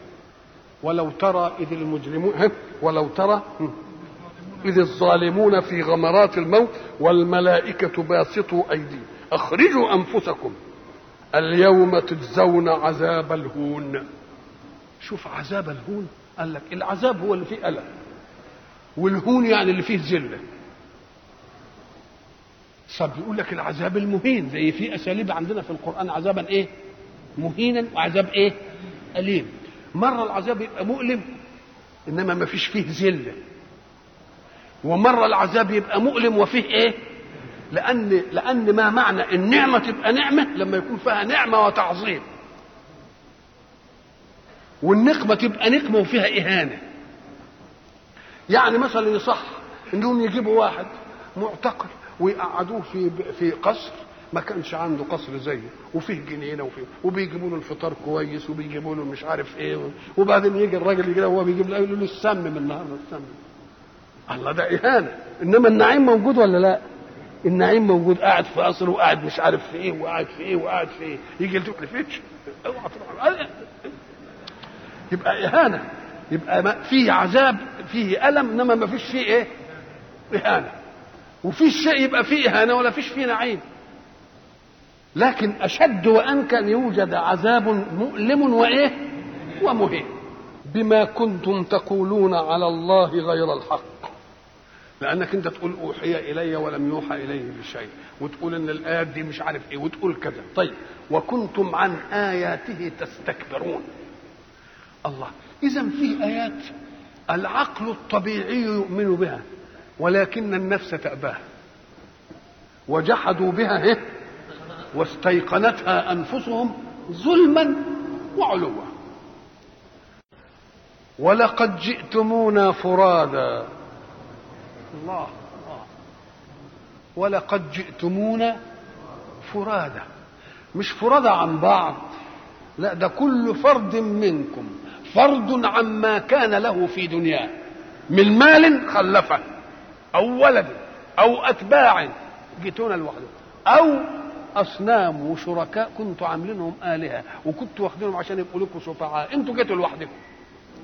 أنتوا جيتوا فرادى زي مثلا سكارى زي أسارة جمعها إيه؟ سكارى جمعها إيه؟ سكران يبقى فرادى جمعها فردان طيب وأسارة جمعها إيه؟ جمع لأسير.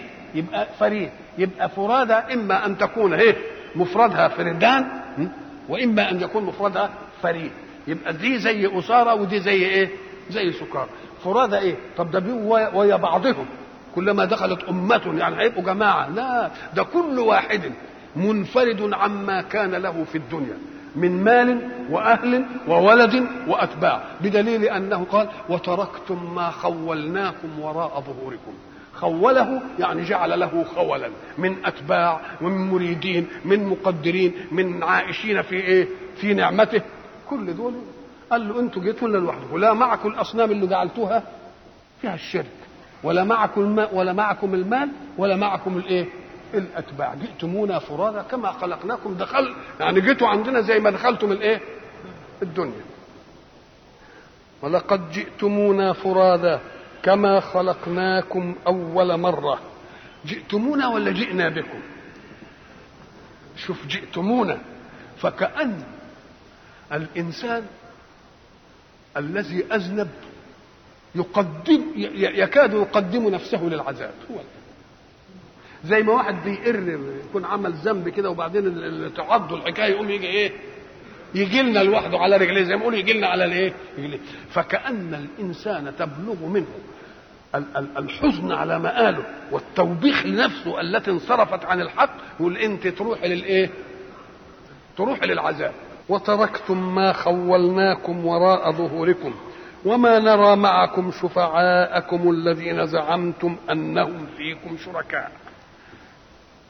لقد تقطع بينكم. طبعا في قراءة في قراءة لقد تقطع بينكم وفي لقد تقطع بينكم. يعني لقد تقطع بينكم؟ البين هو ما يفصل ما يفصل أو ما يصل. لما يكون اتنين قاعدين كده وفي بينهم بين. البين ده فاصل ولا واصل؟ واصل وفاصل. واصل. فإن اعتبرته واصلا قلت تقطع هذا ما عادش. يبقى وقع التقطيع بينكم. وقع التقطيع بينكم. ده إن كان إيه؟ طيب.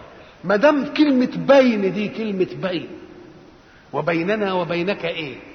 حجاب. أم قال لك قد يكون الوصلة التي توجد بين الاثنين؟ نقول قطعنا الوصلة دي. طب وصلتهم بالشركاء إيه؟ كانوا بيقدموا لهم القرابين وبيعملوا لهم كذا وبيعملوا لهم كذا وبيعملوا لهم كذا. عملنا إيه في الوصلة دي يعني؟ يبقى من جهة اللي كانوا شركاء اللي اتخذوهم شركاء هم هيضلوا عنكم ويفروا ما حدش هيجي. ومن ناحيتكم أنتوا كارهينهم ومش عايزين إيه؟ يبقى لقد تقطع بينكم أو تقطع بي إيه؟ بينكم. وضل عنكم ما كنتم تزعمون. ضل يعني تاه غاب تدوروا عليه ما تلاقوش. نعم. إذ تبرأ الذين إيه؟ اتبعوا من الذين اتبعوا. إن الله فالق الحب والنوى. بعد ما تكلم عن التوحيد والنبوات واللي بيعكسوا النبوات واللي بيكذبوها واللي بيقولوا كذا واللي كذا أراد أن يلفت خلقه إلى ما أعده لهم استبقاء لحياتهم وسخر لهم كل الكون بما فيه جمادا ونباتا وحيوانا. أراد أن يلفتهم إلى ذلك. ليه بيلفتهم إلى كده؟ لأنهم يقول له إن ما كنتش حتى أنا أستحق أنا أنعمت عليك أنا اللي أنعم أنا صاحب النعمة بتاعتي فما دام أنا صاحب النعمة اللي يأكل اللي يأكل لقمتي يعمل إيه؟ يسمع كلمتي. اللي يأكل لقمتي يسمع كلمتي. أنت متربى على مائدتي ومتربى وأنا اللي خلقك وأنا اللي عاملك على الأقل تبقى المسألة دي. إن الله فالق الحب والنوى. ساعة تسمع لفظ الجلالة أو علم واجب الوجود وهو الله خذ لفظ الجلالة بكل ما يدل عليه من صفات الجلال وصفات الجمال. ما عرفته ومن لم وما لم تعرف ليه؟ قال لك لأن العملية اللي ربنا عاملها فعل. والفعل يقتضي صفات متعددة. يقتضي قدرة عشان الإبراز. يقتضي حكمة علشان تبني اللي هتخلقه عليه. يقتضي علم واسع. يقتضي رحمة. يقتضي بسط. يقتضي قبض. يقتضي صفات متعددة ولا لا؟ فبدل ما يقول لك إيه بدل ما يجيب صفة القدرة وصفة العلم يقول الله لأنه جامع لكل إيه صفات الإيه صفات إحنا بنقول ابدأ في كل عمل ببسم الله. ليه؟ لأن العمل ده عايز قدرة. فتقول باسم القادر. وعايز علم تقول باسم الإيه؟ العليم. طب وعايز حكمة؟ باسم الحكيم. وعايز عزة فيه؟ باسم العزيز. عايز قهر لأنك أنت داخل حرب باسم القاهر. الله. اذا كل عمل يحتاج إلى إيه؟ إلى حشد من صفات الكمال يخدم الفعل. فبدل ما تقول باسم القادر وباسم العليم وباسم الحكيم وباسم القابض وباسم المعز وباسم المذل. يقول لك قول إيه؟ بسم الله. شوف سهلها عليك إزاي؟ لأن الله هو الجامع لكل إيه؟ صفات الكمال. إن الله فالق الحب والنوى. فالق يعني شاق يعملهم فلقتين طيب. طب الحب هو إيه؟ الحب هو ما لا نواة له. زي الشعير وزي الغلة واللي له نواة. زي البلح مثلا. مش كده؟ طيب. في شيء له نواة؟ زي الخوخة مثلا. لها نواة ولا لا؟ وفي قلب النواة شيء إيه؟ شيء تاني. بطيخة. لها بذرة ولا لا؟ والبذرة برضه فيها إيه؟ في شيء تاني. فالحق سبحانه وتعالى بيقول العظمة بتاعتي تتجلى في أنني أفلق الحب وأفلق الإيه؟ النوى. طب يفلق الحب ويفلق النوى ليه؟ والباقي. أم قال لك ما هو في حبوب مفلوقة جاهزة. زي الحبة الفول مثلا. وزي حبة الإيه؟ العدس. الشيء اللي شقين واضحين ملفوفين بقشره له فلقتين ولا لأ؟ طب والشيء اللي انت ما انت شايف له فلقتين يقول لك هو له فلقتين بس مطموستين من جهة وظاهر أنايا في وسطهم كده من إيه؟ تقوم تلاقيها في حبة البر وحبة الشعير إيه؟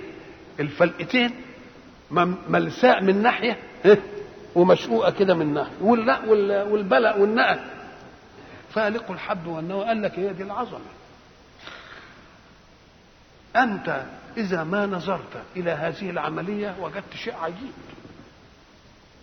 الشيء العجيب إنك أنت تجيب النوايا أو الحبة الشعير وتحطها في الأرض في بيئة استخراجها ويجي لها شوية مثلا رطوبة. يقوم يحصل إيه؟ الحب. الفلقتين اهي اولا تكبر كده تكبر يعني زي ما تكون نبتت وبعدين إيه تنفلق؟ ويطلع منها الزبان البسيط اللي بين الاثنين دول يقوم يجي ويكون حاجة ضعيفة كده اسمها جزير. انت ما شفتش الفولة لما اتنبتت؟ آه الفولة اتنبتت طلع لها اللي إحنا بنقول الزبان. مش كده؟ اهو الزبان ده جاي من الحتة اللي بين الفلقتين اللي هي فيها سر حياة سر الحياة ده. إن نزعته منه إيه؟ ولا يعني خلاص يبقى ما فيش ولذلك كانوا يتعجبون من أن أعشاش النمل لما يجوا يدرسوا النمل يقوموا يجدوا عند العش كده شيء صغير حتت بيضة صغننة صغننة صغننة مرمية في ريح العش. فبقولوا دي إيه؟ إلى أن اكتشفوا إن دي زبانات الحب اللي, اللي النمل بيدخلها العش. لو دخل الحباية بالزريعة بتاعتها دي يمكن تجي لها شوية رطوبة تقوم تكبر وتعمل شجرة تفرتك له إيه؟ فمن الذي هدى النمل إلى أن هذه شيء كبير. شيء كبير ده مسألة إيه دي؟ النمل آه النمل ويروح عاملها ومطلعها كده وبعد ذلك يجي للشيء اللي عايز يعني ما يمكنش إلا إذا فلقتين يروح فلقه. طب الكزبرة تنفع أربع فلق تلتفت تلاقي حبيت الكزبرة هي الوحيدة اللي تتقسم أربعة من النمل يقسم أربعة. عشان أربعة ما تنفعش. إنما اثنين ان انشأت تنفع. الله. طب من الذي يعلم؟ الذي خلق فسوى والذي قدر فهدى.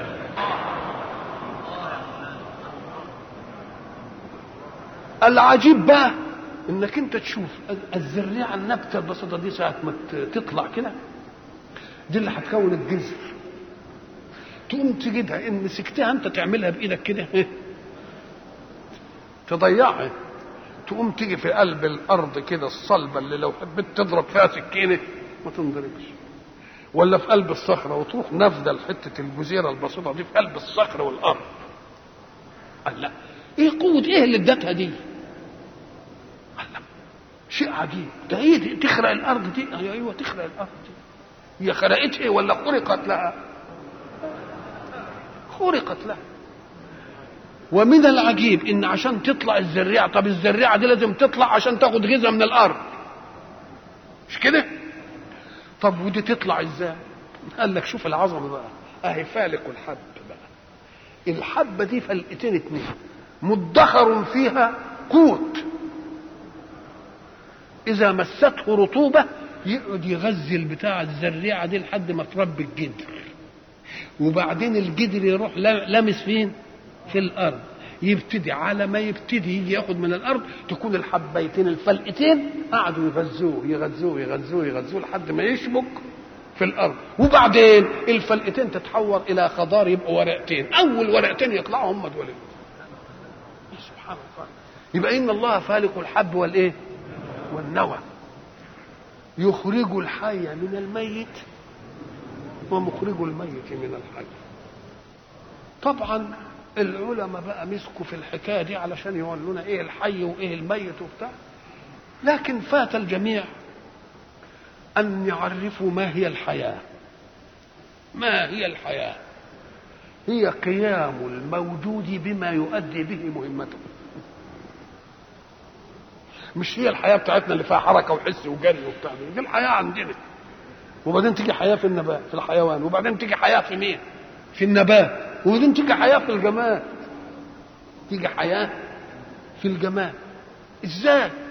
أما قال لك يا أخي ده لما كانوا يشحنوا قضيب بالمغناطيسية ويعلمونا في المدارس عايز يمغطس قضيب يعني يخليه مكهرب. يقوم يجيب ويقعد يعمل إيه؟ بعد ما يكونش يجذب الشيء يبتدي بعد مدة يجذب الإيه؟ الله. تبقى ده شيء دخلوا ولا ما دخلوش؟ دخل. دخلته المغناطيسية. فحبينا نتصور في الجسم الحديد ده الصلب القوي. إيه المغناطيسية دخلت فيه إزاي؟ هي المغناطيسية دخلت كده. ده الذرات الجامدة اللي أنت شايفها دي. حصل فيها حركة. ده هي اتحركت قال لك اتحركت علشان تبقى في اتجاه إيه؟ في اتجاه واحد. إن رجعت القضيب كده تتلخبط تاني ما يجيش مغناطيسية ابدا. لازم تعملها في إيه؟ عشان يجي الموجب والسالب. أم قال لك حبوا يقربوا دي لأذهاننا إزاي؟ القضيب الحديد الجامد دي في ذراته حركه وبتروح وتيجي. أنا مش شايف حركة ولا بتاع. يقول لك طيب هنسهلها لك. فجابوا الأنبوبة الزجاجية وحطوا فيها برادة الحديد.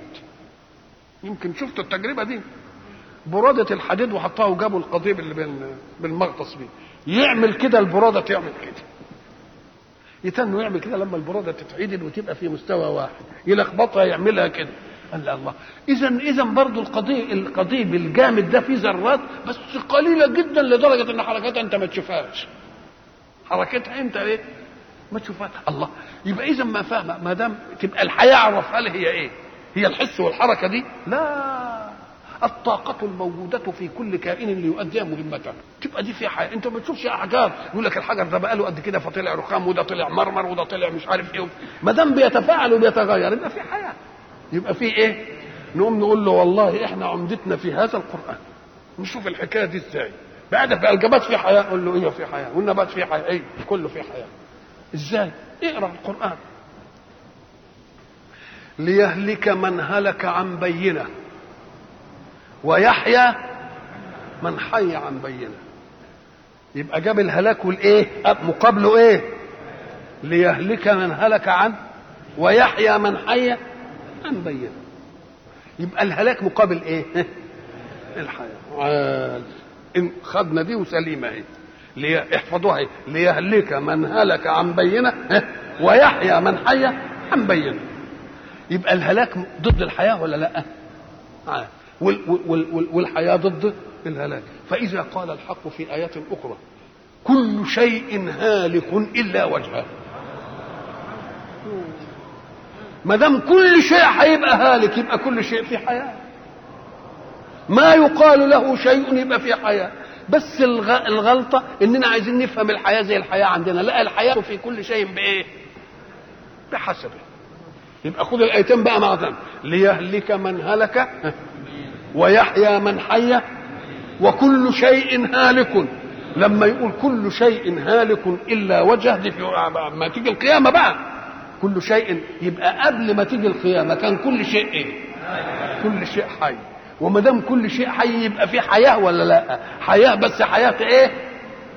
حياة تناسب. اذا بقى لما نسمع بقى بعد كده وإن من شيء إلا يسبح بحمده نقول إيه؟ يسبح بحمده أوه. اوعى تقول تسبيح دلالة. لأن بعضهم يقول لك ده تسبيح دلالة على الخالق. نقول له يا أخويا لو أن اللي يقصده الله تسبيح دلالة على الخالق لما قال أنت فهمت اهو ما دام تسبيح دلالة تبقى فهمت ولا ما فهمتوش؟ لكن اللي, قال قال ولكن لا تفقهون تسبيحه. يبقى أنا مانيش فاهم لغته. مانيش فاهم لغته. لو فهمت لغته أعرفها تمام. ولذلك لا إحنا قلنا النملة قالت إيه؟ وسليمان ضحك. مش كده؟ الهدهد قال إيه, إيه سخرنا مع داود الجبال يسبحنا. مش كده؟ يسبحنا. الجبال بتسبح. أيوه بتسبح. ولذلك لما يجي يقول لك إيه؟ الحصى سبح في يده صلى الله عليه وسلم. تقول له عدل العبارة. الحصى يسبح في يد أبي جهل قل سمع رسول الله تسبيح الحصى. إنما سبح؟ لا ما هو بيسبح فينا إيه فيها؟ إيه فيها دي؟ ولذلك إحنا قلنا لكم حكاية زمان لما بيجوا الناس اللي أهل المعرفة وأهل الفيض وأهل الإشراق والتجلي اللي ربنا بيفيض عليهم ببعض أسرار كونه لما يقعدوا ويا بعض برضه يعملوا إيه؟ يعملوا اللي هو كده ويحتكوا ببعض يقابلوا بعض كده يشوفوا بقى يعني قوة بعض إيه ومش عارف. فواحد قلنا ان هو حب يكح. عمل كحة كده فطلع ما دام كحة اجتمع شيء. حطه في ويتلفت كده ويتلفت كده فصاحبه. قال له ألقها واسترح ألقها. فهو بقى بده يبين له المنزلة بقى. قال له كلما أردت أن ألقيها في مكان وجدت المكان يسبح فاستحيت أن ألقيها. فذكها يعني. افتعل افتعل كحة. قعد ينحنح كده لما جاب إيه؟ كحة كده. وجمعها كده وبعدين عمل إيه؟ وراح تفيث قال مسبح في مسبح. طب وإيه اللي حصل يعني؟ يبقى شوف عمالين بيعملوا يا بعض إيه؟ إن الله فالق الحب والنوى يخرج الحي من الميت ومخرج الميت من الحي. ذلكم الله فأنا تؤفكون. وبينا أن الحق سبحانه وتعالى حين يصدر آية من آيات كونه في آية من آيات قرآنه بقوله الله فيجب أن نستحضر لله كل صفات الجلال وكل صفات الجمال. لأن الحق سبحانه جعل له اسما يدل على ذاته متصفة بكل الصفات. وبين لنا أسماء كل اسم يدل على متعلقه. فكلمة القادر تدل على القدرة المبرزة لكل شيء من عدم. وكلمة العلم تدلنا على إحاطة علمه بكل شيء في الوجود.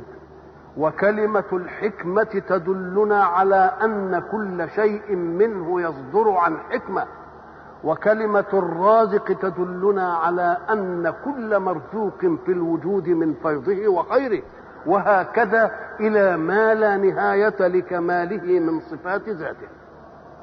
ولكن كلمة الله تدل على كل الصفات متركزة في الذات. فإذا قال الله فخذ فيها القادر العالم الحاكم الحكيم البسيط الخبير كل شيء في الوجود. وإذا ما كان ذاته سبحانه وتعالى متصفة بكل صفات الكمال فيجب أن يكون كل فعل يصدر عن ذاته المتصفة بالكمال بالغا الكمال في العلم والقدرة والحكمة. فإذا قال إن الله فالق الحب والنوى فإنما يلفتنا إلى شيء كائن في الوجود نراه جميعا. وقد بينا في الحلقات السابقة كيف يكون الفلق في الحب وكيف يكون الفلق في النوى. والفلق أول مظهر من مظاهر الحياة في الكائن النباتي. أول كل شيء ترى الحبة كأنها جامدة هامدة. فإذا مستها شيء من رطوبة الأرض ابتدأت الحياة تظهر آثارها فيها فتنطلق. ذلك هو أول مظهر من مظاهر الحياة في النبات. وكذلك النوى. وقلنا إن الحب هو ما ينتفع به ولا يوجد له بذرة في داخله. والنوى هي البذرة الموجودة في كل شيء فصاحب الحب نأكله ولكن النوى نأكل ما حوله. ثم بعد ذلك قال إن الله فالق الحب والنوى يخرج الحي من الميت ومخرج الميت من الحي. الحبة كانت في ظاهرها ساكنة هامدة لا حياة فيها منظورة لنا. وقلنا إن كل شيء في الوجود خلقه الله له حياة تناسب مهمته. ولكن نأخذ الحياة بما بوجودها فينا. فكل شيء ليس فيه حس وحركة وجر ومشي وتكلم. نرى أنه لا حياة فيه. نقول لا إن فيه حياة تناسب مهمته. فالإنسان له حياة تناسب مهمته. والحيوان له حياة تناسب مهمته والنبات له حياة تناسب مهمته والجماد له حياة تناسب مهمته. ودللنا على ذلك في الحلقة السابقة بالقضايا العلمية التي أثبت العلم وجودها وقلنا إنك إذا نظرت إلى الأشياء كلها بهذا المعنى وجدت أن كل موجود فيه حياة. ولكن الحياة الكاملة بكل مقاطعة وجدت في الإنسان الأعلى وهو الإنسان الإنسان. الحق سبحانه وتعالى خلق فيه الحياة حسا وحركة ثم أعطاه حياة أخرى. هذه الحياة الأخرى هي التي تصعد حياته وتجعل لحياته قيمة. لأن حياتنا اللي هي فينا دي اللي في المؤمن والكافر قصارى ما فيها أن تعطينا الحس والحركة عمرنا في الحياة. ولكن حياة الإيمان بما يبعثه الله لنا من منهج على يد رسول تعطينا حياة أوسع وحياة أخلد وحياة أرغب. تبقى هي دي الحياة. ولذلك قلنا سابقا يقول الحق وإن الدار الآخرة لهي الحيوان لو كانوا يعلمون. هي دي الحياة الحقيقية. وإلا فما حياة تنقضي وتنتهي. فقول الحق إن الله فالق الحب والنوى المقدمة الأولى للحياة.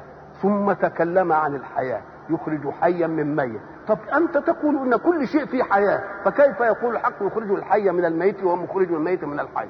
طب ما هو أثبت ان فيه موت. قال لك آه الحق سبحانه وتعالى خاطبنا على مقدار أوليات علمنا في الأشياء.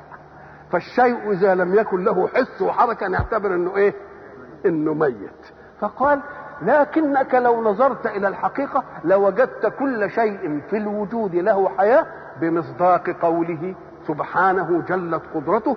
كل شيء هالك إلا ما دام كل شيء هالك يبقى كل شيء قبل ما يهلك كان في حياة ولا لأ؟ أم قال لك له الهلاك ضد الح... ضد الحياة نقول له نعم لأنه قال ليهلك من هلك عن بينة ويحيى من حي يبقى الهلاك ضد الإيه؟ ضد الحياة فإذا قال كل شيء هالك يبقى كل شيء فيه فيه حياة ولكن الحياة مرة اولا عرفناها فينا ثم عرفناها ثانيا في الحيوان ثم عرفناها بعد ذلك في النبات ثم عرفناها بعد ذلك في الإيه؟ في الجمال. هنا كلام لفظي. إذا كان الحق يقول يخرج الحي من الميت كان منطق السياق يقول ويخرج الميت من الحي. يخرج الحي من الميت ويخرج الميت. لأنه قال كده في آية سابقة. قل اللهم مالك الملك تؤتي الملك من تشاء. وتنزع الملك ممن تشاء وتعز من تشاء وتذل من شاء تشاء بيدك الخير إنك على كل شيء إيه؟ قدير. تولج الليل في النهار إيه؟ وتولج النهار في الليل وتخرج الحي وتخرجه يبقى جاب دي تخرج وجاب دي تخرج. فلماذا عدل في هذه الآية؟ فقال يخرج الحي من الميت وبعد ذلك جاء بالاسم لم يقل ويخرج الميت من الحي وإنما قال ومخرج الميت من الحي. ال- الذين بحثوا هذا البحث نظروا نظرة سطحية في المقابلة الجزئية في جزئية الآية وهي يخرج الحي من الميت وقال ويخرج الميت. نقول له لا أنت نسيت أن يخرج الحي من الميت. إنما جاءت لبيان إن الله فالق الحب والنوى ليخرج الحي من الميت. وما دام فالق الحب ليخرج الحي من الميت وفالق اسم فاعل ولا لا؟ اسم فاعل يبقى اللي يقابلها إيه؟ ومخرج الميت من الحي. يبقى فالق وإيه؟ فالق ومخرج. ما تاخدهاش على أن يخرج ويخرج. قل إن الله قال يخرج الحي من الميت بعد قوله إن الله فالق. الحب والنوى. فالق الحب والنوى ليه؟ ليخرج الحي من الميت. وبعدين قال ومخرجه يبقى مقابلة لفالق ولا لا؟ ما تاخدهاش مقابلة للجزئيات في الإيه؟ في الآية. ولأن الإسم يدل على الثبوت والفعل يدل على الحدوث فالحق سبحانه وتعالى له صفة في ذاته وصفة في متعلقات هذه الصفه إزاي؟ الحق سبحانه وتعالى رزاق. قبل أن يكون مخلوق له من من يرزقه هو رزاق. يبقى هو رزاق بعد ما خلق اللي يرزقه ولا هو رزاق حتى قبل أن يخلق من يرزق؟ ليه؟ قال لك لأنه هو الخالق. طب ما هو هو الخالق قبل أن يخلق؟ طب لو لم يكن خالقا قبل أن لم. قبل أن لم يخلق ما كانش خالق. طب ده هو خلق لأن فيه صفة الايه يبقى فيه صفة للذات وإن لم يوجد المتعلق. صفة للذات المحيي قبل أن يوجد من يحييه صفة في ذاته أنه يحيي. ومميت قبل أن يميت من يريد أن يميت. ويبقى الصفة موجودة في إيه؟ تقول فلان شاعر. وإن لم يقل الآن قصيدة. لأن أول قصيدة قالها قالها بوجود صفة الشعر فيه. قبل ما يقول شعر كان إيه؟ قبل أن يخلق كان خالقا وقبل أن يقدر كان قادرا وقبل أن يرزق كان إيه؟ فلازم. يبقى عايزين صفة لتدل على الذات وده يقول فالق الحب والنوى. أي قبل أن يوجد الحب والنوى الذي يخلقه. هو الفالق. ومخرج الحي من إيه؟ الله. يبقى إذا له صفة ثابتة في ذاته قبل أن يوجد متعلقة. وله صفة بعد أن وجد المتعلق. فإن أراد الصفة قبل أن يوجد المتعلق جاء بالاسم. فالق ومخرج. وإن كان بالصفة بعد أن توجد يخرج ويخرج. ذلكم الله. إحنا قلنا زمان ذلكم ذا اسم إشارة. لما تقدم اللي هو فالق الحب والإيه؟ والنوى ليخرج الحي من الميت ومخرج الميت من الإيه؟ الذي تكلم عن ذاته بهذه الصفات. هو الله. ذا يبقى الإشارة لمين؟ لما تقدم. ذلكم وكم دي الإشارة لمين؟ للي بيخاطبهم اللي هو إحنا وإحنا قلنا زمان إن في فرق بين اسم الإشارة وبين المخاطب باسم الإشارة. إذا كنت تخاطب رجلا وتشير إلى قلم تقول له إيه؟ ذا إشارة للقلم. لك إشارة للي بتخاطبه. لأنك تشير إلى إيه؟ مفرد وتخاطبه إيه؟ مفرد. تبقى تقول ذا لك. أشرت إلى مفرد وخاطبت إيه؟ طب فإن أشرت إلى مفرد مذكر ولكنك خاطبت أنثى. تقول ذلك تقول لا. ذلك ذلك طيب. وإن كنت تشير إلى مفرد وتخاطب اثنين. تقول ذلكما. أنا بخاطب اثنين. طب وإن كنت بتشير إلى واحد وبتخاطب جماعة تقول ذلكم. ذا إشارة إلى الحق سبحانه وتعالى وكم إشارة مين؟ للمخاطب. فحين يريد الله أن يخاطب رسوله أن يخاطب المفرد يقول إيه ذلك؟ ذلك الكتاب الذي لا ريب ذلك الكتاب لا ريب فيه. إنما هو بيخاطب مين؟ خاطبنا إحنا جماعة بقى. يقول إيه؟ ذلكم. ولذلك لما يقول إيه؟ وذلكم ظنكم الذي ظننتم بربكم ارداكم طب خاطب مفرد؟ بيخاطب إيه؟ مفرد؟ ولكنه بيخاطب بي- بيشير إلى مفرد ولكنه بيخاطب جماعة إناث. جماعة إناث مش جماعة ذكور. نقول يا أخي ما هي واردة في القرآن. امرأة العزيز لما سمعت بمكرهن وأعتدت لهن مش عارف متكئا وآتت كل واحدة منهن سكينة وقالت اخرج إيه؟ فلما رأيناه أكبرناه. قطعنا أيديهن وقلنا ما هذا بشر إن هذا إلى إيه؟ قالت هي إيه؟ فذا يعني مين هو؟ يوسف ذلكن خطاب لهم هم فذلكن الذي لمتنني إيه؟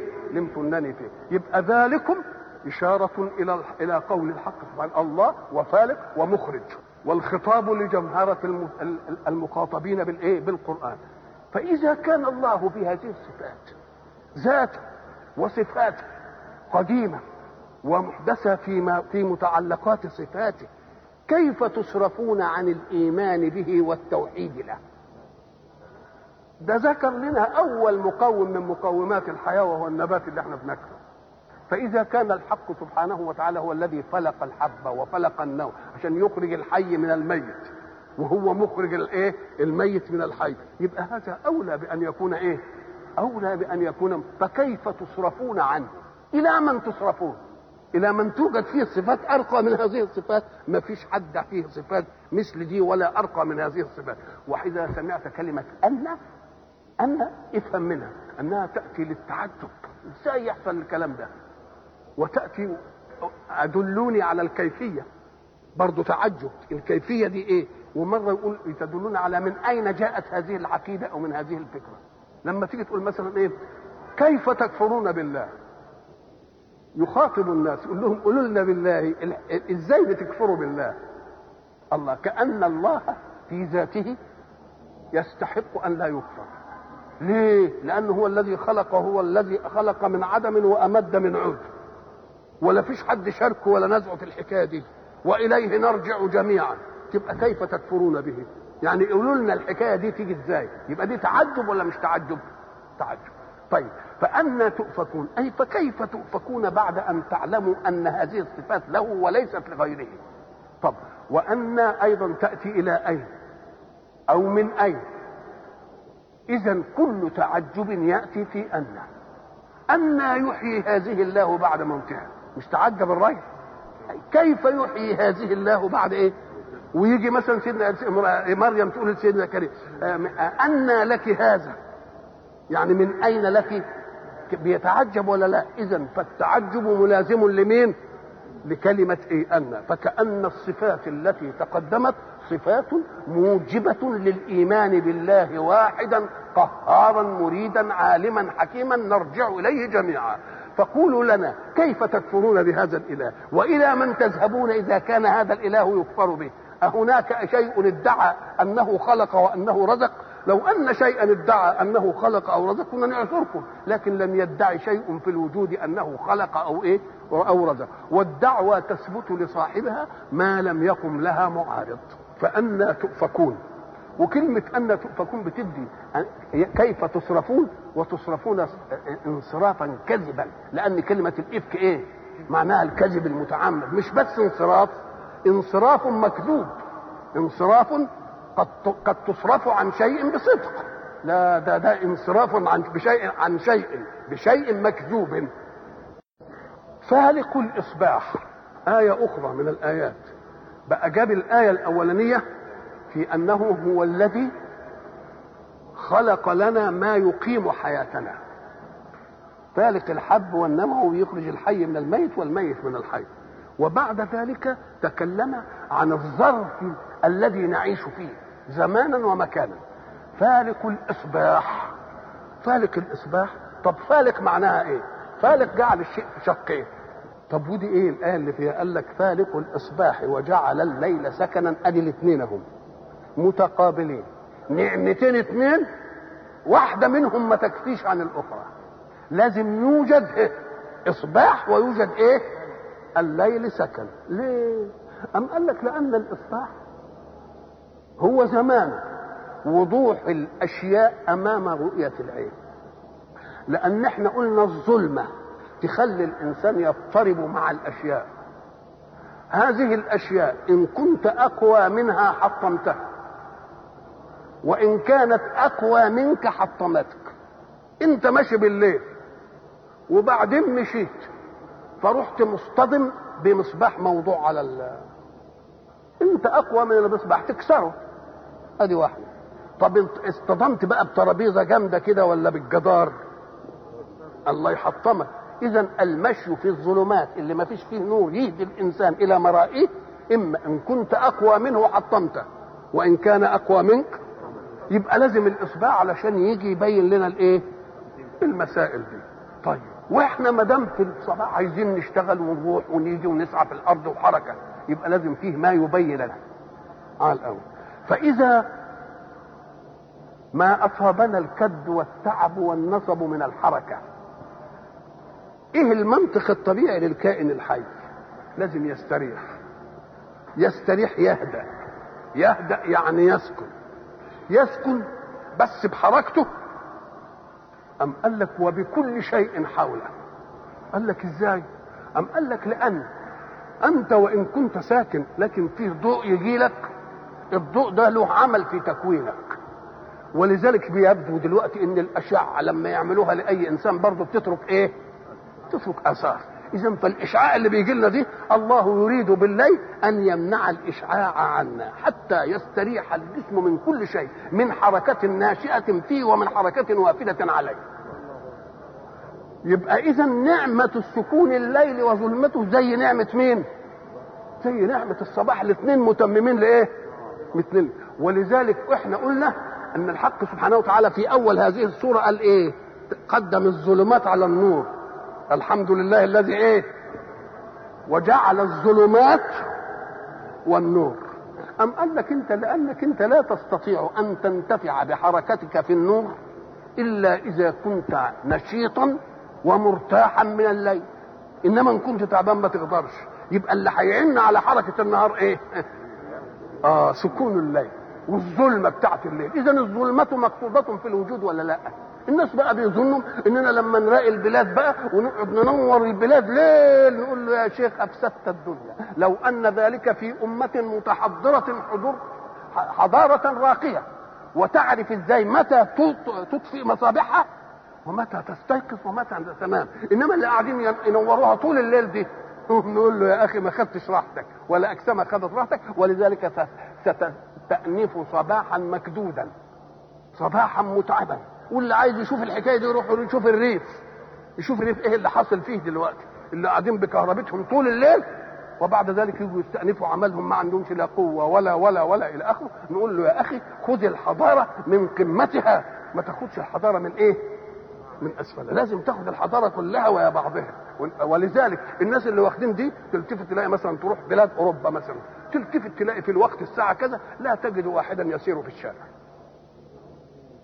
ولا تسمع صوتا يخرج من بيت ولا تسمع ميكروفون في الشارع عشان كل واحد ياخد إيه اللي عايز بقى يبقى يعمل على قد ودنه مش يعمل على قد ودن الناس عنده بقى حاجة هو عامل لنا هيصة في الدنيا كلها في الشوارع تلتفت وتلاقي اللي مريض لا يعرف يرتاح واللي عايز يذاكر ما يعرف يذاكر واللي عايز يتعبد ما يعرف يتعبد ومسألة فوضى وبعد ذلك يقول لك يا سلام ده دي حاجة حضارية. نقول له لا يا شيخ خد كل نعمة من نعم الله على قدر معطياتها في وجودك النافع لك.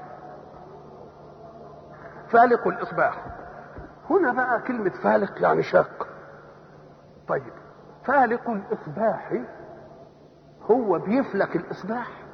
طب يعني الإصباح بينفلق. مش كده؟ طب الإصباح بينفلق بإيه؟ نقول له يا أخي اسم الفاعل لما يجي بعده حاجة. مرة تقول إيه؟ فلان قاتل الضربة. يعني إيه فلان قاتل الضربة؟ يعني الضربة بتاعته قاتلة.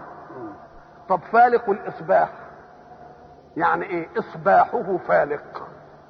مش ضربته قاتله في الأول أهو. فلان قاتل الإيه؟ الضربة. يبقى ضربته. طب فالق الإصباح. يبقى إصباحه إيه؟ يبقى إصباحه هو اللي بيفلق الغير. طب بيفلق إيه؟ بيفلق الظلم الظلمه لأن الظلمة متراكبه كده. لما يجي الاصبع كأنه فلقها والشق كده وطلع الإيه؟ وطلع النور. يبقى مرة تقول فالق الإصباح يعني إصباحه فالق. فالق لإيه؟ للظلمه وصحيح الصبح بيجي فالق لمين؟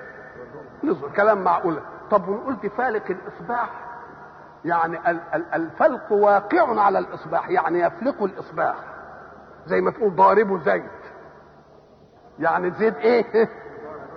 انضرب. ويبقى الإصباح هنا إيه؟ انفلق. تبقى معناها إيه؟ نقول له أيوه بقى. شوف بقى دقة الأداء البياني لأن الذي يتكلم إله. إزاي بقى؟ هل ساعة ما بيجي الليل بنفاجئ من ظلمة الليل. ونلتفت تلاقي الشمس طلعت. لا ما بيحصلش. ده بيجي صبح. ومعنى الصبح هو ما هو الصبح؟ اولا الصبح هو الإصباح نفسه. الصبح هو الإيه؟ القيس قال إيه ألا أيها الليل الطويل ألا انجلي بصبح؟ وما الإصباح منك بأمثله؟ يبقى الصبح والإصباح بمعنى إيه؟ معنى واحد معنى. طب والصبح هو إيه؟ هل الصبح من طلوع الشمس ولا الصبح من ظهور الضوء قبل ما تطلع الشمس؟ إلى أن تشرق الشمس يبقى انتهى مين؟ يبقى انتهى الصبح. أكن الشمس لا تفاجئ الظلمة لتمحوها مرة واحدة وإنما بيأتي الأول إيه؟ إصباح. النور هو النور الهادي. ليه؟ أم قال لك لأن دي مسألة طبيعية؟ ده حتى علماء العيون الأطباء العيون لما بيكون عامل لواحد عملية يوم لما يجي يشيل عنه الأغشية ما يشيلهاش كده على طول يعني يوم يشيلها شيء إيه؟ عشان ما يجيش الضوء يخطف البصر على طول. فمن رحمة الله إنه قبل ما تطلع لنا الشمس كده بضوءها كده يفجأنا لا عمل إيه؟ فترة إيه؟ الصبح. كأن الصبح جاء ليفلق ظلمة الليل فلقا هادئا ثم جاءت الشمس ففلقت الصبح. جاءت الشمس ففلقت إيه؟ فلقت بينت بقى الله. يبقى اذا الإصباح فالق مرة ومفلوق مرة أخرى. إذا فاسم الفاعل قد أدى مهمتين. المهمة فالق الإصباح يعني الفلق دخل على الإصباح نقول ده بضوء الشمس. طيب وإصباحه فالق. يبقى ظلمة الليل الأولى. يبقى إذا الإصباح فالق مرة ومفلوق مرة أخرى.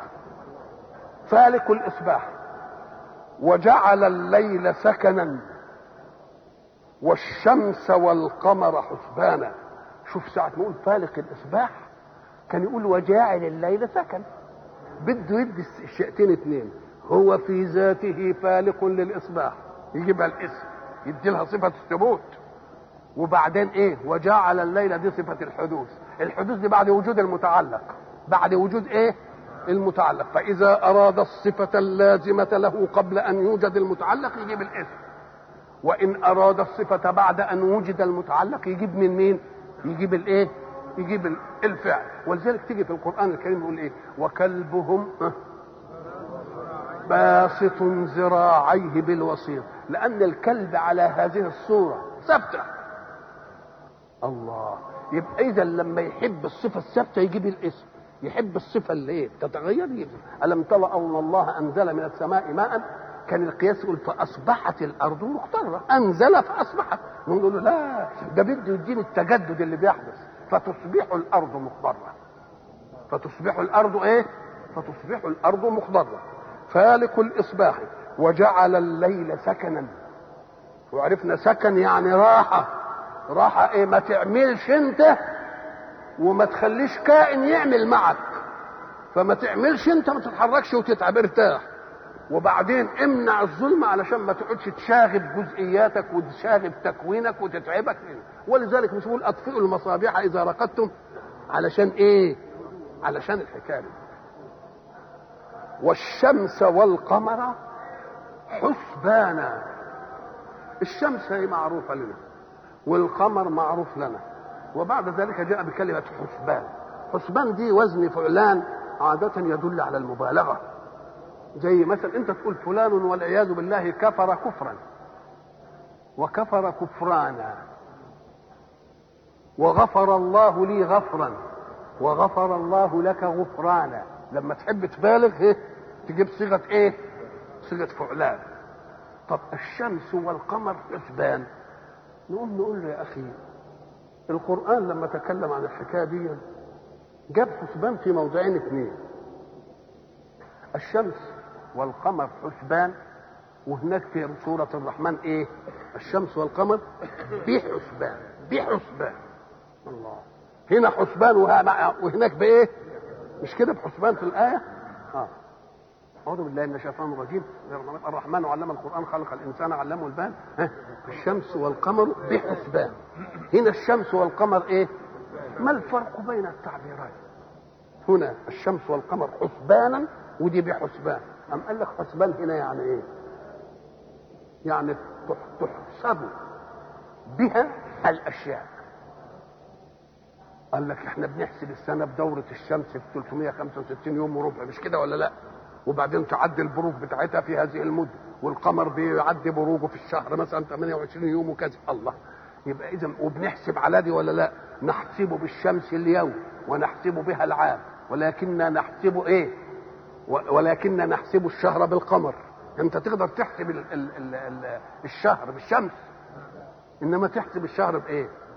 لأنه بيطلع صغير كده وبعدين يكبر يكبر يكبر. ولذلك رمضان بياخد عندنا بإيه؟ بالقمر مش بالشمس. لكن اليوم نسبته بالقمر؟ أم قال لك لا نسبته بالشمس؟ طب والسنة؟ أم قال لك برضه نسبتها بالإيه؟ بالشمس. لكن هنا لما تداخلت حسبان الشمس الاثنين حسبان. الاثنين حسبان. الشمس والقمر دي لها حساب ودي لها إيه؟ ودي لها حساب على الأرض. إذا ما نظرت إلى كلمة حسبان يعني هي مخلوقة إيه؟ لتحسب بها شيء آخر شيئا آخر. ليه؟ لأنها خلقت بحسبان. يبقى هي كانت حساب وحساب دقيق ليه؟ لأن هي مخلوقة بإيه؟ بحساب. تعال بقى للساعة اللي بنستعملها دي. مش في عقرب للساعات؟ وفي عقرب للدقائق وفي عقرب لإيه؟ للثواني. ده أقل ما قدرنا عليه وإن كان من الممكن إننا نعمل الثانية برضه إلى إيه؟ برضه إلى أجزاء مش كده؟ زي ما عملنا ال ال ال ال المساحات مثلا متر وسنتيمتر وإيه؟ ومليمتر وبعدين قلنا إيه؟ ميكرو برضه مش كده؟ فاذا كل ما نرتقي نعمل حساب إيه؟ هذا طب هل كانت الشمس والقمر حسابا لنا؟ نحسب بها الأشياء. إلا إذا كانت مخلوقة بحساب. طب ده لازم تكون مخلوقة بحساب. إزاي بقى؟ اما قال لك أنت عندك الساعة دي انت اللي بينطر العقرب بتاع الثواني ده نطرته لا تدرك. واللي بينطر عقرب الدقائق تدرك. واللي بينطر عقرب الثواني. طب ده ده له زنبلك وده له زنبلك وده له زنبلك كأنه عامل الزنبلك بتاع الساعات بحيث كل 60 دقيقة ينطر النطره دي إن اختلت فيه دي تقوم ديك هتدور 60 دقيقة والساعة لسه ما كملتش أو الساعة رمحت ساعتين. يبقى ده معمول بحيث إذا دار عقرب الدقائق اللفة تقوم يدور عقرب الساعات النطة من واحد لاثنين. وإذا دار عقرب الثواني اللفة تتنقل الدقيقه الله. يبقى اذا الدقيقة محسوبة على الثانية والثانية محسوبة على الدقيقة والدقيقة محسوبة على الساعة. تبقى هل من الممكن إن لم تكن مخلوقة بهذا الحساب؟ يعني اللي عمل الياي الياي ده مثلا سلك من نوع خاص مضغوط ضغطة خاصة بقوة خاصة بحيث إذا حب يت يعني يحل من الحكاية دي ينحل بحساب إن انحل كتير كده يخليه ينط أكتر إن انحل أقل يخليه يغلب يبقى دي معمولة الزنبلك بتاعها بحساب ودي الزنبلك بحساب ودي الزنبلك بايه يبقى لم تكن الساعة معيارا لحساب أزماننا إلا لأنها في ذاتها خلقت بحساب. يبقى قول الحق الرحمن وعلم القرآن خلق الإنسان على الشمس والقمر بحسبان. ولذلك سأجعلها لكم حسبانا. خلقتها بحسبان ولذلك سأجعلها لكم إيه؟ حسبان. لو لم تكن بحسبان دقيق زي المهندس اللي عنده أمال الساعة دي يقول لك ده ساعات مضبوطة ده مدخول في الثانية. ده ليه؟ معمولة بتصميم ما يختلش في فردة الزنبلك شوف فردة الزنبلك دي بقى إزاي تتعمل علشان تيجي مظبوطة ويا بعضها. والشمس والقمر حسبانا حسبانا يعني نحسب بها. ليه؟ لأنها هي مخلوقة بإيه؟ بحسبان. وما دام مخلوقة بحسبان حساب دقيق ما هو قال يقول حسابا. اشمعنى عدل عن حساب هنا؟ وعن حساب هنا وقال حسبان هنا وقال حسبان هنا. لأن بقولنا إنها مبالغة. مش حساب ده حسبان يعني حاجة إيه؟ ليه؟ لأن اللي عملها بحسبان وجعلها لكم حساب تقدير العزيز العليم. وإيه تقدير العزيز العليم؟ قال لك تقدير العزيز العليم. عزيز كلمة تفيد الغلبة القهر. الله إن ما حدش يبقى عليه عليه. قال لك آه لأن الأجرام التي تراها أقوى منك ولا تتناولها يدك وتؤدي لك مهمتك بدون أن تقرب منها. الشمس أنت بتقرب منها أنت بتظبطها الساعة انت بتملاها انت اللي بتملاها. وانت لأنك انت اللي عاملها. مش كده ولا لا؟ طب والشمس بنتناولها ابدا. لو كان واحدة من دول فيها قوة عن خالقها كان نقول إنها يمكن تعصى عما رسمها لها. لكن لأنه عزيز لا يغلب ما فيش حاجة فوقه. لا يمكن أن تكون. ليه؟ لأن اللي قدرها مين؟ عزيز. لا يغلب. ما فيش حاجة في صنعته ولا في خلقه تتأبى عليه. قال لها ابقي كده؟ يبقى إيه؟ ابقي كده. يبقى اذا ذلك تقدير العزيز العليم بيعطينا حيثيات الثقة في كونها حسبان. يعني نحسب عليها لأنها مخلوقة بحسبان واللي خالقها إيه؟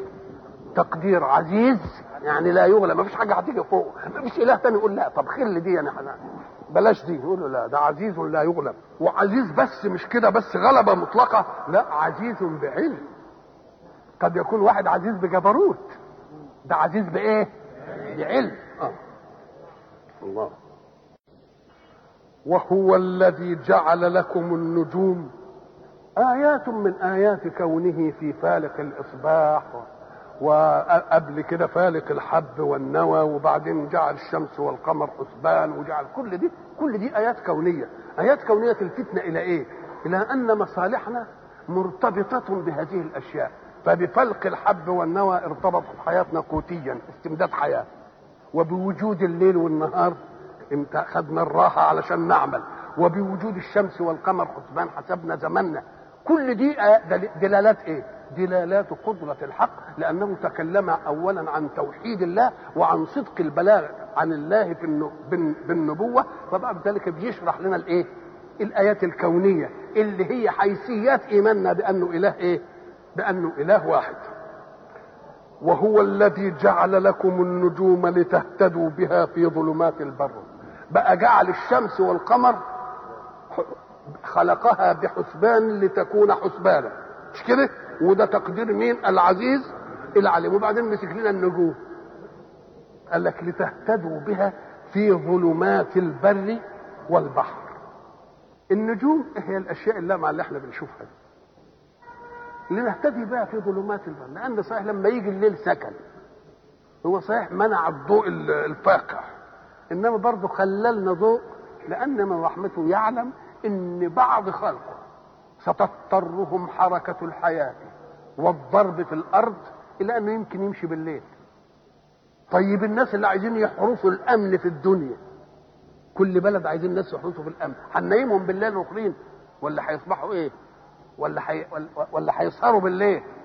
يبقى نخلت فيهم ما هيبقاش الليل سكن لهم. ولذلك قلنا إن من الحق سبحانه وتعالى احتياطا لواقعيات الحياة يقول إيه ومن آياته منامكم بالليل والنهار. لأن في ناس تضطرهم ظروف الحياة بالنسبة لسواهم إلى انهم يعملوا إيه؟ يقدروا سهرانين أو يضربوا في الأرض أو يمشوا في في البحر. وما دام ماشي في البحر يبقى فيه ظلمه يبقى ماشي في البحر يبقى فيه يبقى عايزين له ضوء فاقع ولا ضوء؟ يا دوب يهديه. ولذلك كان العرب يحتاج إليه. يقول لك مثلا اجعل النجمة الفلانية أمام عينك وسر تلقى الحي الفلاني. اجعل النجم الفلاني على يسارك وامشي. آه تجد اجعل النجم ده خلفك وامشي. تلاقي يهتدون إلى المواقع بإيه؟ بالنجوم. طيب اذا الظلمة لو طمت كده كانت منعت الحركة بالليل والحركة بالليل قد يضطر إليها الكائن الحي. فعمل ربنا إيه؟ أنتوا عارفين بقى حكايتنا إحنا؟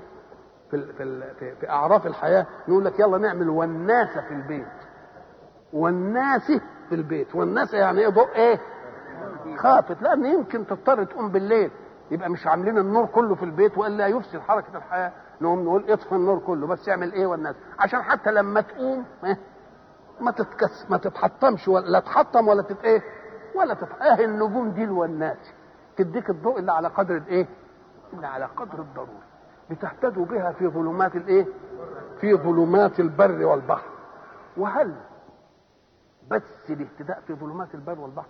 لو أن القصد منها أن نهتدي في ظلمات البر والبحر لكانت كلها متساوية الأحجام. لكن بنشوف نجم كبير ونجم صغير. وقد يكون النجم الصغير ده أكبر من النجم الكبير بس بعده وده بعيد. وده قريب. اذا الحكاية بتاعت الاعداد بها في ظلمات البر مش هي كل الحكمة. ده الحكمة اللي العقل الفطري يدركها اولا. لكن يقوم يجيب آية تانية عشان يقول لك إياك أن تحصر الحكمة في هذه. فيقول إيه؟ وعلامات وبالنجم هم يهتدون. ما قالش يهتدون في ظلمات البر ولا في البحر. يبقى لها مهمة تانية. ويقول إيه؟ تاني فلا أقسم بمواقع النجوم. وإنه لقسم لو تعلمون عظيم. الله. إذا النجوم لها حاجات إيه؟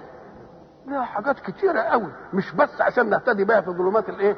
البر والبحر. وإلا لو كانت بس لمجرد إيه؟ كانت تساوت احجاما وتساوت مواقع وتساوت أضواء. وهي مختلفة. حاجات كتير لا حصر لها إيه؟ لا حصر لها. وكل يوم العلم لما يتقدم يبين لنا أشياء إيه؟ أشياء كتير. أهو المذنب اللي بيقول لنا هيجي لنا بعد كم مش عارف إيه ده وجاء شوف بقى بيجي كل قد إيه. كون ربنا إيه. وإنا لموس إيه؟ وإنا لموسعون. وإنا لموسعون. يعني إحنا خالقين عالم إيه؟ عالم كبير قوي قوي قوي بس أنت خدت منه على قدر إيه؟ على قدر إدراكاتك وامتداداتك في النظر الطبيعي والنظر المعان. في نظر للإنسان طبيعي. وفي نظر معان. الطبيعي هو اللي ما فيش آلة كده. والنظر المعان إنك أنت تعمل له آلة. مثلا آلة تقرب البعيد وآلة تكبر الصغير.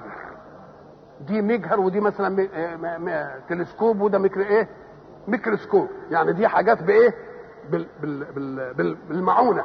فاكوان واسعه فإذا كان الحق سبحانه وتعالى قد قال في هذه الآية في ظلمات البر والبحر نهتدي في ظلمات البر والبحر نقول له في هناك وعلامات وبالنجم هم إيه؟ يهتدون. وعلى وأيضا في الآية الأخرى يقول إيه؟ فلا أقسم بمواقع النجوم وإنه لقسم لو إيه؟ تعلمون عظيم. حتى إن بعض العلماء يقول لك ده كل إنسان يوجد في الوجود له نجم. والحياة بتاعته مرتبطة بهذا النجم. لحد ما تشوف النجم ده عمل كده يبقى معناها انتهى. بس فيه نجوم بتبقى لامعة بندرك خفقانها ونجوم تانية بتبقى إيه؟ مش لامعه وبعيدة عني ودول الناس اللي هم إيه التافهين اللي ما حدش داري بإيه اللي ما حدش داري بيه والعلم كل يوم يتقدم ويربط لنا بأشياء. اذا فالحق سبحانه وتعالى يقول إنني خلقت لكم الأشياء فما قدرتم على بعقولكم أن تصلوا إلى حكمة فيها. ولكن لا تقولوا هذه منتهى الحكمة بل وراءها إيه؟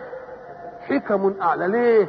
أم قال لك لأن صنعة الحكيم القادر إن كنت أنت هتحددها يبقى كمال حدد. يبقى كمال حدد. ولكن الكمال المطلق لا يحد فلا يزال في ملك الله ما لا نستطيع إدراك حكمته إلا حين ينهي الله الأرض ومن عليها. وهو الذي جعل لكم النجوم لتهتدوا بها في ظلمات البر والبحر. قد فصلنا الآيات لقوم يعلمون. وقلنا إن الحق سبحانه وتعالى بعد أن تكلم عن الشمس والقمر تكلم عن النجوم. والنجوم هي ما يلمع في السماء في الليل وليس معنى أنها تلمع في السماء بالليل لأن وجودها ليلا لأنها موجودة دائما ليلا أو نهارا. ولكن ضوء الشمس حين تطلع يحجبها بما يكسر من أشعة بصرنا إليها. لأن الليل عندنا يكون نهار عند الآخرين والنهار عندنا يكون ليل عند الآخرين. إذا فهي دائما موجودة لتستوعب الكرة التي نعيش عليها. وإذا كان الله قد جعلها نجوما لنهتدي بها في الظلمات فهي كما قلنا يعني بالنسبة للضوء الشديد في الشمس والضوء الأقل في القمر تعتبر والناسات نهتدي بها إلى الأشياء التي قد تضطرنا حركة الحياة إلى أن نزاولها ليلا وقلنا ليس معنى أن نهتدي بها في ظلمات البر والبحر أن ذلك كل ما لا لأن الله أطلق الهداية في قوله وعلامات وبالنجم هم يهتدون يهتدون إلى أشياء كثيرة. قد يكشف العلم عنها فيما بعد ذلك. وقول الحق سبحانه وتعالى فلا أقسم بمواقع النجوم وإنه لقسم لو تعلمون عظيم. يقول الحق سبحانه قد فصلنا الآيات لقوم يعلمون. فصلنا الآيات. إحنا قلنا كلمة آية هي الشيء العجيب. وتطلق على آيات كونية ومن آياته الليل والنهار والشمس والقمر. ادي آيات. وتطلق على الكمية من القرآن اللي لها فاصلة نسميها آية.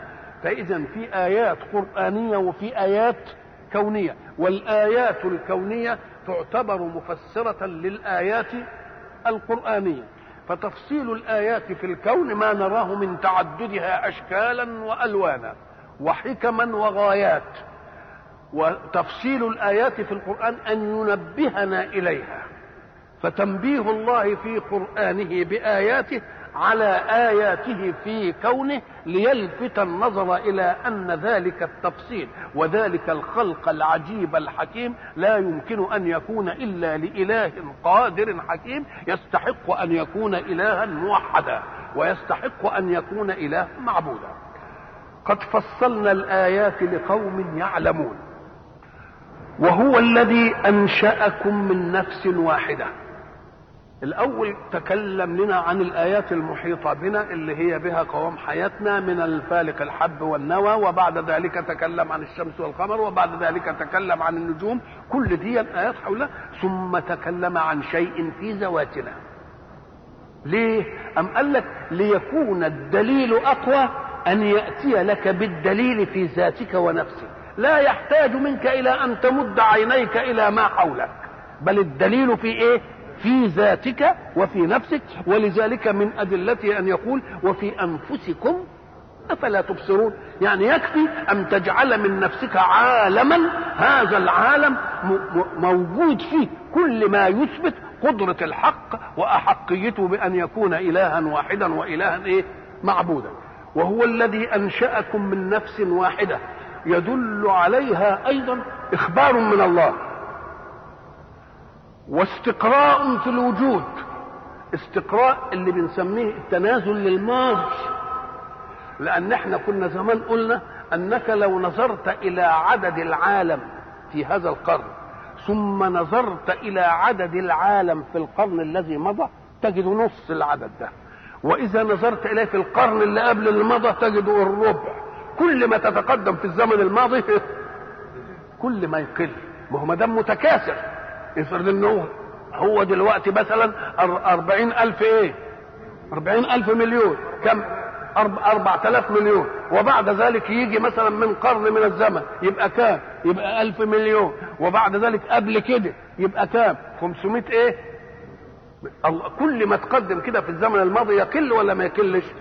فقلنا لما يقل وصلوا المية في الزمن كده. وبعدين وصل المية لكام؟ لخمس والخمسين وصلهم لكام؟ وبعدين وصلهم لكام؟ اذا هتقعد تتناهى تتناهى إلى أن إيه؟ تصل إلى نفس واحدة. نفس واحدة هي دي اللي ربنا قال. طب النفس واحدة ده من كل شيء خلقنا زوجين. في خلق للنفس الواحدة وخلق من النفس الواحدة إيه؟ زوجها. وبعدين ابتدأ الإيه؟ التكاثر يبقى الاستقراء الإحصائي في الزمن الماضي يدل على صدق القضية ولا لا؟ وكذلك كل شيء متكاثر في الوجود. من نبات ومن إيه؟ من حيوان. برضه تمسك الحيوانات. تلتفت تلاقيها بتتكاثر بتتكاثر. انزح بها إلى الماضي فيها كل ما جاء الماضي إيه؟ تقل تقل إلى أن تنتهي إلى أصل منه التكاثر. أصل منه التكاثر يبقى لازم إيه؟ يبقى لازم اثنين. ومن كل شيء خلقنا زوجين. فسبحان الذي خلق الأزواج خلق الأزواج إيه كلها؟ من نفس واحدة. والاشمعنى جاب من نفس واحدة ولا قالش قال لك ده دي دليل على الالتحام الشديد. لأننا حين نكون من نفس واحدة يبقى كلنا كل الخلق فيها أبعاد من النفس الواحدة. وما دام كل واحد منا فيه أبعاد من النفس الواحدة يبقى التقاء طبيعي ولا مش التقاء طبيعي؟ إحنا قلنا زمان اننا لو اتينا بسنتيمتر مكعب من مادة ملونة حمراء مثلا ثم وضعناها في قارورة رفق ثم رجزنا القارورة السنتيمتر المكعب ده اللي من المادة الملونة الحمراء يسيح في مين؟ في القارورة يبقى كل قطرة من القارورة فيها إيه؟ فيها شوية من المادة الملونة هب أننا أخذنا القارورة ووضعناها في برميل وبعدين إيه؟ رجينا البرميل كويس برضه هيبقى في كل قطرة من البرميل إيه جزء من جزئية فإذا خدنا البرميل ده ورميناه في البحر وأحسننا نرج البحر يبقى كل قطرة من القطرات يبقى فيها ذرة من ال... فإذا ما دام آدم هو الأصل وما دام إحنا ناشئين من آدم لما حق سبحانه وتعالى أخذ آدم من حواء من آدم. آدم حي. يبقى أخذ منه حواء فصارت حية. تبقى حياتها موصولة بمين؟ يبقى فيها من آدم. وبعدين اللي طلع من آدم وحواء فيهم جزء حي ولا لا؟ وهكذا سلسلها سلسلها. فالحق سبحانه وتعالى يردنا إلى أصل واحد ليوجد فينا أصول التراحم والتواد والإيه؟ والتعاطف. فمستقر ومستودع. خلق من نفس واحد وهناك آية تانية ثم خلق منها إيه؟ وبعدين جاب الكل بقى وبث منهما رجالا كثيرا ونساء وبعدين قال فمستقر ومستودع ما معنى مستقر؟ المستقر له معاني متعددة هذه المعاني يشرعها الحق سبحانه وتعالى في قرآنه يقول إيه؟ سيدنا سليمان مسألة العرش في بلقيس. وقال لهم أيكم يأتيني إيه؟ قبل أن يأتوني. إيه وبعدين قال ده وقال ده قال العفريت من الجن. وقال مش عارف اللي عندهم علم من الكتاب. قال فلما رآه مستقرا عنده. مستقر يعني إيه؟ يعني حاضر. هنا مستقر بمعناها إيه؟ حاضر. لأنه ما كانش موجود في المجلس. نقول ده ثابت. لا ده هو كان كان غير موجود. فإيه؟ يبقى إيه؟ مستقر يبقى إيه؟ حاضر. طيب. ولكن انظر إلى الجبل في مسألة الرؤية. أرني أنظر إليه. قال لن تراني. ولكن انظر إلى الجبل. فإن استقر مكانه فسوف تراني. استقر بمعنى حضر ولا ثبت؟ لأنه كان له استقرار قبل الكلام. يبقى مرة استقر تيجي بمعنى إيه؟ حضر. ومرة تيجي استقر بمعنى إيه؟ بمعنى آه طب ولكم فيها مستقر ومتاع إلى حين. في إيه؟ في الدنيا. مش لنا فيها مستقر ومتاع إلى حين. طيب أدي مستقر في الدنيا. يبقى كام دلوقتي؟ استقر بمعنى؟ واستقر بمعنى ثبت. وتفرق بينهم إن كان موجودا قبل ذلك يبقى ثبت. وإن كان غير موجود يبقى حضر ومستقر يعني مدة عمرنا فيه. ولكم فيها في إيه؟ مستقر ومتاع إلى إيه؟ وبعدين بعد كده. أم قال لك إيه؟ إن الجنة أصحاب الجنة. إيه؟ يومئذ خير مستقرا واحسن. يبقى الجنة برضه مستقر ولا لا؟ طيب وفي النار إنها ساءت مستقرة. الله يبقى مثلا يبقى مستقر حاضر ومستقر ثابت مستقر مدة الدنيا مستقر في الإيه؟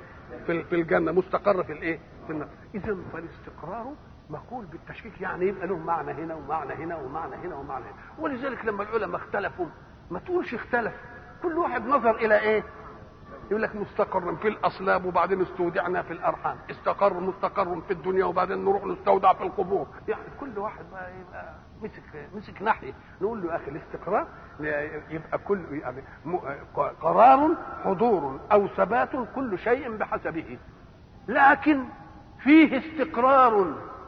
يتلوه استقرار يتلوه استقرار إلى أن يوجد الاستقرار الأخير اللي هو أصحاب الجنة خير إيه؟ وفي أصحاب النار إيه؟ إنها إيه؟ ساءت إيه؟ يبقى ده الاستقرار اللي ما فيش فيه بعد إيه؟ فيش فيه بعده حركه إنما الاستقرار الأولاني قد يكون فيه تغير من حال إلى إيه؟ فإذا كنا مستقرين في الأصلاب وبعد ذلك استودعنا في الأرحام وإذا كنا مستقرين في الدنيا ثم استودعنا في القبور كل دي برضه جاي وبعدين هنستقر في الآخرة يبقى كل واحد خد إيه؟ خد معنى من الإيه؟ من المعاني ولذلك واحد يقول لك المستقر في الإيه؟ في الدنيا وبعضهم يسمي الدنيا مستودع وما المال والأهلون إلا ودائع ولا بد يوما أن ترد الإيه؟ الودائع يبقى ما عملهاش مستقر. عملها إيه؟ مستودع. مستودع يعني حاجة أودعناها وبعدين إيه؟ وبعدين ناخذها تلاحظ بقى كلمة مستقر ومستودع. طب مستودع شيء أوقع غيره عليه أن إيه؟ أن يودع. لكن مستقر مش مستقر. فيه مستقر وفيه إيه؟ مستقر. ده دليل على أن المسألة مش استقرار بكيفي ده أنا مستقر بيه ويوم ما يقول لي اطلع أطلع. لو قول مستقر كان يبقى فيه الاستقرار ليا فيه إيه؟ ليا فيه إنما أنا ماليش فيه. ما فيش استقرار ليا فيه إيه؟ ليا فيه عمل. يبقى قال مستقر. ومستودع دي بطبيعتها لأن مستودع أودعه إيه؟ أودعه غيره. أودعه غيره. وواقع الحياة يؤدي ذلك ولا لا؟ وواقع الحياة. فإذا كان الحق قد قال لنا ذلك ثم صدقت آياته في جزئيات مما نعلم إذا حدثنا في جزئيات لا نعلمها يبقى صدقه فيما نعلم دليل على صدقه فيما لا نعلم. قد فصلنا الآيات لقوم فصلنا ليه بنفصلها اولا التفصيل ده معناه إننا نجيبها مرة ومرة ونجيبها مجملة ونجيبها مفصلة ونجيبها على لون ونجيبها على لون ثاني أم قال لك لأن الأفهام مختلفة وظروف الاستقبال للمعاني مختلفة فتفصيل الآيات معناها لتصادف كل تفصيل حاله من حالات النفس البشرية. يبقى لم نترك لأحد مجالا في أن لا يفقه لم نترك لأحد مجالا في أن لا يعلم. ولكن هنا تسجيل الآيتين مختلف. هناك يقول إيه؟ قد فصلنا الآيات لقوم يعلمون وهنا قد فصلنا الآيات لقوم يفقهون. دي يعلمون ودي إيه؟ يفقهون. أم قال لك إيوه؟ إيه الفقه وإيه العلم؟ الفقه أن تفهم يبقى عندك ملكة فهم تفهم بها ما يقال لك علما. لما نعلمك يبقى عندك ملكة تفهم الأول. يبقى الفهم أول مرحلة ولا لأ؟ وإلا لو ما كانش بيفهم كنا لما نعلمه علم يعلمه؟ ما يعلمش. الله. طب اشمعنى ساب ديكها للعلم وساب دي للفهم اللي هو أول مرحلة؟ أم قال لك لأن ديكها نظر في آيات خارجة عن ذاتك.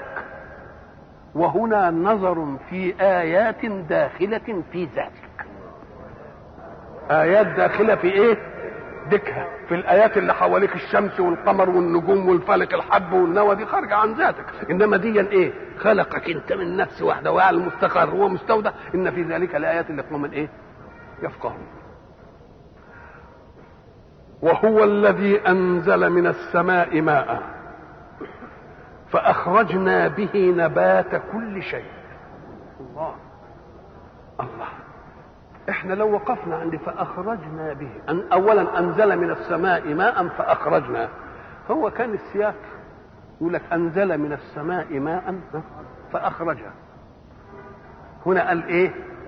فأخرجنا. إحنا قلنا إن كل شيء لا يوجد لله فيه شبهة شريك. يبقى هو اللي عمله بس. ما حدش يقول إن أنا طلعت كده وعملت ونزلت المطر إنما يمكن في الزرع يقول لك ماني حرطت ماني بضرت ماني زرعت. حرطت إيه يا أخوي؟ أرض الله المخلوقة له.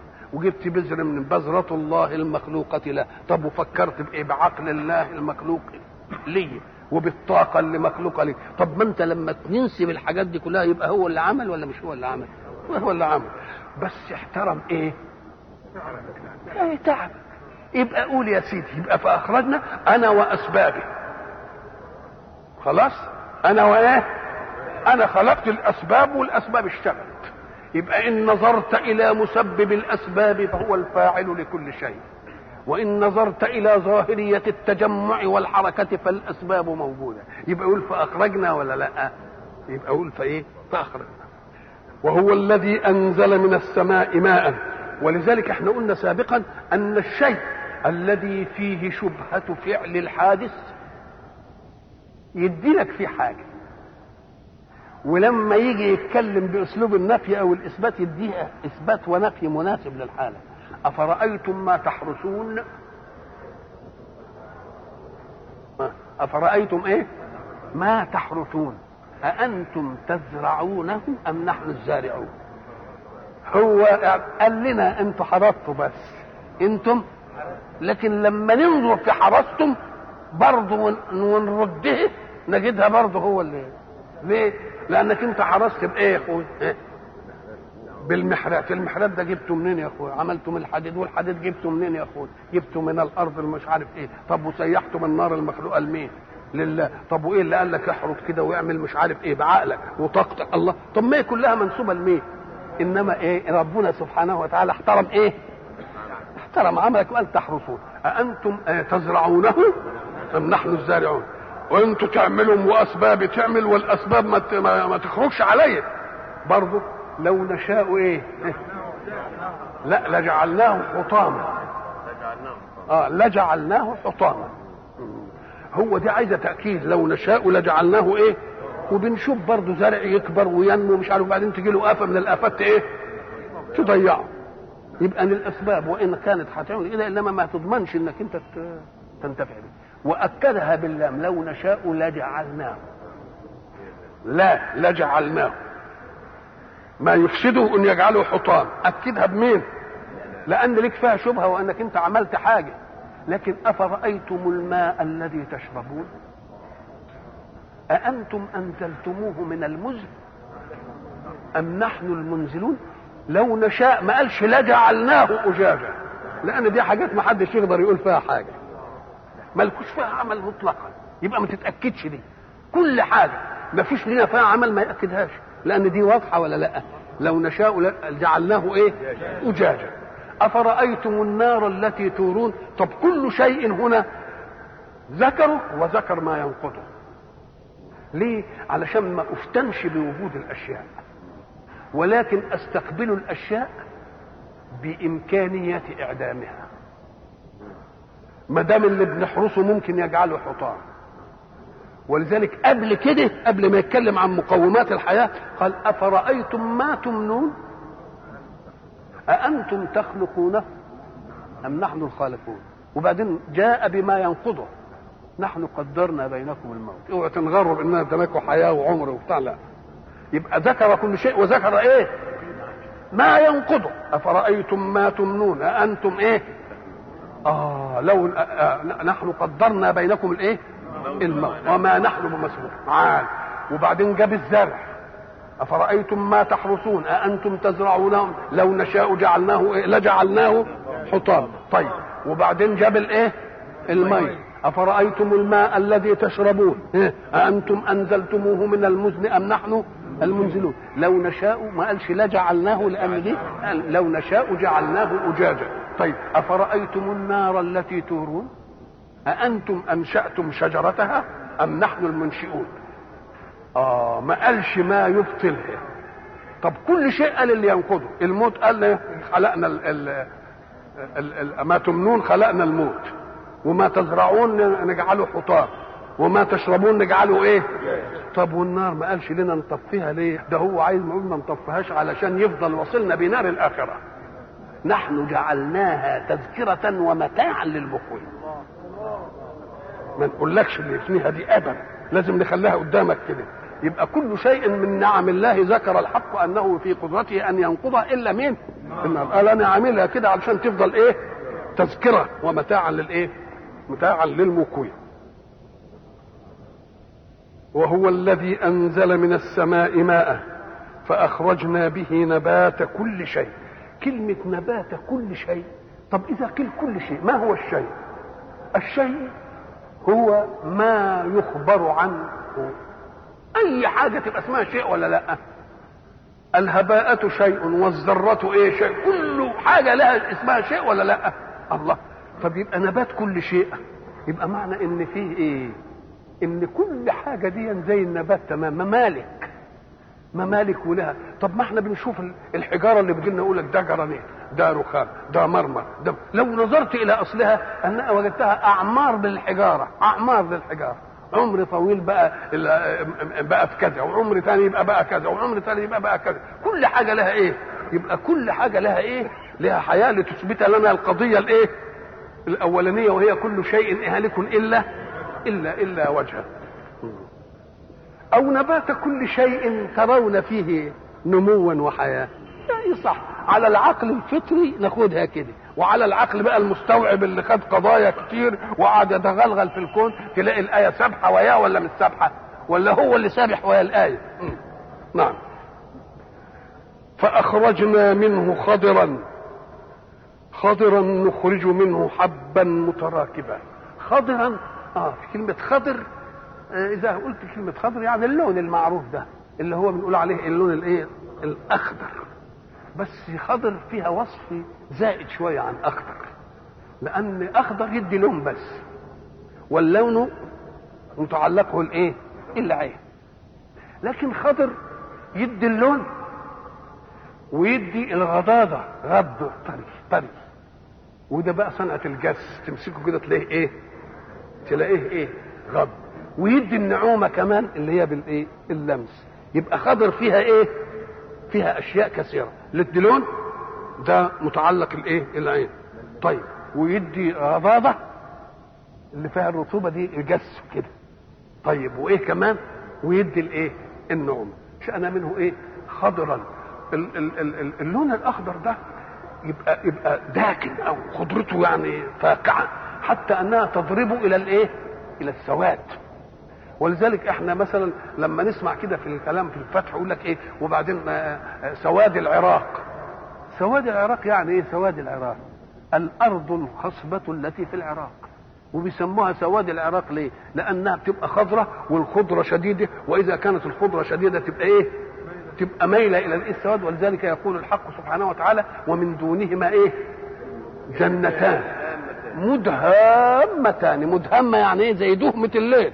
كأنها من شدة خضرتها صارت فيها دهمة الإيه؟ فيها دهمة الليل. نخرج خضرا. نخرج منه حبا متراكبا. نخرج منه حبا متراكبا. إحنا قلنا الحب هو اللي ملوش إيه؟ ملوش نواة. اللي بيتاكل كده زي حبة البر؟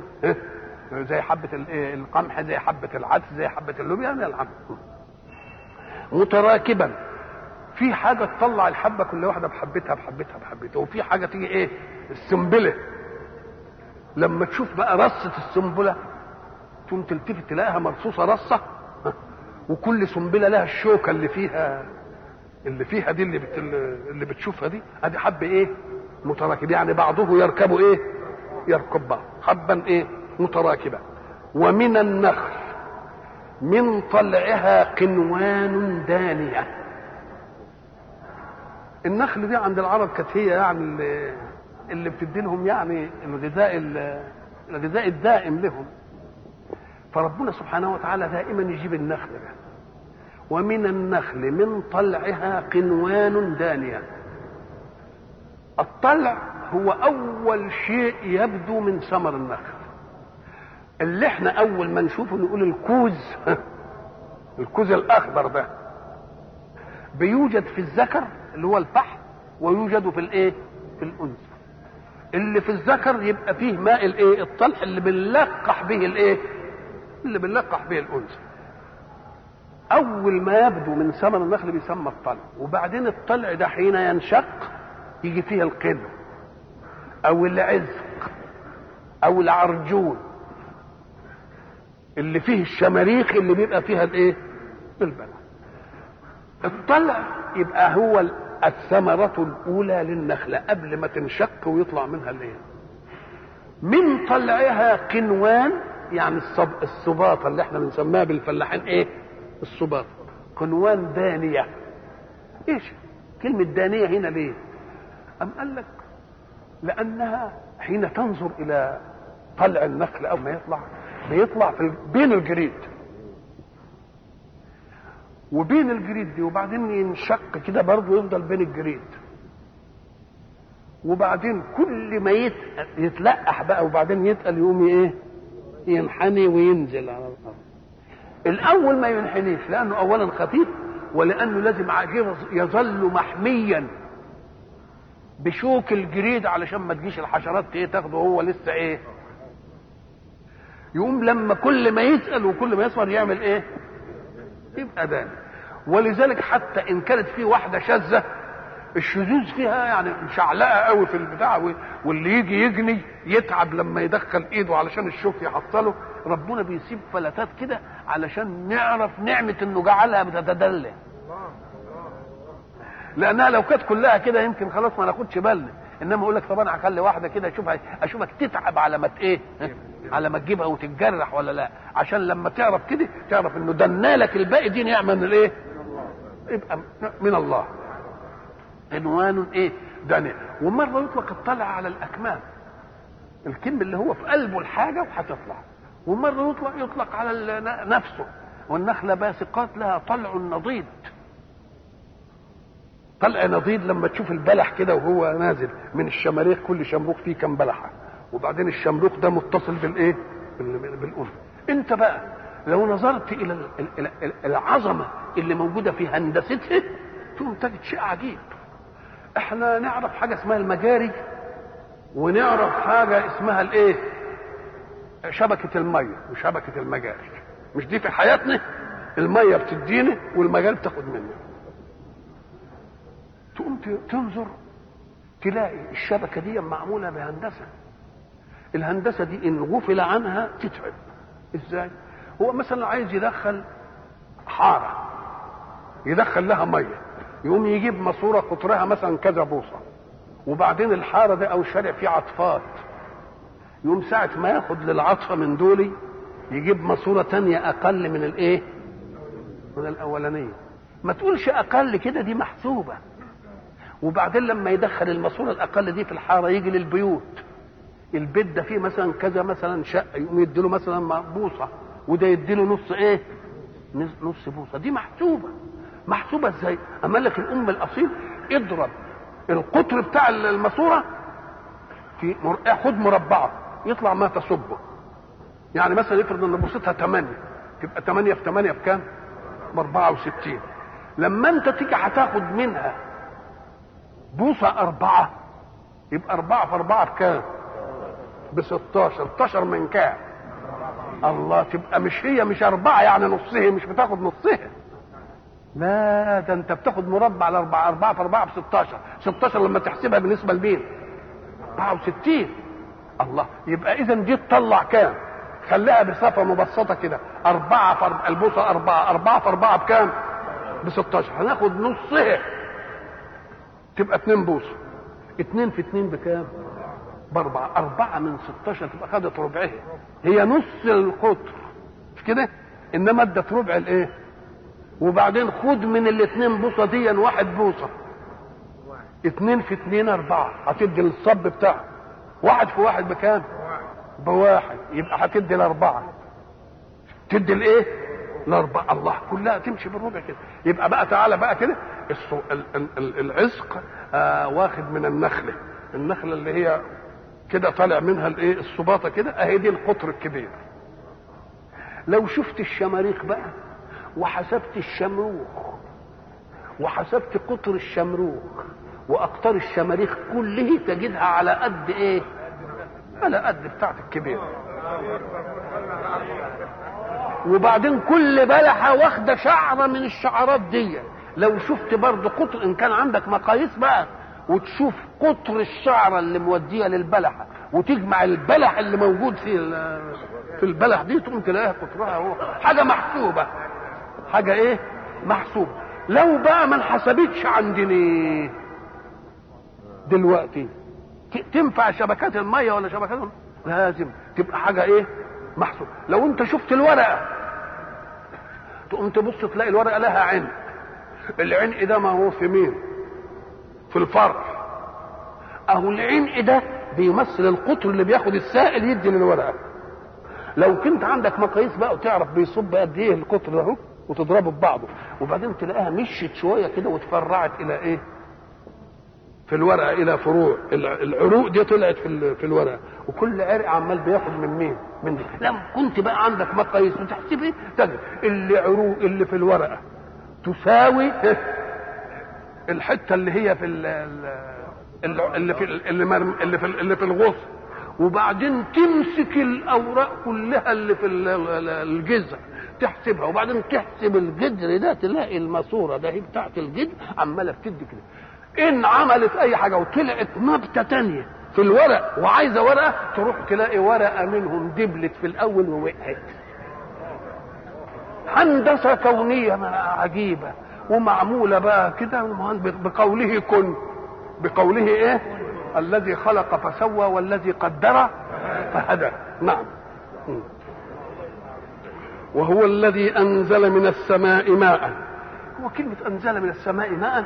إحنا من من يعني ما كناش نعرف ما وراء إنزال الماء من السماء. إحنا نعرف إن السماء كل ما علاك فإيه؟ فأظلك. وما بيجي من السحاب. هو ده اللي علاني ونشوف السماء بتمطر. ولذلك التعبير الفطر إيه؟ يقول لك إيه؟ السماء مزيمة والسماء بت إيه؟ بتمطر وإلى آخره. تضحك الأرض من بكاء السماء. طيب. لكن وراء هذه العملية الإنزال عملية إيه؟ عملية ثانية تحدث في الكون دون شعور منا. وعلشان تعرفها لما العلم تقدم وحبينا نقطر شوية مية وجبنا وسائل التقطير موقد وحطينا عليه قارورة مثلا وفيها مية وقعدت تغلي والغليان طلع بخار والبخار مشي في أنابيب والأنابيب مرت في أوساط إيه؟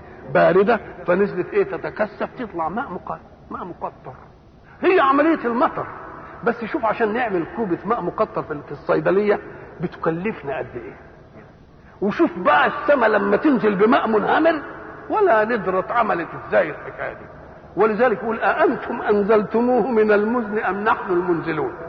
إحنا اللي بننزله. وعملية ما تعرفوش إزاي بت إيه؟ عملية إزاي بتحصل؟ وبتحصل من ورانا وقبل ما نتنبه لها وقبل ما إيه؟ ما نلتفت لها.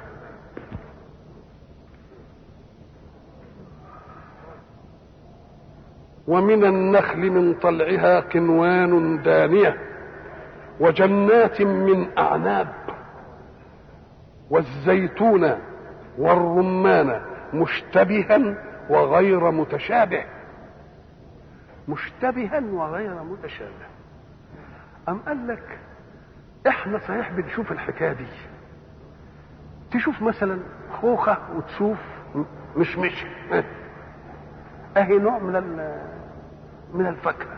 وليه بلاش خوخة ومشمشه لأن ده جنس وده جنس. شوف خوخة وخوخة. والخوخة دي نسميها إحنا خوخة سلطاني. وتتفرق عن الخوخة الثانية الفلك دي اللي إيه لما تمسك ديكها تطلع البذرة بتاعتها نظيفه وديكها تطلع البذرة بتاعتها إيه؟ فيها إيه؟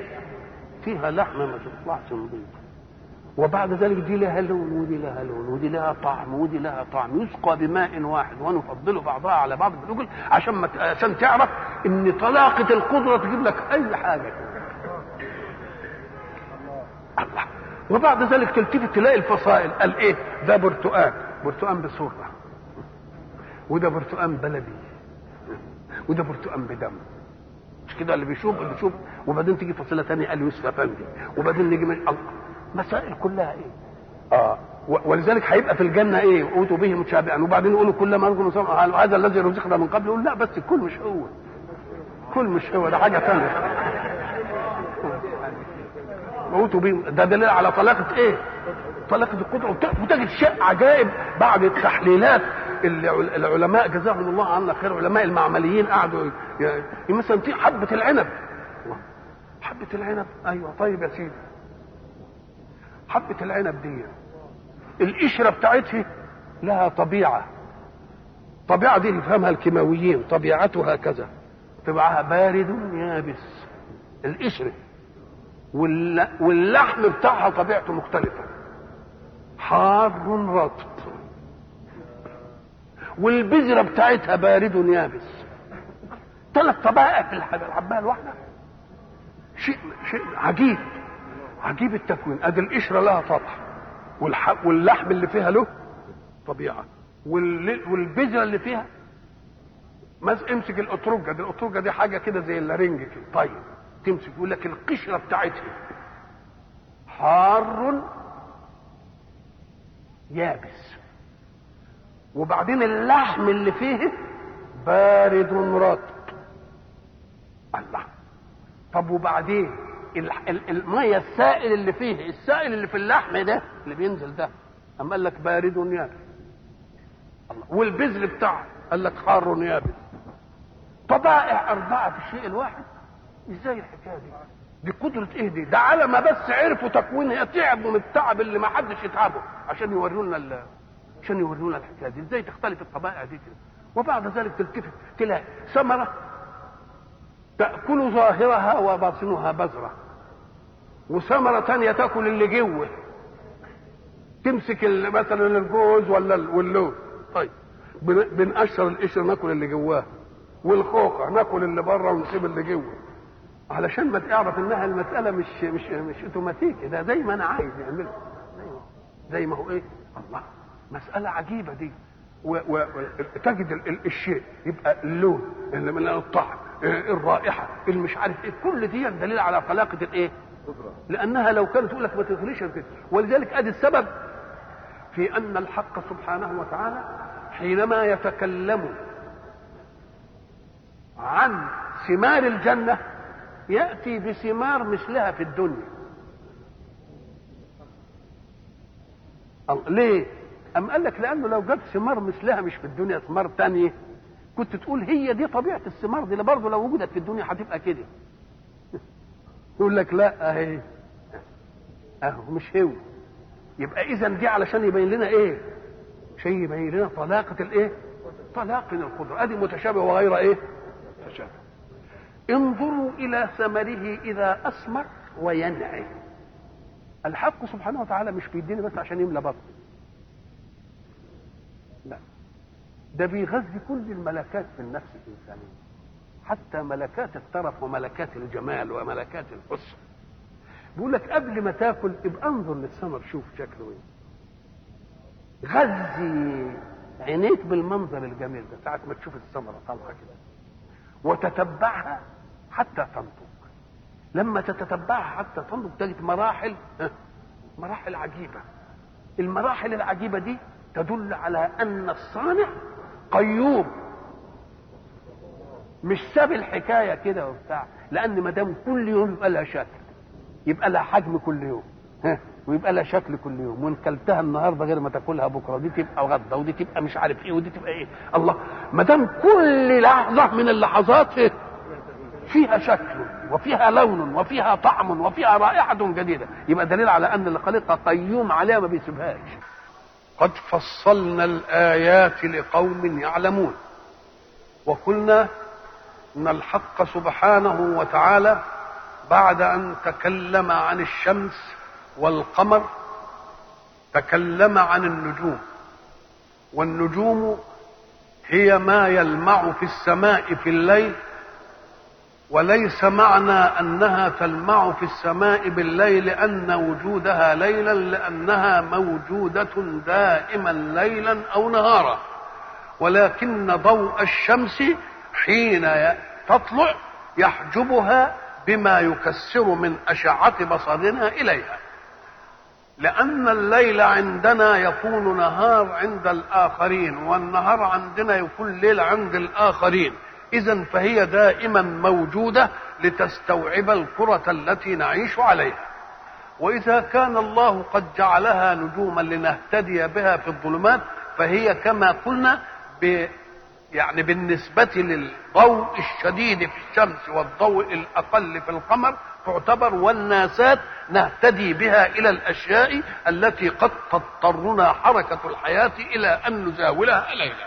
وقلنا ليس معنى أن نهتدي بها في ظلمات البر والبحر أن ذلك كل ما لا لأن الله أطلق الهداية في قوله وعلامات وبالنجم هم يهتدون. يهتدون إلى أشياء كثيرة قد يكشف العلم عنها فيما بعد ذلك وقول الحق سبحانه وتعالى فلا أقسم بمواقع النجوم وإنه لقسم لو تعلمون عظيم. يقول الحق سبحانه قد فصلنا الآيات لقوم يعلمون. إحنا قلنا كلمة آية هي الشيء العجيب وتطلق على آيات كونية ومن آياته الليل والنهار والشمس والقمر. هذه آيات. وتطلق على الكمية من القرآن اللي لها فاصلة نسميها آية. فإذا في آيات قرآنية وفي آيات كونية. والآيات الكونية تعتبر مفسرة للآيات القرآنية. فتفصيل الآيات في الكون ما نراه من تعددها أشكالا وألوانا وحكما وغايات. وتفصيل الآيات في القرآن أن ينبهنا إليها.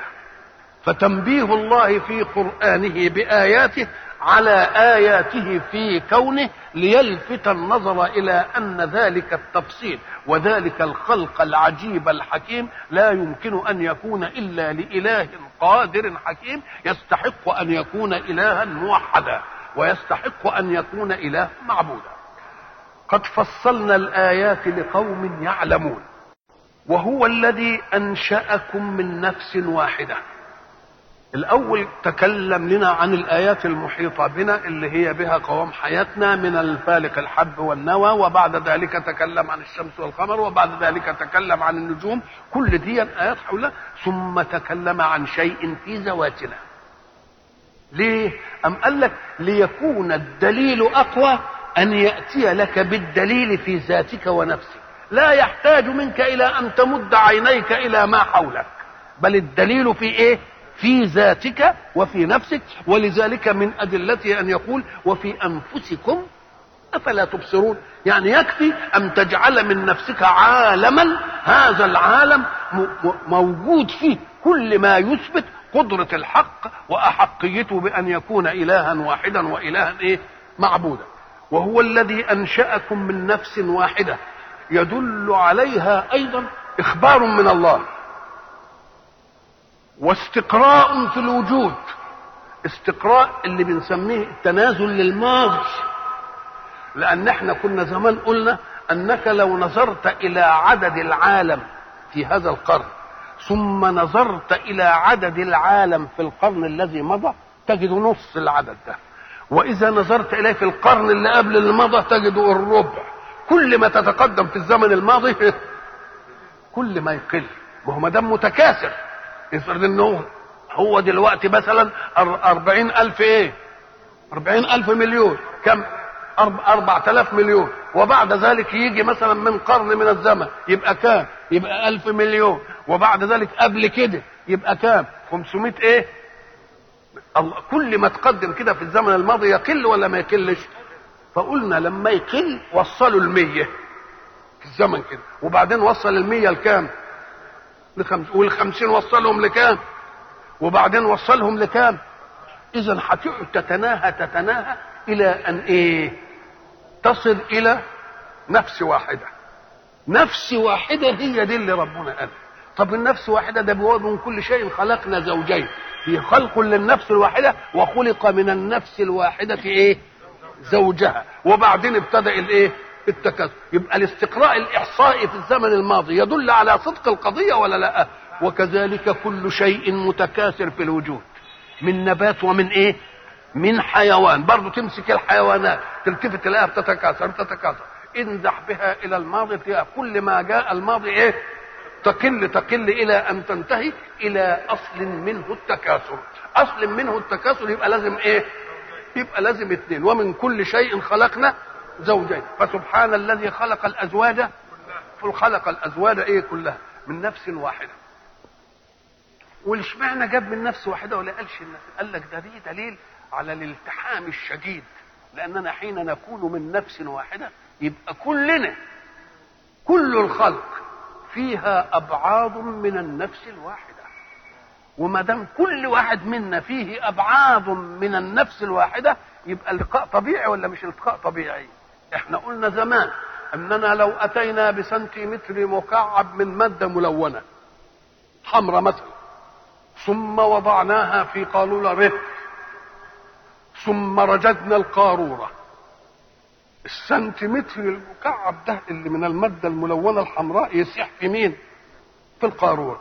يبقى كل قطرة من القارورة فيها إيه؟ فيها شوية من المادة الملونة. هب أننا أخذنا القارورة ووضعناها في برميل. وبعدين إيه؟ رجينا البرميل كويس برضه هيبقى في كل قطرة من البرميل إيه؟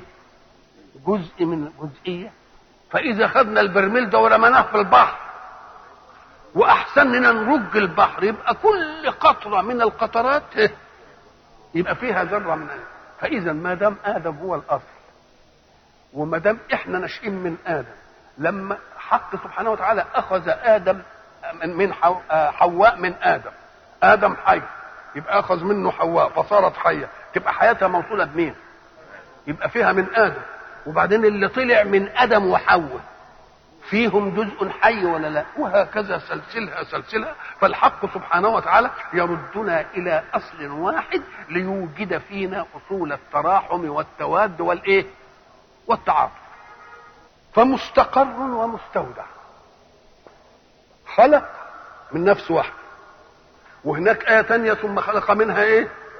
وبعدين جاب الكل بقى وبث منهما رجالا كثيرا ونساء. وبعدين قال فمستقر ومستودع. ما معنى مستقر؟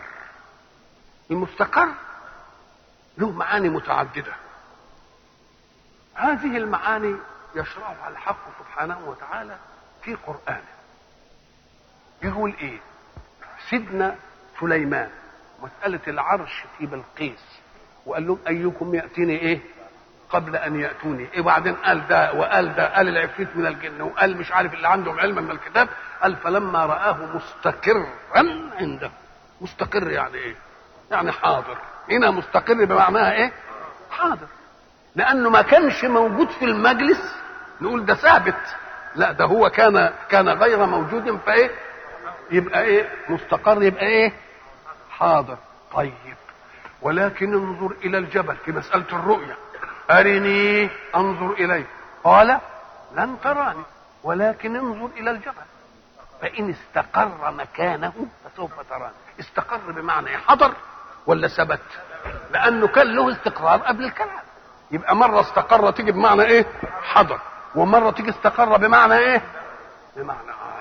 طب ولكن فيها مستقر ومتاع إلى حين. في إيه؟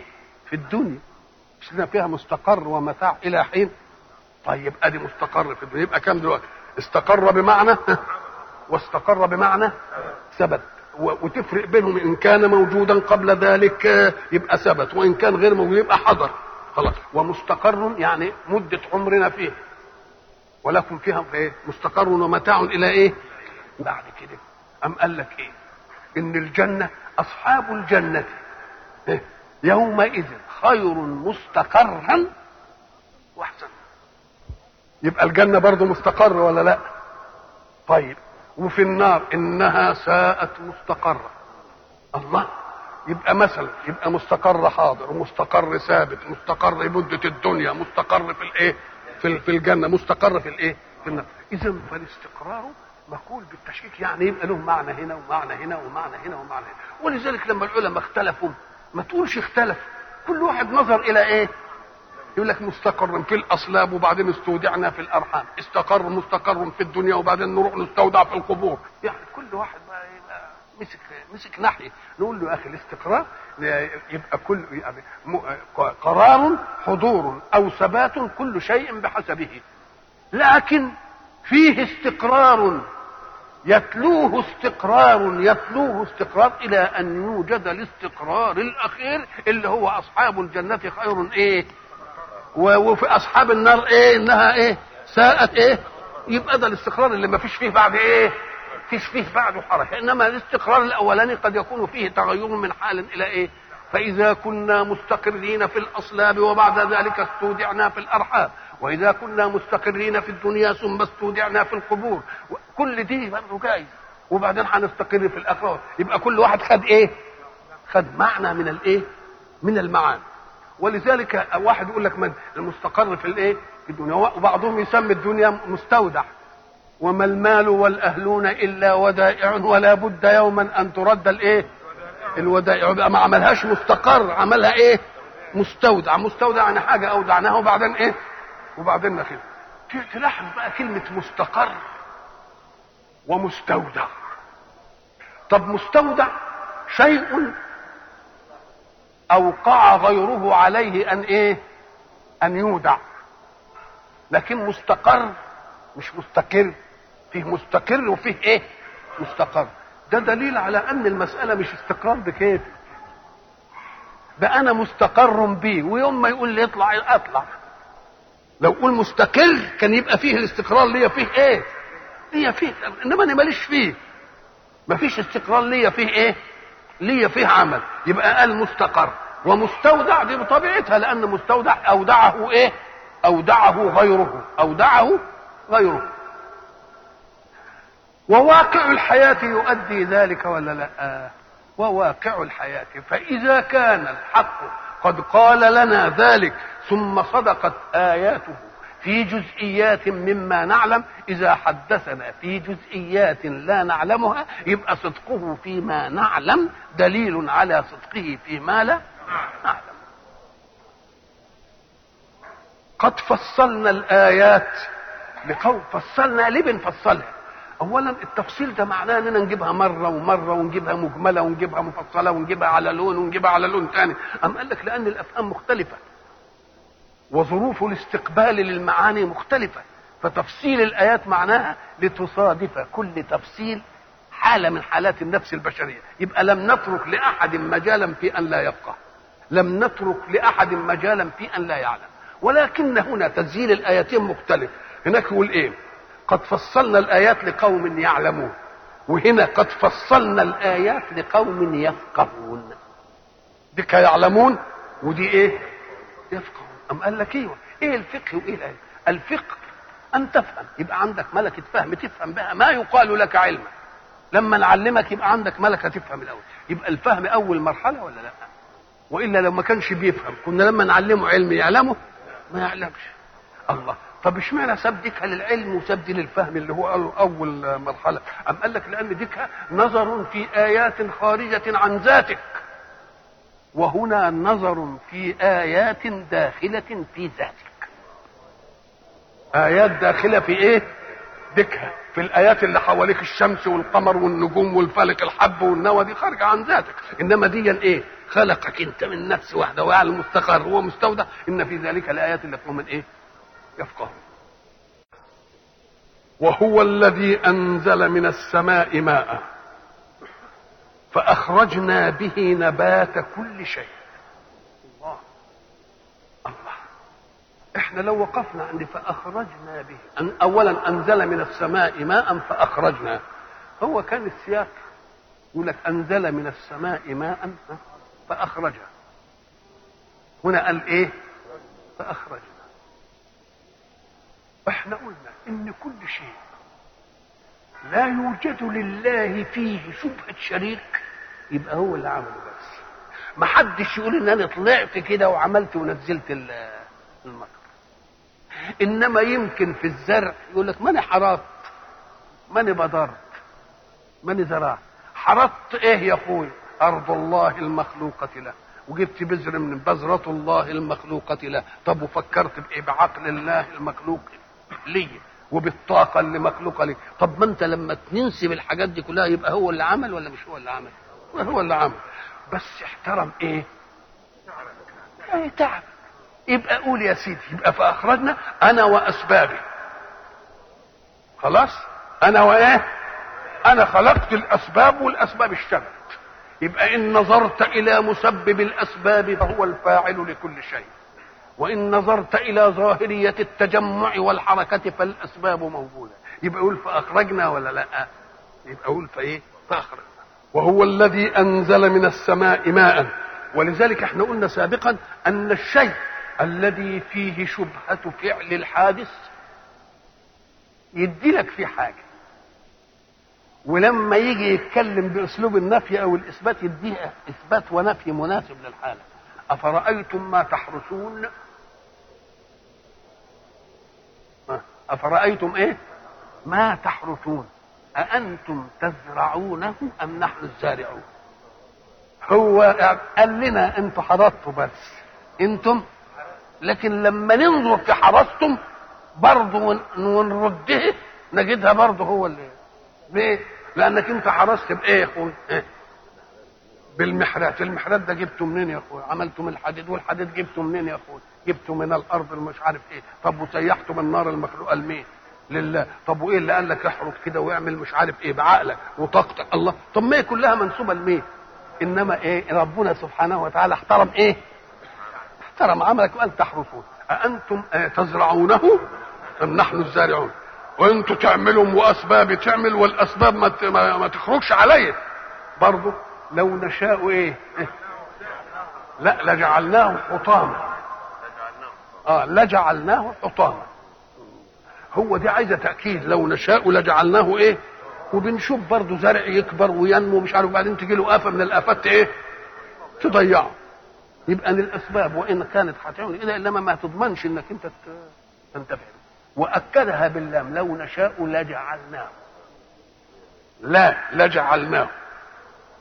ما يفسده أن يجعله حطام. أكدها بمين؟ لأن لك فيها شبهة وأنك أنت عملت حاجة. لكن أفرأيتم الماء الذي تشربون؟ أأنتم أنزلتموه من المزن؟ أم نحن المنزلون؟ لو نشاء ما قالش لجعلناه أجاجا.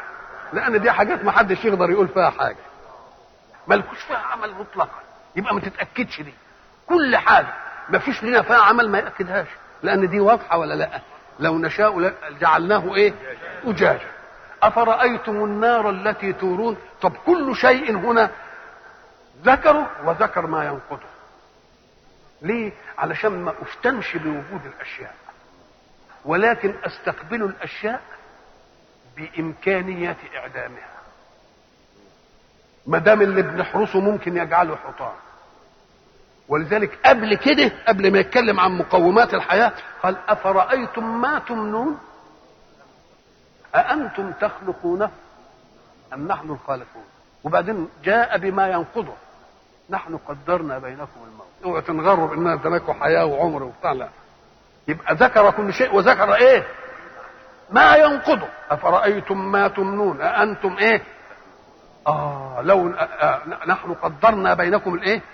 الموت. وما نحن بمسؤول عاد. وبعدين جاب الزرع. أفرأيتم ما تحرثون؟ أأنتم تزرعونه لو نشاء جعلناه إيه؟ لجعلناه حطام. طيب وبعدين جاب الإيه؟ الماء أفرأيتم الماء الذي تشربون؟ إيه؟ أأنتم أنزلتموه من المزن أم نحن المنزلون؟ لو نشاء ما قالش لجعلناه لأن دي لو نشاء جعلناه أجاجا. طيب أفرأيتم النار التي تورون؟ أأنتم أنشأتم شجرتها أم نحن المنشئون؟ آه ما قالش ما يبطلها طب كل شيء قال اللي ينقضه. الموت قال لي خلقنا ال ال ال ال ما تمنون خلقنا الموت. وما تزرعون نجعله حطام. وما تشربون نجعله إيه؟ طب والنار ما قالش لنا نطفيها ليه؟ قال لك لا ده هو عايز نقول ما نطفيهاش علشان يفضل وصلنا بنار الآخرة. نحن جعلناها تذكرة ومتاعا للمقوي ما نقولكش اللي يفنيها دي أبدا. لازم نخليها قدامك كده.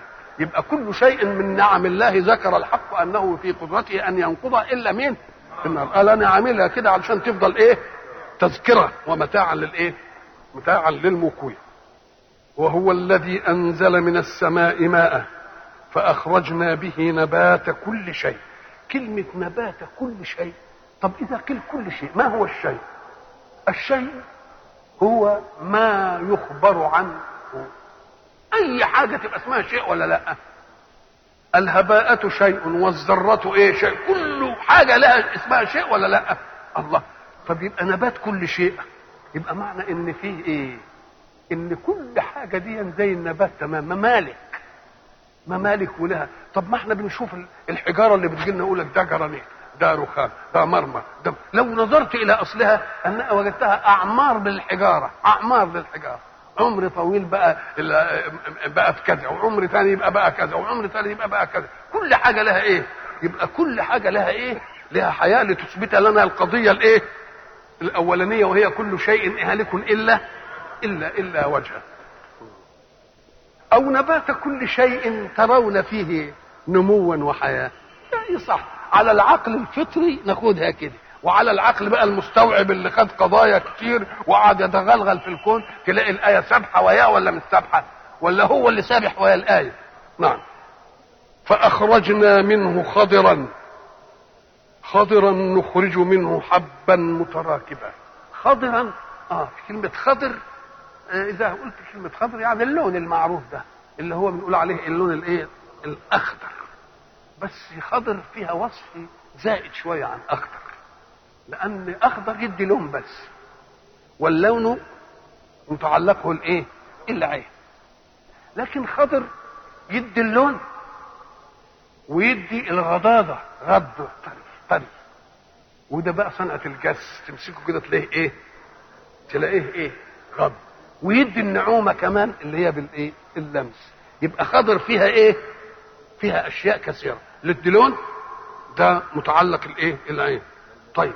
ويدي غضاضة اللي فيها الرطوبة دي الجس كده. طيب وإيه كمان؟ ويدي الإيه؟ النوم. شأن منه إيه؟ خضرا. ال- ال- ال- اللون الأخضر ده يبقى يبقى داكن أو خضرته يعني فاقعه حتى أنها تضربه إلى الإيه؟ إلى السواد.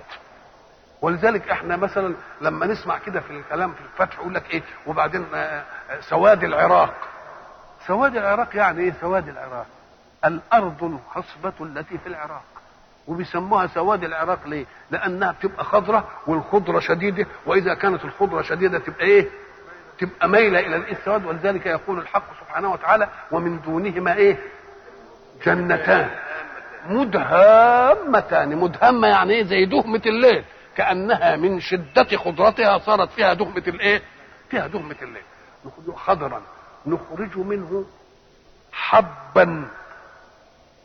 متراكبا. نخرج منه حبا متراكبا. إحنا قلنا الحب هو اللي ملوش إيه؟ ملوش نواة. اللي بيتاكل كده زي حبة البر؟ زي حبة الإيه؟ القمح زي حبة العدس زي حبة اللوبيا زي الحب. متراكبا. في حاجة تطلع الحبة كل واحدة بحبتها بحبتها بحبتها. وفي حاجة تيجي إيه؟ السنبلة. لما تشوف بقى رصة السنبلة تقوم تلتفت تلاقيها مرصوصة رصة ها؟ وكل سنبلة لها الشوكة اللي فيها اللي فيها دي اللي بت... اللي بتشوفها دي. أدي حب إيه؟ متراكب يعني بعضه يركب إيه؟ يركب بعض. حبا إيه؟ متراكبا ومن النخل من طلعها قنوان دانية. النخل دي عند العرب كانت هي يعني اللي, اللي بتدي لهم يعني الغذاء ال- الغذاء الدائم لهم. فربنا سبحانه وتعالى دائما يجيب النخل. ده ومن النخل من طلعها قنوان دانية. الطلع هو أول شيء يبدو من ثمر النخل. اللي إحنا أول ما نشوفه نقول الكوز.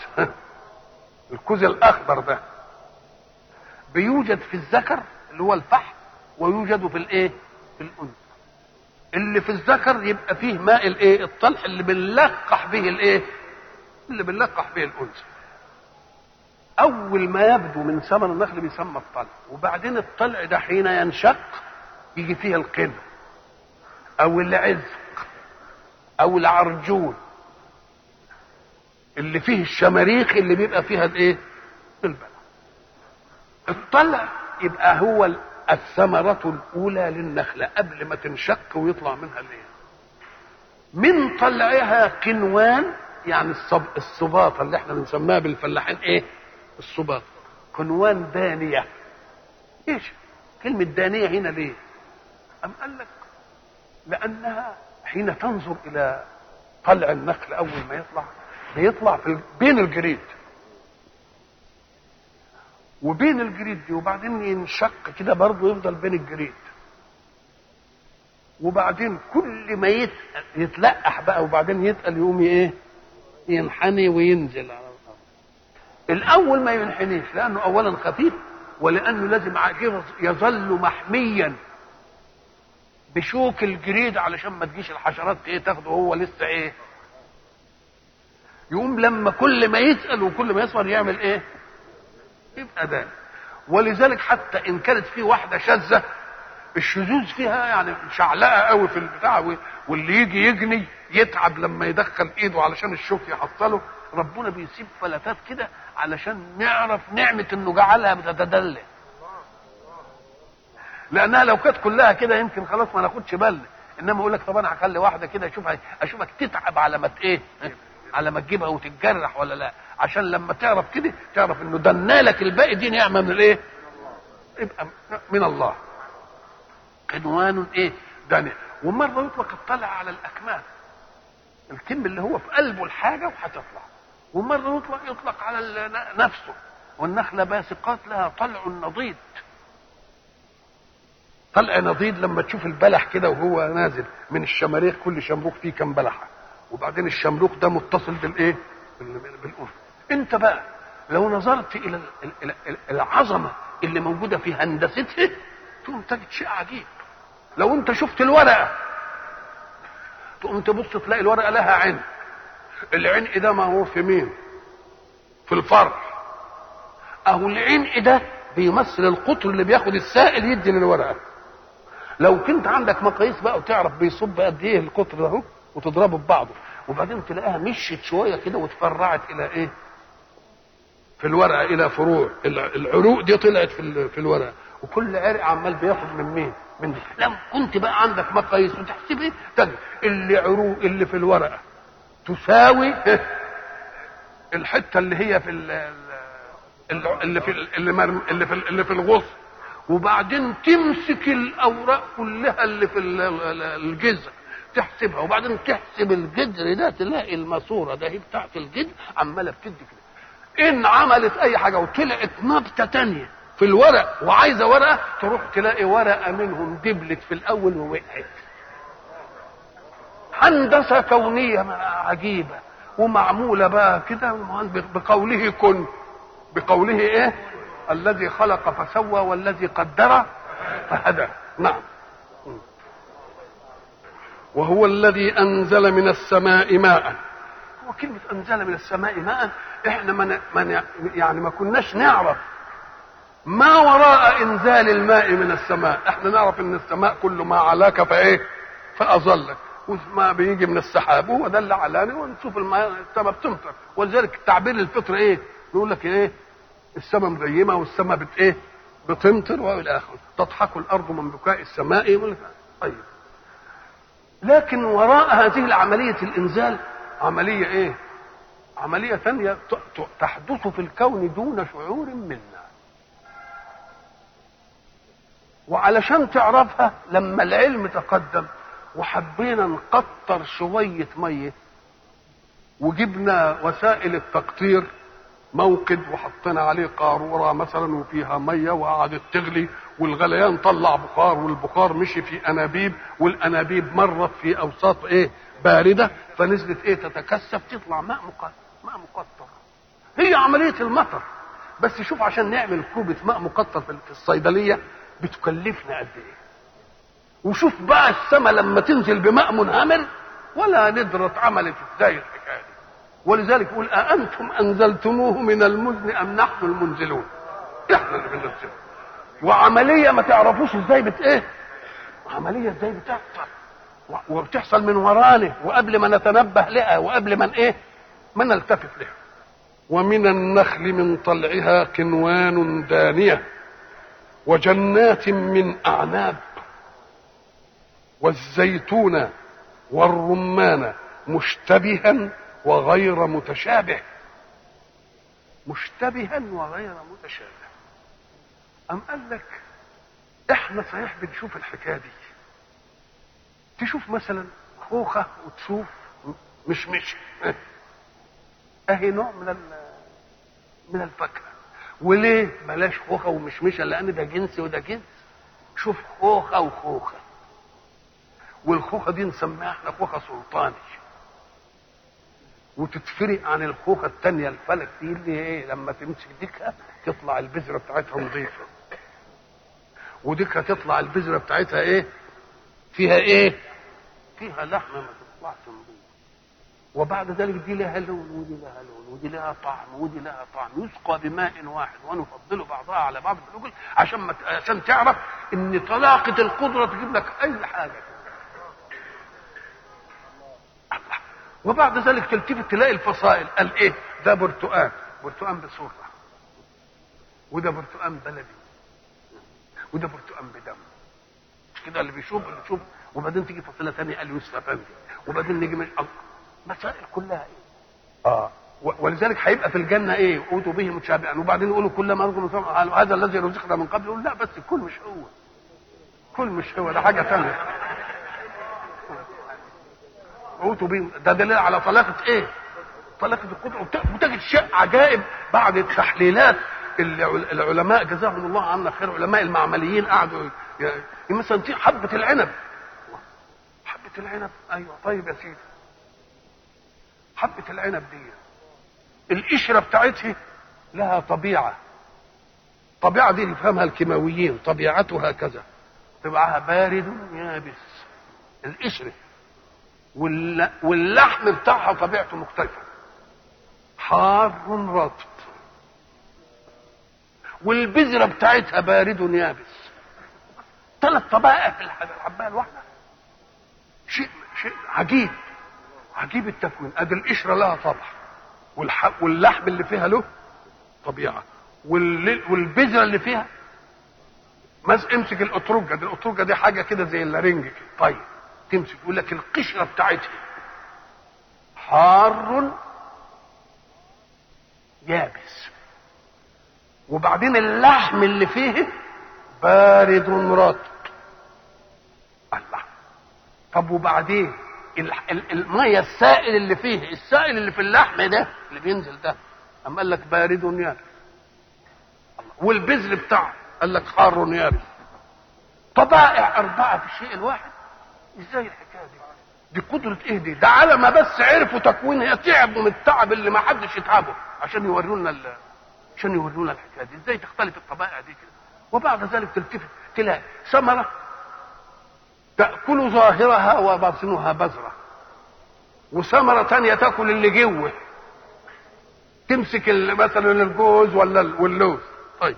بن- بنقشر القشر ناكل اللي جواه. والخوخة ناكل اللي بره ونسيب اللي جوه.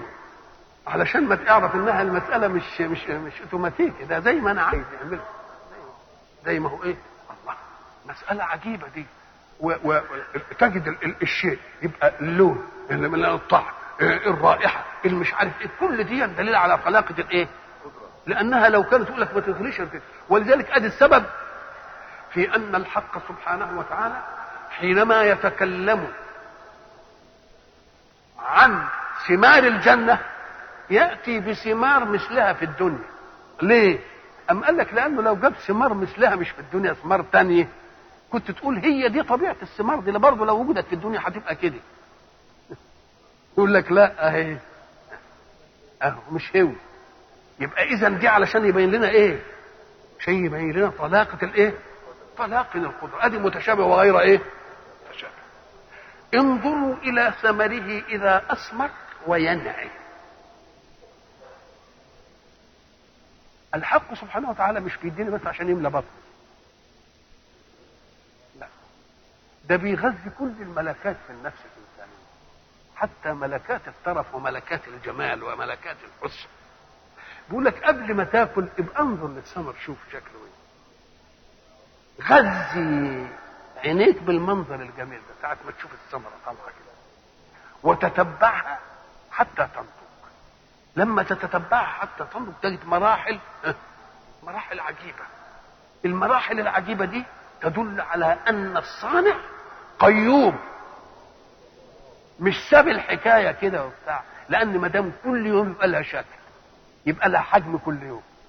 ويبقى لها شكل كل يوم. وإن كلتها النهارده غير ما تاكلها بكرة دي تبقى غدا ودي تبقى مش عارف إيه ودي تبقى إيه. الله. ما دام كل لحظة من اللحظات؟ فيها شكل وفيها لون وفيها طعم وفيها رائحة جديدة يبقى دليل على أن اللي خلقها قيوم عليها ما بيسيبهاش. كل حاجة. نعم. انظروا إلى ثمره إذا أثمر وينعي. ينعي يعني إيه؟ يعني النضج. أم قال لك دي كمان إشاعة الاستلزاز بنعم الكون. لأما النظر إلى الثمر ما يعنيش إن أملكه. يصح إن أنا أشوفه في غيط واحد. وأبص له كده. أنا اتمتعت ولا ما اتمتعتش؟ يبقى حتى اللي ما يملكهاش إيه؟ ينتفع. الله. يبقى إذا الحق سبحانه وتعالى بده يشيع الإيه بده يشيع الانتفاع بنعم الله حتى عند غير واجدها حتى عند غير إيه؟ لأن النظر ده ما حدش هيقول لي اوعى تبص لل لا أنا بصيت أو ما انبسط ولا ما انبسطش. يبقى فيه ناحية. من ناحية الكمال الإنساني في غذاء ملكات النفس. لأن الملكة النفس مش بس ملكات جوع وعطش ومش عارف إيه وش لا في ملكات متعددة. هذه الملكات المتعددة كل ملكة لها غذاؤها. وما دام كل ملكة لها ولذلك قبل ما يقول لي إن الخيل والبتاع دي علشان تشيل الأثقال بتاعتك يقول لك لا. ولكم فيها جمال حين تريحون وحين تسرحون وتحملوا أثقالكم إلى بلد لم تكونوا بالغيه إلا بشق الانفس يبقى بيديني حاجة قبل ما طب تحملوا أثقالكم ده للي ملكها. إنما اللي ما ملكهاش يشوف الحصان ماشي كده وجمال رهوان جميل كده وشكله حلو كده ينبسط ولا ما ينبسطش؟ يقول يا سلام الله مش عارف إيه وبتاع. بيتمتع بما لا يملك ولا لا؟ يبقى دي إشاعة لنعم الله على خلق الإيه؟ خلق الله. والزيتون والرمان مشتبها وغير متشابه. انظروا إلى ثمره إذا أثمر وينعه إن في ذلكم لآيات لقوم يؤمنون. يؤمنون بأن الإله الذي آمنوا به يستحق بصفات الجلال والجمال فيه أن يؤمن به.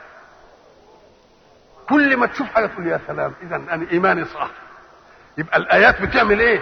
بتؤكد صدق إيماني بالإله الذي خلق كل هذا. كل يوم تبدو حاجة إيه؟ حاجة عجيبة. يقوم دي تزيدني إيه؟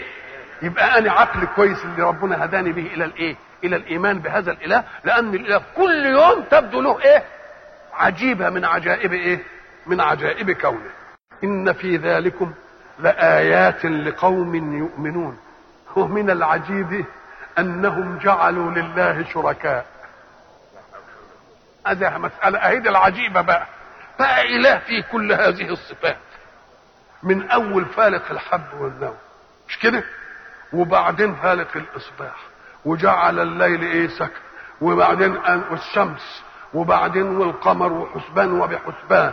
وبعدين النجوم نهتدي بها في ظلمات البر والبحر. وبعدين ننزل من السماء لنا ميه وبعدين طلع لنا نبات. والنبات منه قدر من حب وطرات كل هذه المسائل كانت إيه؟ كانت يجب أن تكون صارفة للناس إلى الله وحده. ولا تتجه ابدا بالعبادة أو بالإيمان بغيره. لكن جعلوا جابها بعدها كده علشان علشان لما لما يكون اللي جعلوا الله شركاء دي يستحفظن عليهم. بقى بعد ده كله يجعلون لله شركاء. شوف الموضوع مطرحها ولا لأ؟ بعد ما يضخمها لنا كده كده وبعدين يقول شوف أهو اللي عمل ده هو أو جعلوا لله شركاء. له شركاء. يبقى بيستحفظنا عليهم ولا لأ؟ بيخلي وإذا استحفظنا عليهم استحمدنا على أنه هدانا إلى الإيمان. الحمد لله اللي هدانا إلى نعم. وجعلوا لله شركاء الجن. وخلقهم وخرقوا له بنين وبنات. الله. وجعلوا لله شركاء الجن. طيب. الجن المادة دي الجين والنون كلها تدل على الستر والتغطية والتغليف منه الجنون لأن العقل مستور. مش كده؟ ونظرا لأن الجن إحنا ما بنشوفهمش يبقوا مستورين. والملائكة برضه يبقوا لا هذا لا ما مش كده ولا لا؟ طيب. الحق سبحانه لما جن عليه الليل يا برضه أظلم كلها تدل على المادة كلها إيه؟ اللف والتغطية. وجعلوا لله شركاء الجن. الجن الخفي من كل شيء. وجعلوا لله شركاء الجن. بعد أن قدم الحق سبحانه ذاته وصفاته وأفعاله للخلق كحيثية توجب الإيمان به إلها واحدا لا شريك له. قدم ذلك بقوله إن الله فالق الحب وفالق الإصباح وجعل لكم النجوم وجعل الليل سكنا والشمس والقمر حسبانا وجعل لكم النجوم لتهتدوا بها في ظلمات البر والبحر وأنشأكم من نفس واحدة وأنزل من السماء ماء فأخرج به نبات كل شيء فأخرج منه خضرا إلى آخر ما قال سبحانه. تلك مقدمات تؤكد أن المستقبل لهذه الذات بهذه الصفات بهذه الأفعال يجب أن يكون الها واحدا متفردا. ولكنهم للأسف استقبلوا كل ذلك بأن جعلوا لله شركاء. حتى يتعجب المؤمنون من جعلهم لله شركاء بعد هذه الحيثيات التي قدمها. ولا توجد حيثية من هذه الحيثيات يخالف فيها أحد. فلم يات أحد ليدعي أنه الذي فلق الحب والنوى. ولا فلق الإصباح ولا جعل الليل سكنا والشمس والقمر حسبانا ولا جعل النجوم لنهتدي بها ولا أنزل من السماء ماء فأنبت به لم يدعي أحد ذلك أبدا. فكان من الواجب أن يسلم المدعى لله وأن يوحد ذاتا وصفاتا وأفعالا. ولكنهم للأسف جعلوا لله شركاء. جعلوا لله شركاء. من هم الشركاء؟ الجن. والجن كما تعلمون هم خلق من خلق الله. خلق الإنس وخلق الجن. وخلقهم مستورين. حتى لا نعتقد أن خلق الله لحي كائن يجب أن يتمثل في هذا القالب المادي. بل يخلق ما شاء كما شاء. فيخلق أشياء مستورة لا ترى ولها حياة ولها تناسل ويخلق أشياء مستورة ولا تناسل لها. كل ذلك بطلاقة قدرة الحق سبحانه. وليقرب الحق لنا هذه القضية لأن عقولنا قد تقف في بعض الأشياء التي لا تدرك ولا ترى. لأننا لا نعلم حسا وجودا للشيء إلا إذا احسسناه فيقول لا ليس حسك هو الوسيلة الوحيدة للإدراك. لأن حسك له قوانين تضبطه فأنت ترى ولكنك ترى بقانون بحيث إذا بعد المرئي عنك امتدادا فوق امتداد بصرك فلا تراه وكذلك أذنك تسمع فإن بعد الصوت عنك أو مصدر الصوت عنك بحيث لا تصل الذبذبة إليك يبقى ما تسمعش. كذلك عقولك تفهم أشياء ولا تفهم أشياء. ثم ضرب لنا في وجودنا المادي امثالا. تقرب لنا ذلك الخلق الخفي من الجن ومن الملائكة. كيف؟ الآن العقل البشري هداه الله الذي قدر فهدى إلى أن يكتشف شيئا اسمه الميكروب.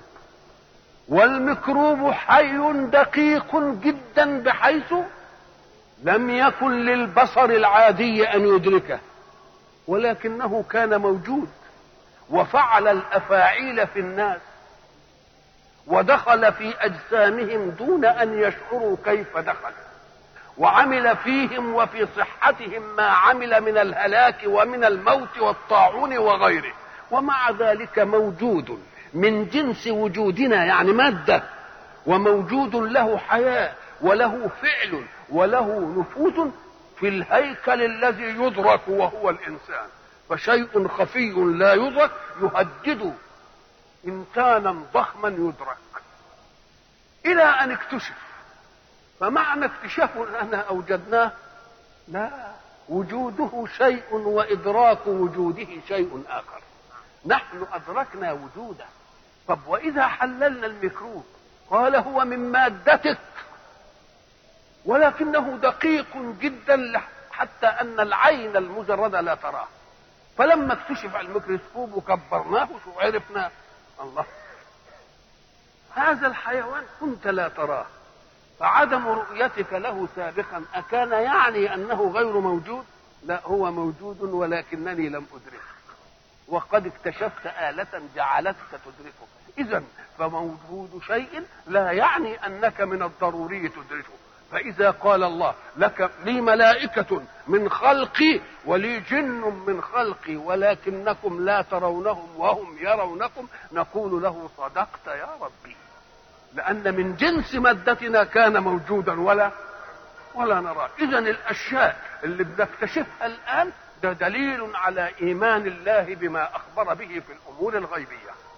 الجن مستور والمادة كلها قلنا أنها تدل على الستر الجنون غياب العقل. مش كده؟ طيب. وجن الليل يعني ستر وغطى والجنة أم قال لك ما هو أصل هيبقى فيها بقى بإيه؟ أشجار ومش عارف إيه بحيث اللي يمشي بقى ما يبانش.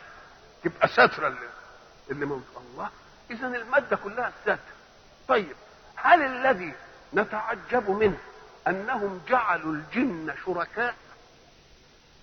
أم أن التعجب ليس من جعل الجن شركاء ولكن من اتخاذ مبدأ الشركاء سواء كان جن ولا غير جن؟ المبدأ نفسه إيه؟ إحنا مش ما بنعترضش على إن الجن يبقوا شركاء. إحنا بنعترض على المبدأ نفسه إنه يبقى له شريك من جن أو ملائكة أو سواه ولذلك قدم الايه قدم المجعول عن المجعول منه مع أن من العادة أن نقدم المجعول منه على المجعول فتقول جعلت الطين ابريقا. الطين اللي موجود قدامك ده عملت منه إيه؟ يبقى الطين كان موجود ولا لأ؟ وخدت منه اللي كانش موجود اللي هو مين؟ إبريق. طيب هل الشركاء كانوا موجودين والجن طرأ عليهم ولا الجن موجودين وطرأت الشركاء عليهم؟ يبقى كان يقول إيه؟ وجعلوا الجن لله شركاء. وجعلوا الجن لله إيه؟ شركاء. قال لك إيه؟ وإنما أصل العجيبة مش إن الجن يبقوا شركاء. العجيبة في المبدأ نفسه وإنهم كيف ترد فكرة الشركاء على اذهانهم إنما مش الجن ولا غيره. اذا المهم إيه؟ المهم نفي الشركاء. نفي الإيه؟ المجعول. أما المجعول منه ده إيه؟ موجود جن. إنما شركاء لا. يبقى الأهم قدمه. وجعلوا لله شركاء. ساعة ما تسمع تقول أعوذ بالله جعلوا لله شركاء. ما يهمكش مين هم الشركاء دول. لأن مطلق مجيء شريك لله هو ده العجيب. سواء كان الجن ولا مين أو الملائكة وجعلوا لله شركاء الإيه؟ الجن. طب كيف جعلوا الجن شركاء؟ إيه يعني؟ أم قال لك ألم يقل الحق في كتابه إن إبراهيم قال يا ابت لا تعبد الشيطان إن الشيطان كان للرحمن عصيا؟ نعم. اذا ما هي العبادة؟ العبادة أن يطيع العابد المعبود فيما يأمره به. تلك هي العبادة. وما دام بيطوعوا الشياطين في وسوستهم يبقى اكنهم إيه؟ عبدوه ولذلك يقول الحق سبحانه أعوذ بالله من الشيطان يوم يحشرهم جميعا. ثم يقول للملائكة أهؤلاء إياكم كانوا يعبدون؟ قالوا إيه؟ سبحانك ما يمكنش. أنت إيه؟ ولينا من دونهم بل كانوا يعبدون الجن. يبقى بيعبدوا الجن يعني إيه؟ يطيعونهم فيما يأمرونهم به وينهونهم عنه. يبقى العبادة هي الإيه بقى؟ هي الطاعة. لأن معبود وعابد يبقى لازم أنت يا عابد تطيع الإيه؟ المعبود. ما تقترحش أنت العبادة. شوفوا قال لك تقرب إلي بإيه؟ افعله وتقرب إلي بايه ما تفعلوش ما تفعلوش. يبقى افعل ولا تفعل هي الإيه؟ هي الحكم. نعم. بل كانوا يعبدون الجن. وجعلوا لله شركاء الجن. طب وليه كده؟ اشمعنى يعني جابوا شركاء؟ طب ما كانوا يعبدوهم وتنتهوا بلاش ربنا وياهم ما هي شركاء دليل على إن فيه إيه؟ يعني فيه الله وفيه إيه؟ وفيه شركاء. طب إيه الحكاية دي؟ طب ما كانوا يعبدوهم وخلاص وتنتهي المسألة وبلاش الله دي في في الوسط زي الملاحدة مثلا. يقول لك لا ما يغشوش نفسهم. ليه؟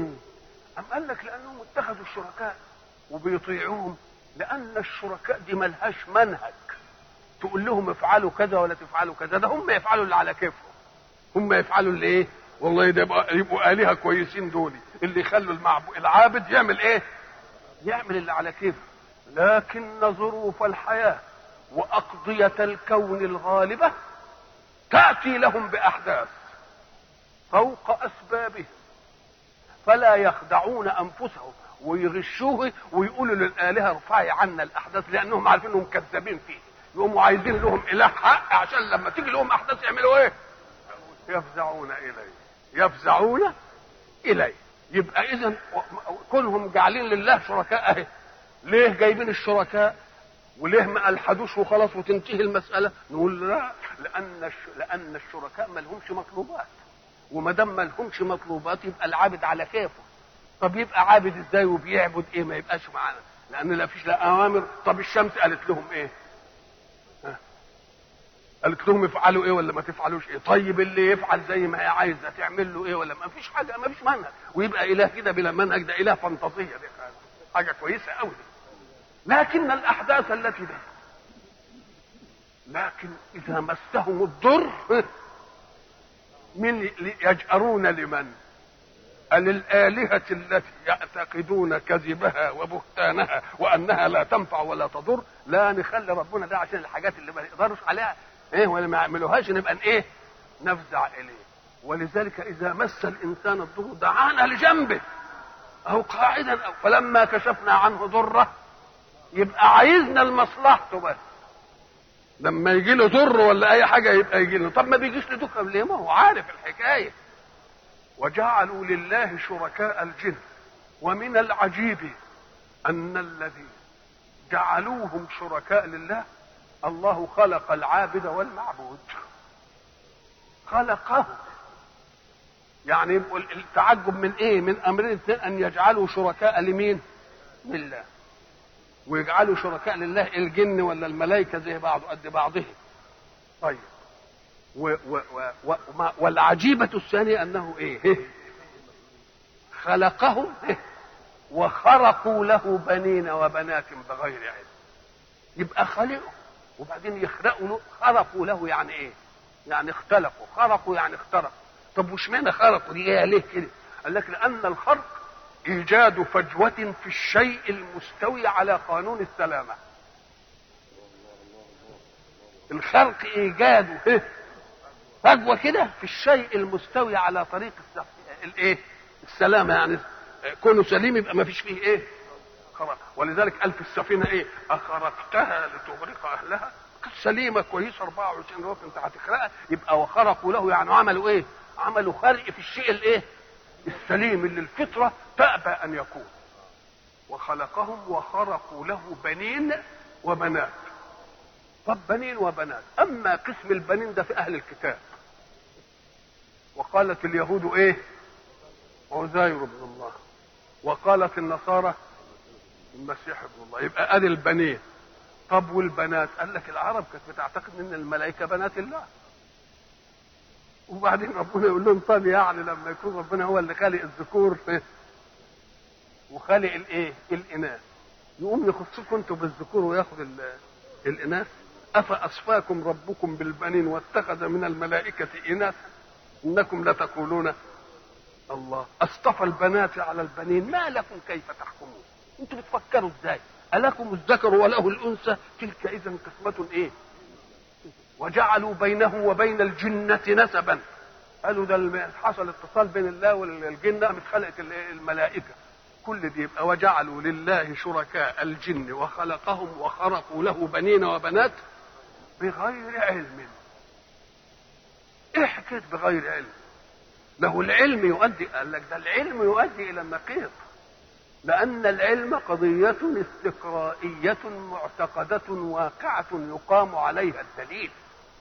وهذا شيء لا واقع ولا يمكن أن يوجد عليه دليل لأنه ما دام غير واقع فلا يوجد عليه دليل. يبقى بغير علم ولا لا؟ طيب يبقى بإيه؟ يبقى بجهل. ليه؟ أم قال لك لأن إحنا قلنا زمان اذكرهم إن الناس بتفهم. إن الجهل أن لا تعلم. لا. الأمية أن لا تعلم. أم زي أم ما ولدته. وزي أم ما ولدته مصداق لقول الله والله أخرجكم من بطون أمهاتكم إيه؟ لا تعلمون شيئا. يقول لك فلان أمي. أمي يعني إيه؟ منسوب لأمه ما خدش حاجة أبدا لا من المجتمع ولا أي قضية. فلان إيه؟ أمي. منسوب إلى الأم اللي هي ربنا بيقول والله أخرجكم من بطون أمهاتكم إيه؟ لا تعلمون شيئا. وجعل لكم السمع. والأبصار والأفئدة. عشان تديكوا وسائل الإيه؟ المعلومات وتدركوا وتدركوا به. طيب على الأول. يبقى إذا الأمية هي اللي تناقض إيه؟ مقابل إيه؟ يجي لها إيه؟ آه قال لك في أمية وفي جهل. الأمية إنك ما تعرفش حاجة ابدا. وبعدين نعلمك. لكن الجاهل عارف حاجة بس حاجة مش صح. قضية مخالفة.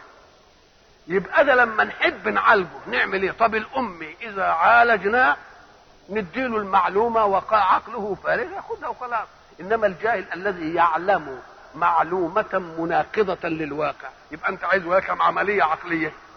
عملية إيه تشيل من عنده الايه اللي عنده الخطأ وتحط له مين؟ يبقى اللي بيتعب الدنيا كلها. الأميون أم الجهلاء؟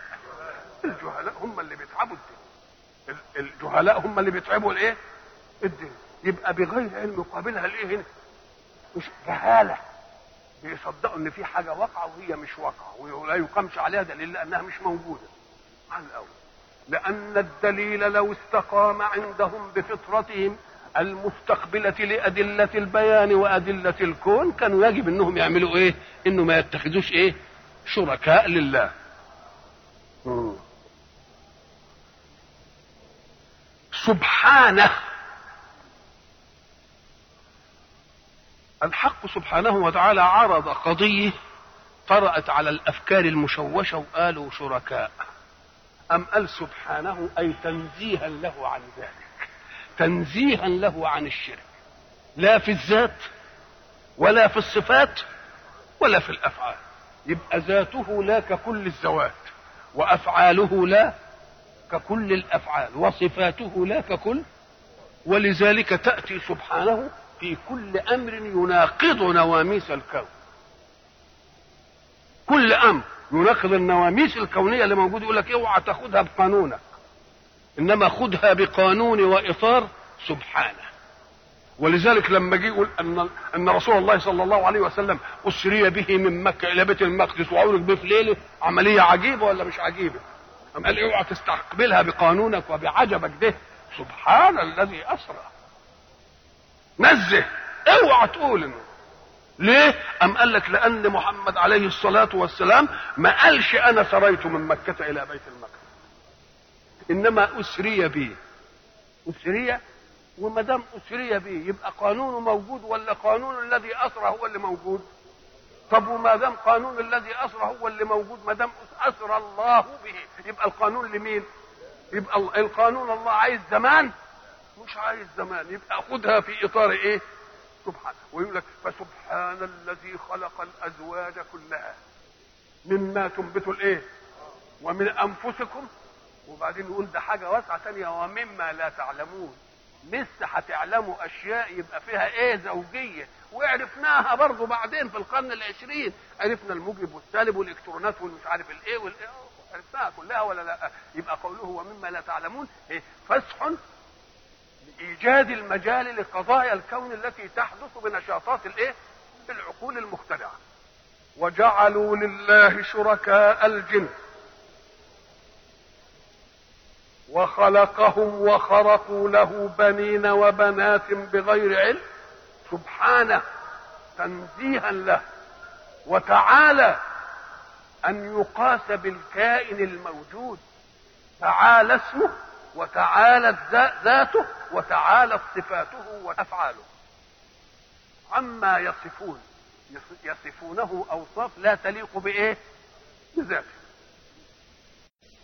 سبحانه قال لك بديع السماوات والأرض. إحنا قلنا إن الحق سبحانه وتعالى قال في آيات أخرى لخلق السماوات والأرض أكبر من خلق الناس.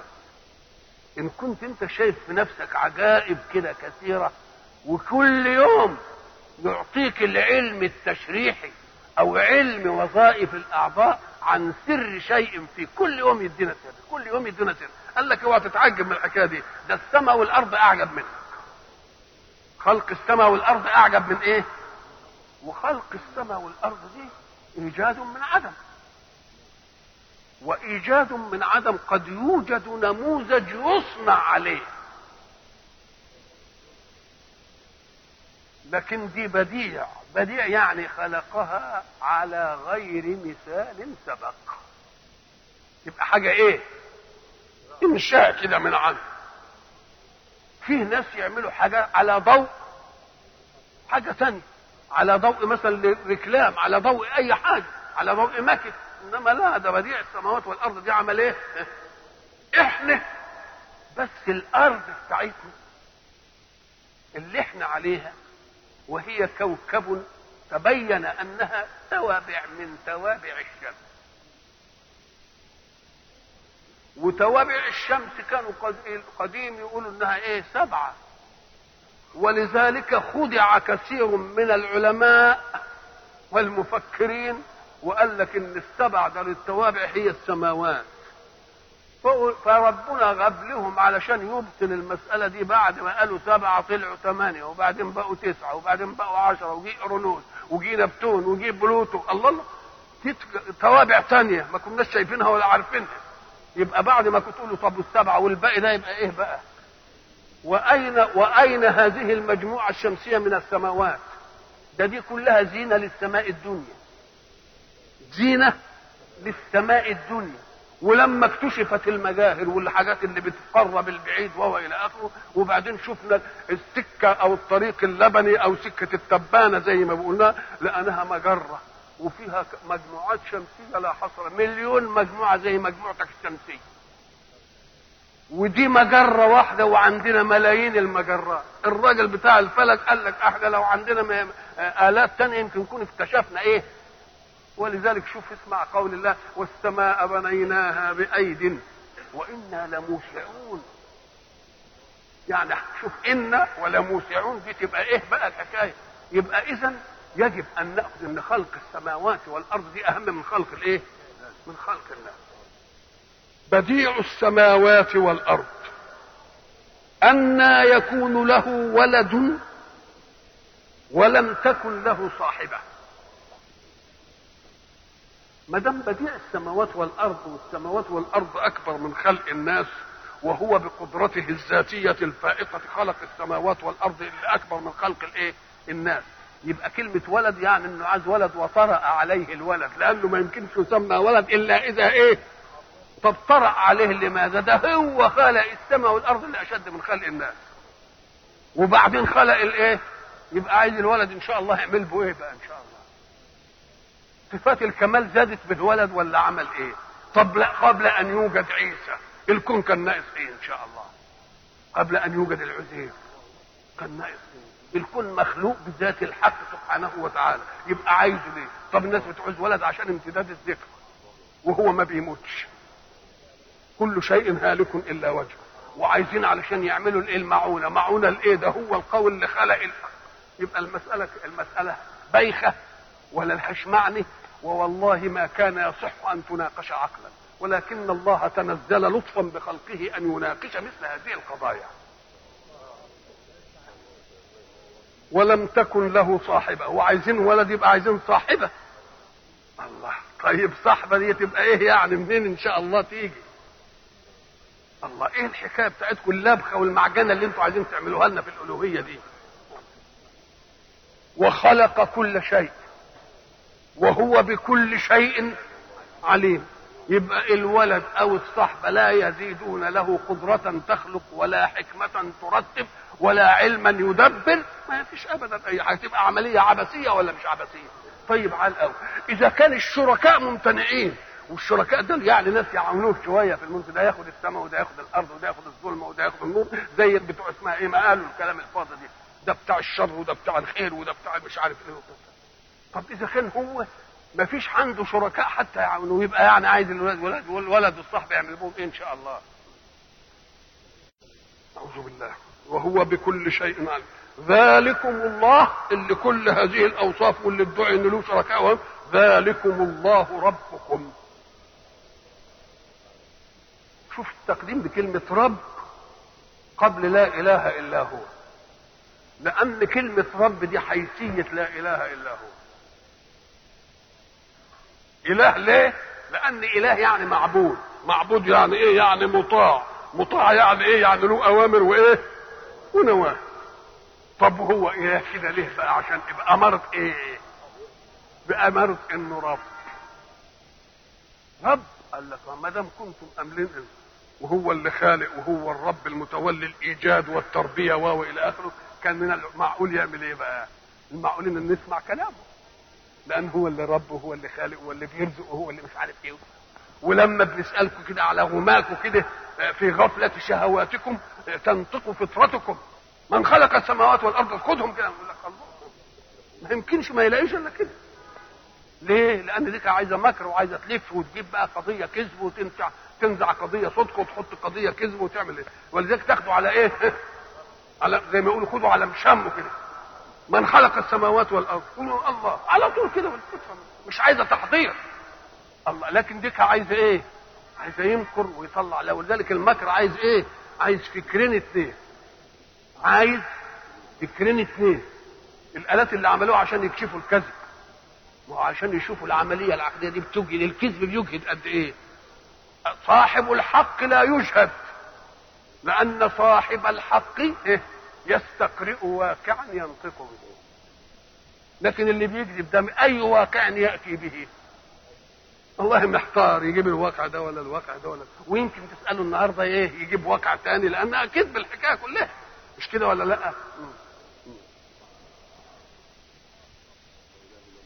ذلكم الله ربكم. لا إله إلا هو. خالق كل شيء.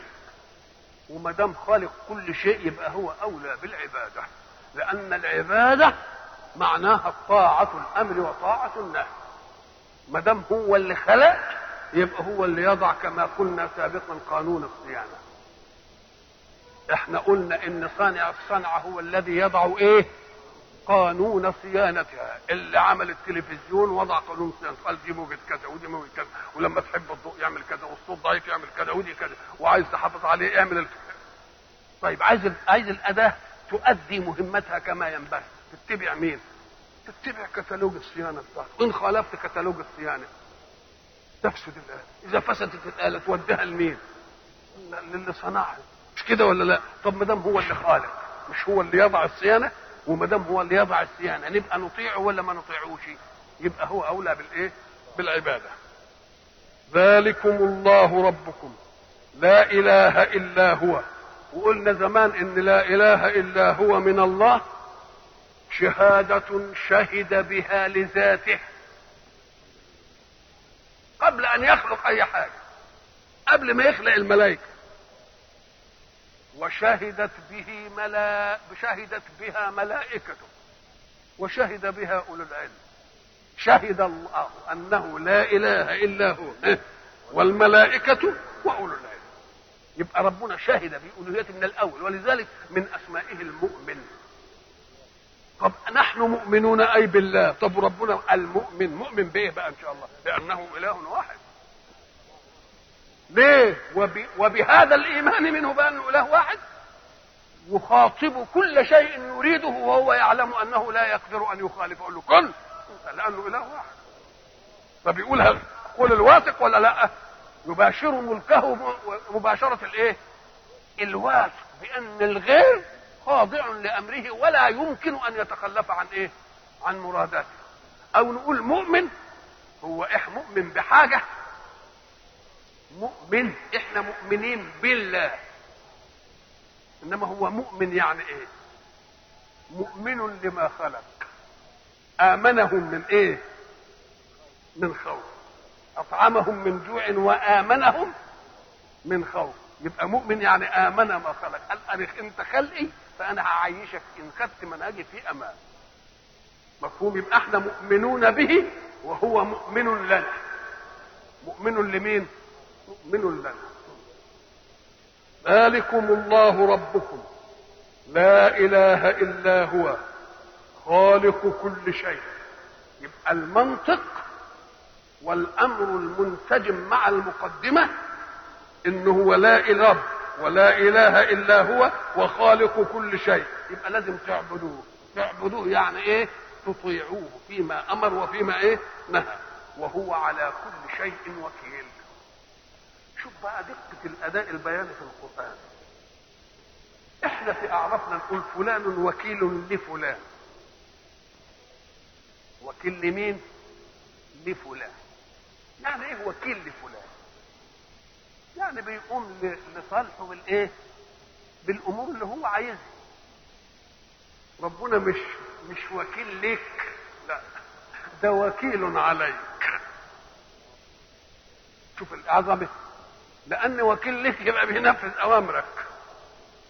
لكن هو وكيل عليك. زي إيه؟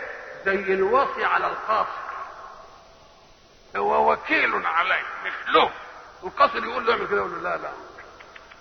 ولذلك إحنا ندعي يجيب دي ولا يجيبش دي. لأنه لو أجبنا كلنا يبقى وكيل لنا ولا إيه يعني؟ اللي عايزينه يعمله. ده وكيل علينا. علشان طلب الأحمق نقول له لا حن ما ينفعش دي انت ويدعو الإنسان بالشر دعاءه بالخير. وكان الإنسان عدولا انت طالب على إنها خير إنما هي مش إيه؟ هي مش خير. لو كان وكيل له يعملها ولا لا؟ لكن هو وكيل إيه؟ عليه. على رغباتنا الطائشة. وبعدين يقول لك أنا دعيت ولا استجبتش ليا. لا ما هو الاستجابة دي أنت كنت فاهم إنها تؤدي لك مطلوبك. يبقى تؤدي ليه مطلوبك؟ يبقى ربنا وكيل لك إنما هو وكيل على إيه؟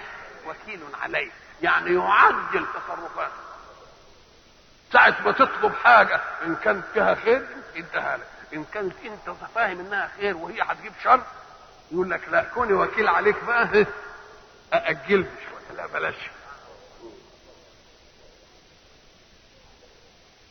وهو على كل شيء وكيل. وعلى كل شيء أي سواء كان مختارا أو غير مختار. كل شيء مختار أو غير طيب المختار قد يختار شرا يبقى لأن الله وكيل عليه يقول له لا بلاش ده. طب واللي مش مكلف ولا اختيار له مقهور برضه وكيل عليه. ليه؟ يقول له تخلف أنت. يا نار أنت بتحرقي آه لا أنا وكيل عليك. النهارده ما تحرقيش مش عايزك تحرقي النهارده خلي إبراهيم يسلم. الله الله الله الله. يبقى على كل شيء ولا لأ؟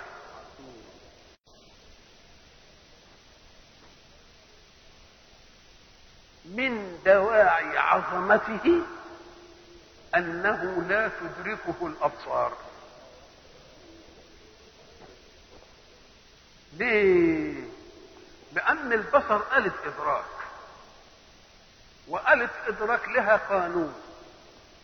قانونها ان الشعاع يطلع من المرء إلى الرأي ويحدده كده؟ فلو أن الأبصار تدركه لحددته. وأصبح اللي يراه انت حين ترى هذا تبقى قادر على رؤيته. قادر. وده بقى مقدور ليه؟ لأنه دخل في مين؟ في إدراكه. فلو أنك أدركت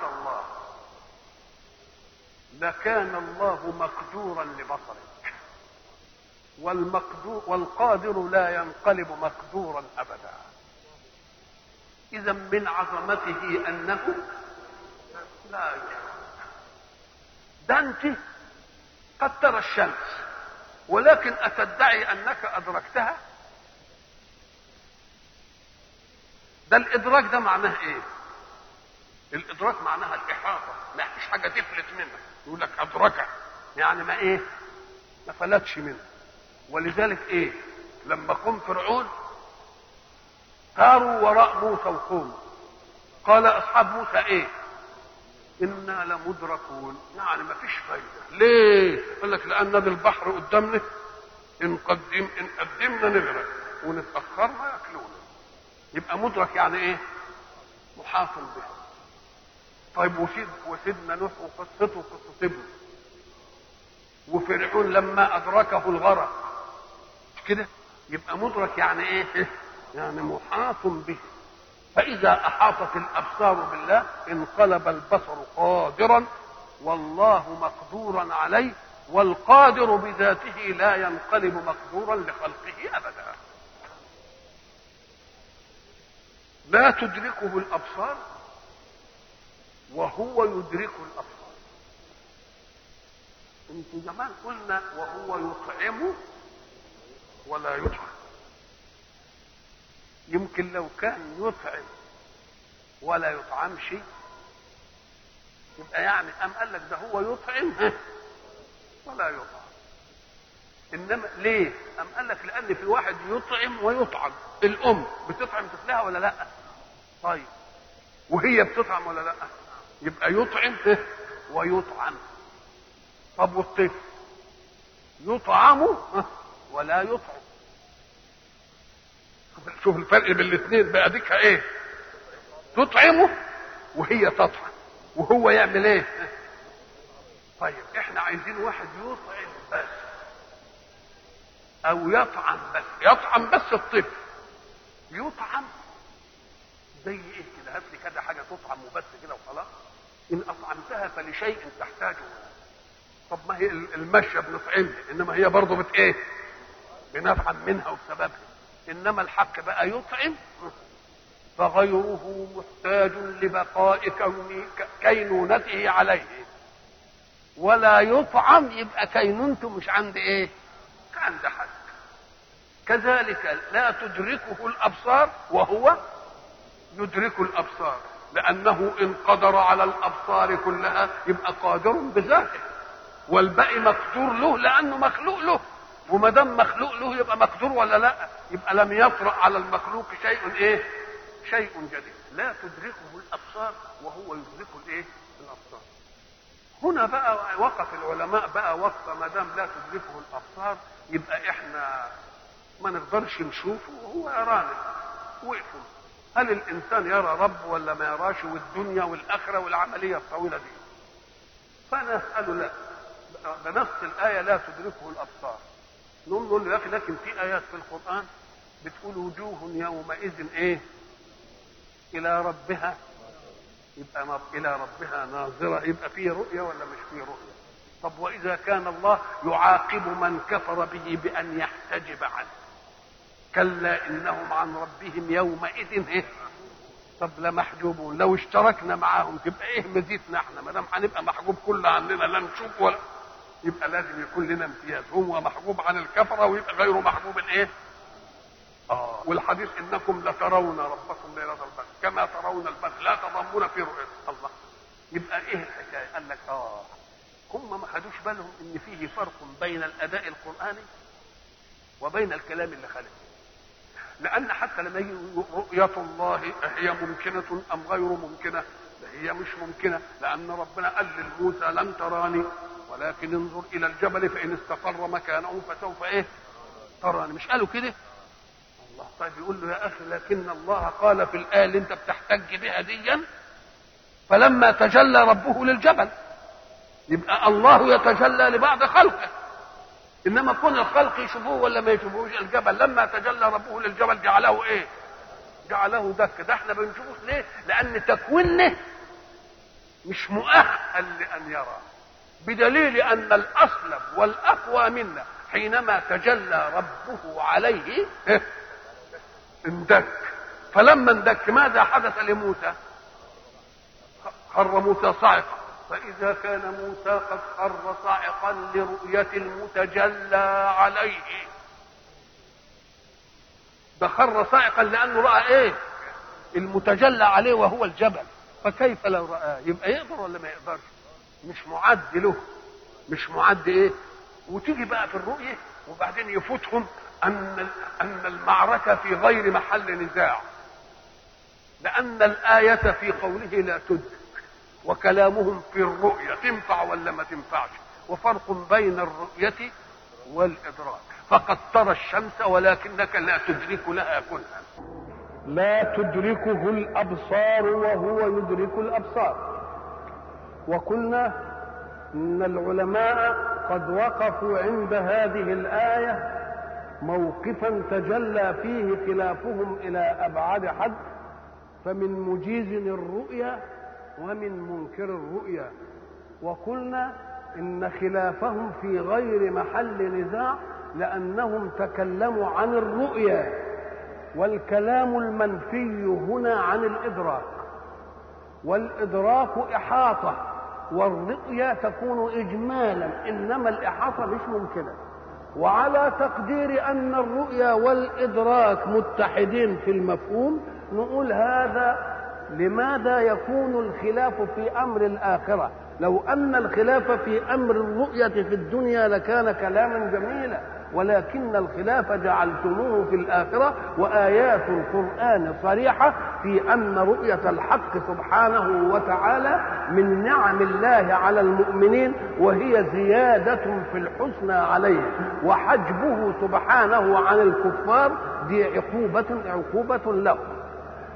وأيضا نقول إنه لماذا لا تقولون إن الإدراك سيوجد في الآخرة بآلة جديدة مش موجودة. إحنا معدين الآن إعداد أسباب. في الآخرة هنبقى معدين إعداد لغير أسباب. أنت هنا إذا أحببت أن تشرب بتطلب المية أو تروح للمية وتجيب وتشرب. وعايز مثلا تاكل الشيء الفلاني تقول لأهل البيت اعملوا لي كذا أو اشتري أنت كذا واعمل كذا. إنما هناك بمجرد أن يخطر ببالك ما تشتهيه تجده أمامك. ده قانون جديد خالص. فلماذا لا يكون في تكويننا أيضا قانون ممكن به إيه؟ ممكن به إيه وهناك قضايا في الآخرة الجميع متفق على أنها تخالف قوانين الدنيا ونواميس الايه العالم المعاصر. لنا دلوقتي اللي هي مثلا قال لك إحنا زي ما قلنا بناكل وبنشرب لكن بنتغوط في فضلات. لكن في الآخرة هناكل ونشرب ولكن ما فيش فضلات. قال لك ليه؟ لأنك أنت الآن تطهي والطهي بتاعك ما, بتت... ما بتاخدش بس اللي انت عايزه بل بتاخد اللي انت عايزه وتبقى له فضلات لازم تطلع. لكن بقى الطهي اللي بيكون ده ما يبقاش له فضلات خالص. ده طهي بيكون بالقادر يبقى لازم ما يبقاش له فضلات خالص. ده هم لما بيحبوا يعملوا عملية الواحد أو يكونوا في حروب بيعملوا حبوب كده قد كده الحب تقعد الواحد يتغذى بها ولا تعملش إيه؟ وتعملش عنده امتلاء بس على على قد علمنا. واذا كان إحنا بنقول إن إن إحنا ناخد من من الجنة كل اللي إحنا عايزينه وما ينفدش اللي موجود. طب أي شيء يؤخذ منه ينقص ولا لا ينقص؟ عندنا في الدنيا. نقول له لا بس خد بالك في شيء تاخد منه وما ينقصش.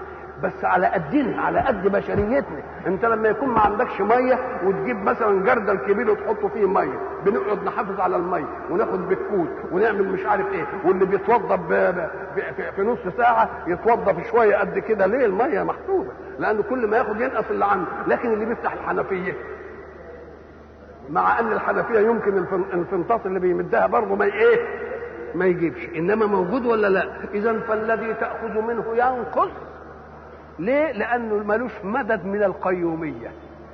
إنما اللي له مدد من القيومية ما ينقص ولا أي حاجة. يعقب الحق سبحانه وتعالى بعد القضيتين لا تدركه الأبصار وهو يدرك الأبصار. وبعدين يقول إيه؟ وهو اللطيف الخبير. تسجيلين الاثنين دول لطيف وخبير. لطيف تناسب لا تدركه الأبصار.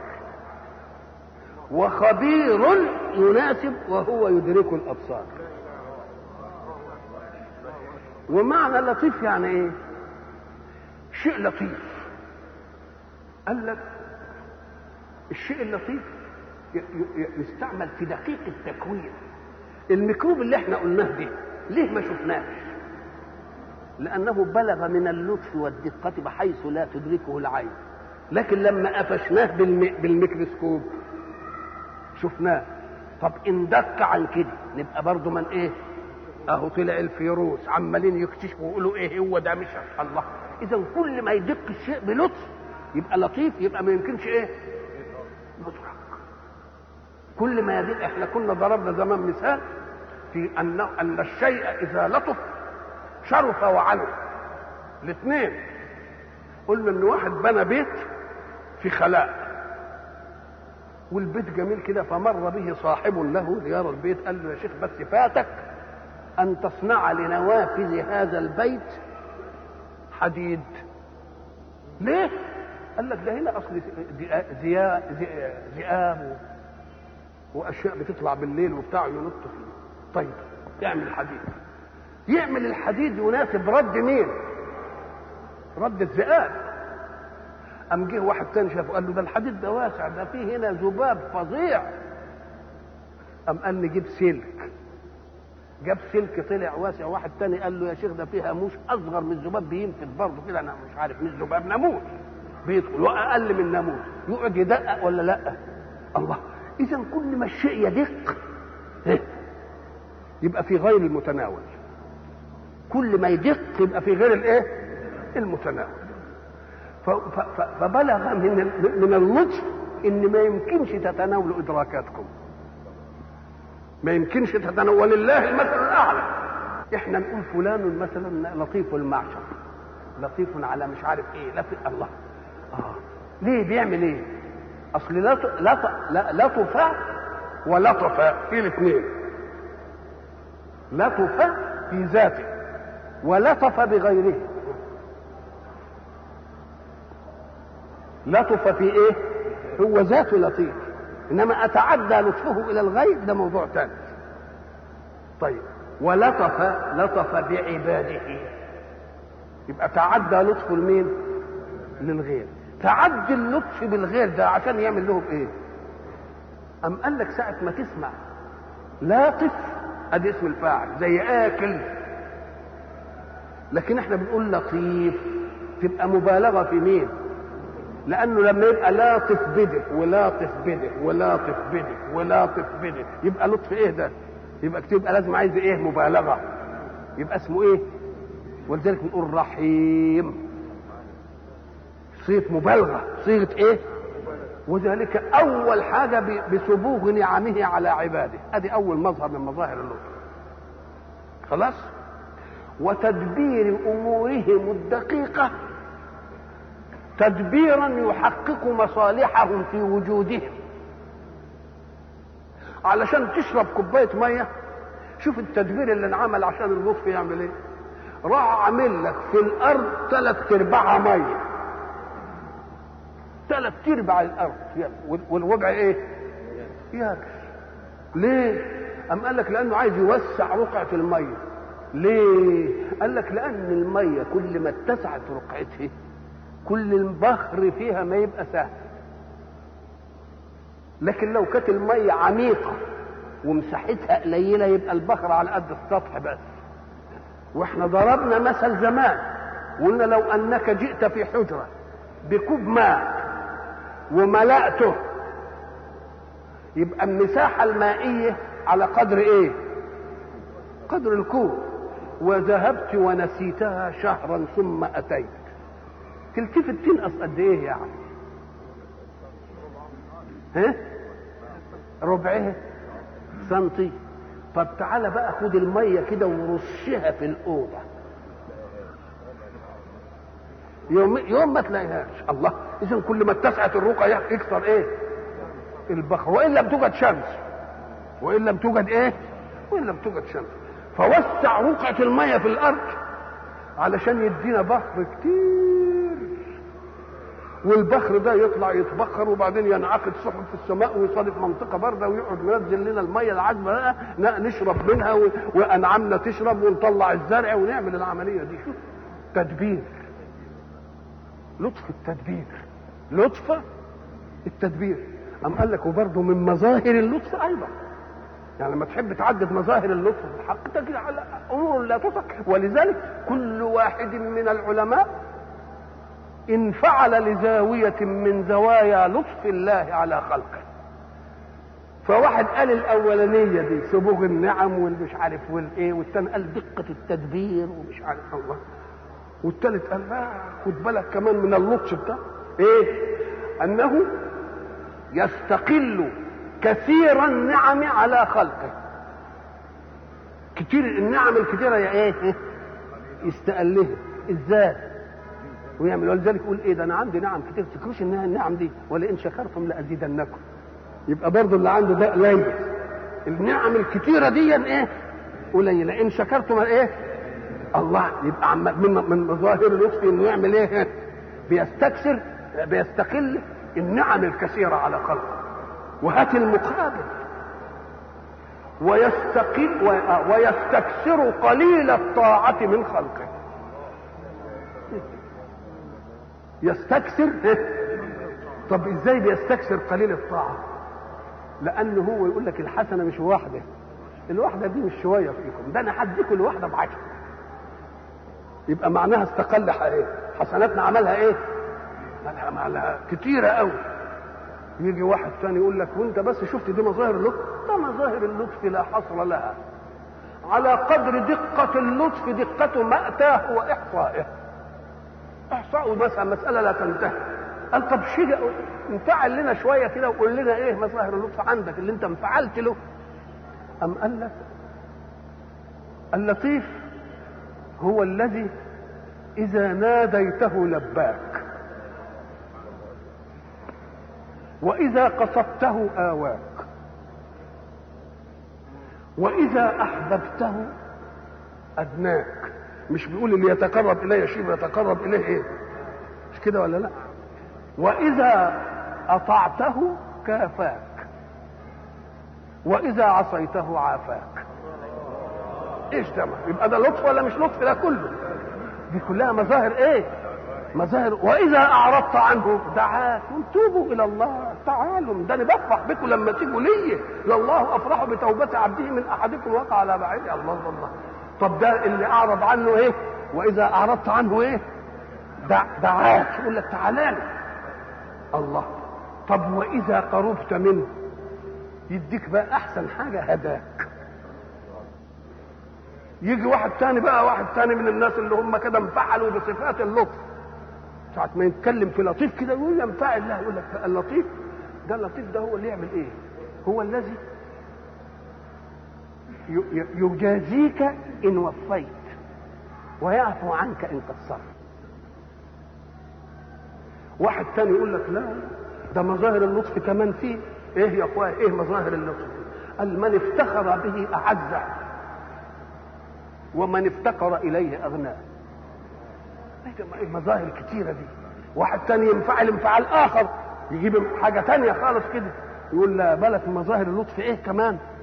تقول له إيه؟ تقول له إحنا بندعي ربنا. إن كانت الأمور دي خير لنا يقوم يجيبنا إليه. وإن كان عايز يدخر لنا حاجة ما يجيبناش. يقول أنت طلبتها في الفانية وأنا عايز أديك الحكاية دي في الباقيه يبقى يبقى اللطيف من عطاؤه خيرة ومنعه ذخيرة. إيش ده كل دي مظاهر للطف ولا لا؟ هذه مظاهر لمين؟ مظاهر اللطف. يبقى اللطف مناسب لمين؟ لا تدركه الايه؟ الأبصار.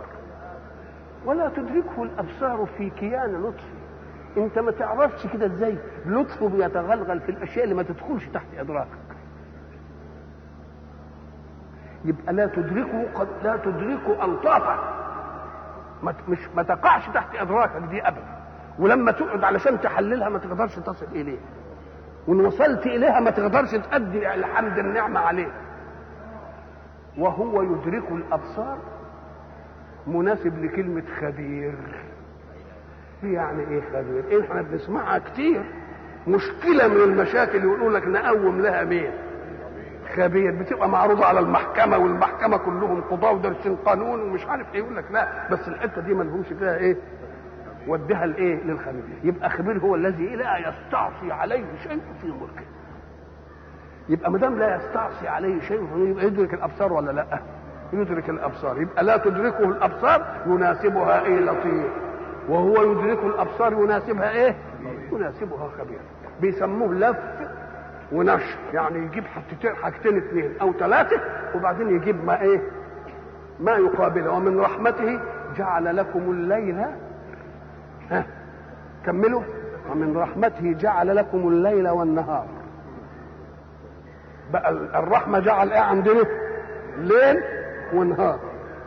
جمعهم الاثنين الرحمة إيه؟ طب عشان إيه يا إلهي؟ لتسكنوا فيه ولتبتغوا من فضله. نسكن في إيه؟ ونبتغي فضله في إيه؟ يبقى ده اسمه لف وإيه؟ ولف ونشر. واذكروا زمان إن إحنا جينا للشاعر اللي, ادانا أعظم مثل في اللف والنشر.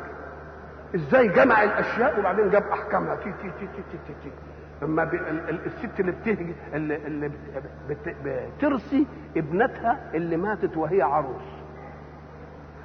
بنتها ماتت وهي إيه؟ عروسة. فلما قعدت إنسال من غرب العيون بحوره فالدهر باغ والزمان إيه؟ غدوره. القصيدة اللي بتاع التيمورية. تقول إيه بقى؟ قلبي. افتكروها بتاع زمان. قلبي وجفني واللسان وخالقي. مالهم؟ ما قالتش حاجة. عددت شوية أشياء. قلبي وجفني واللسان وخالقي. راض وباك شاكر وغفور.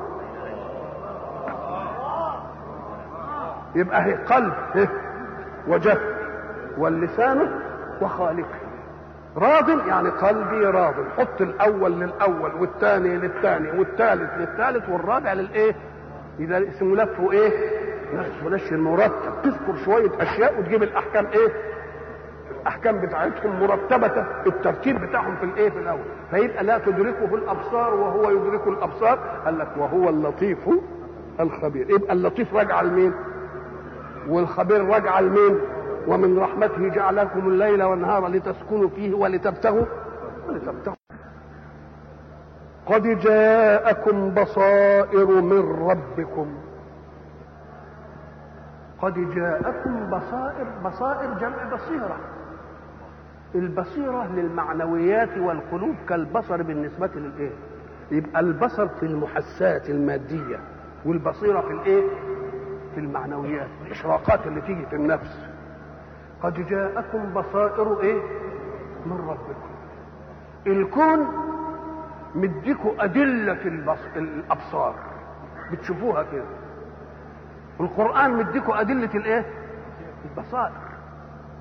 لأن كما أن الله هدى الإنسان عن المعاطب أن تحطمها أو تحطمه بالنور الذي يجلي له الأشياء ليسير على هدى فلا يرتطم ولا يصطدم.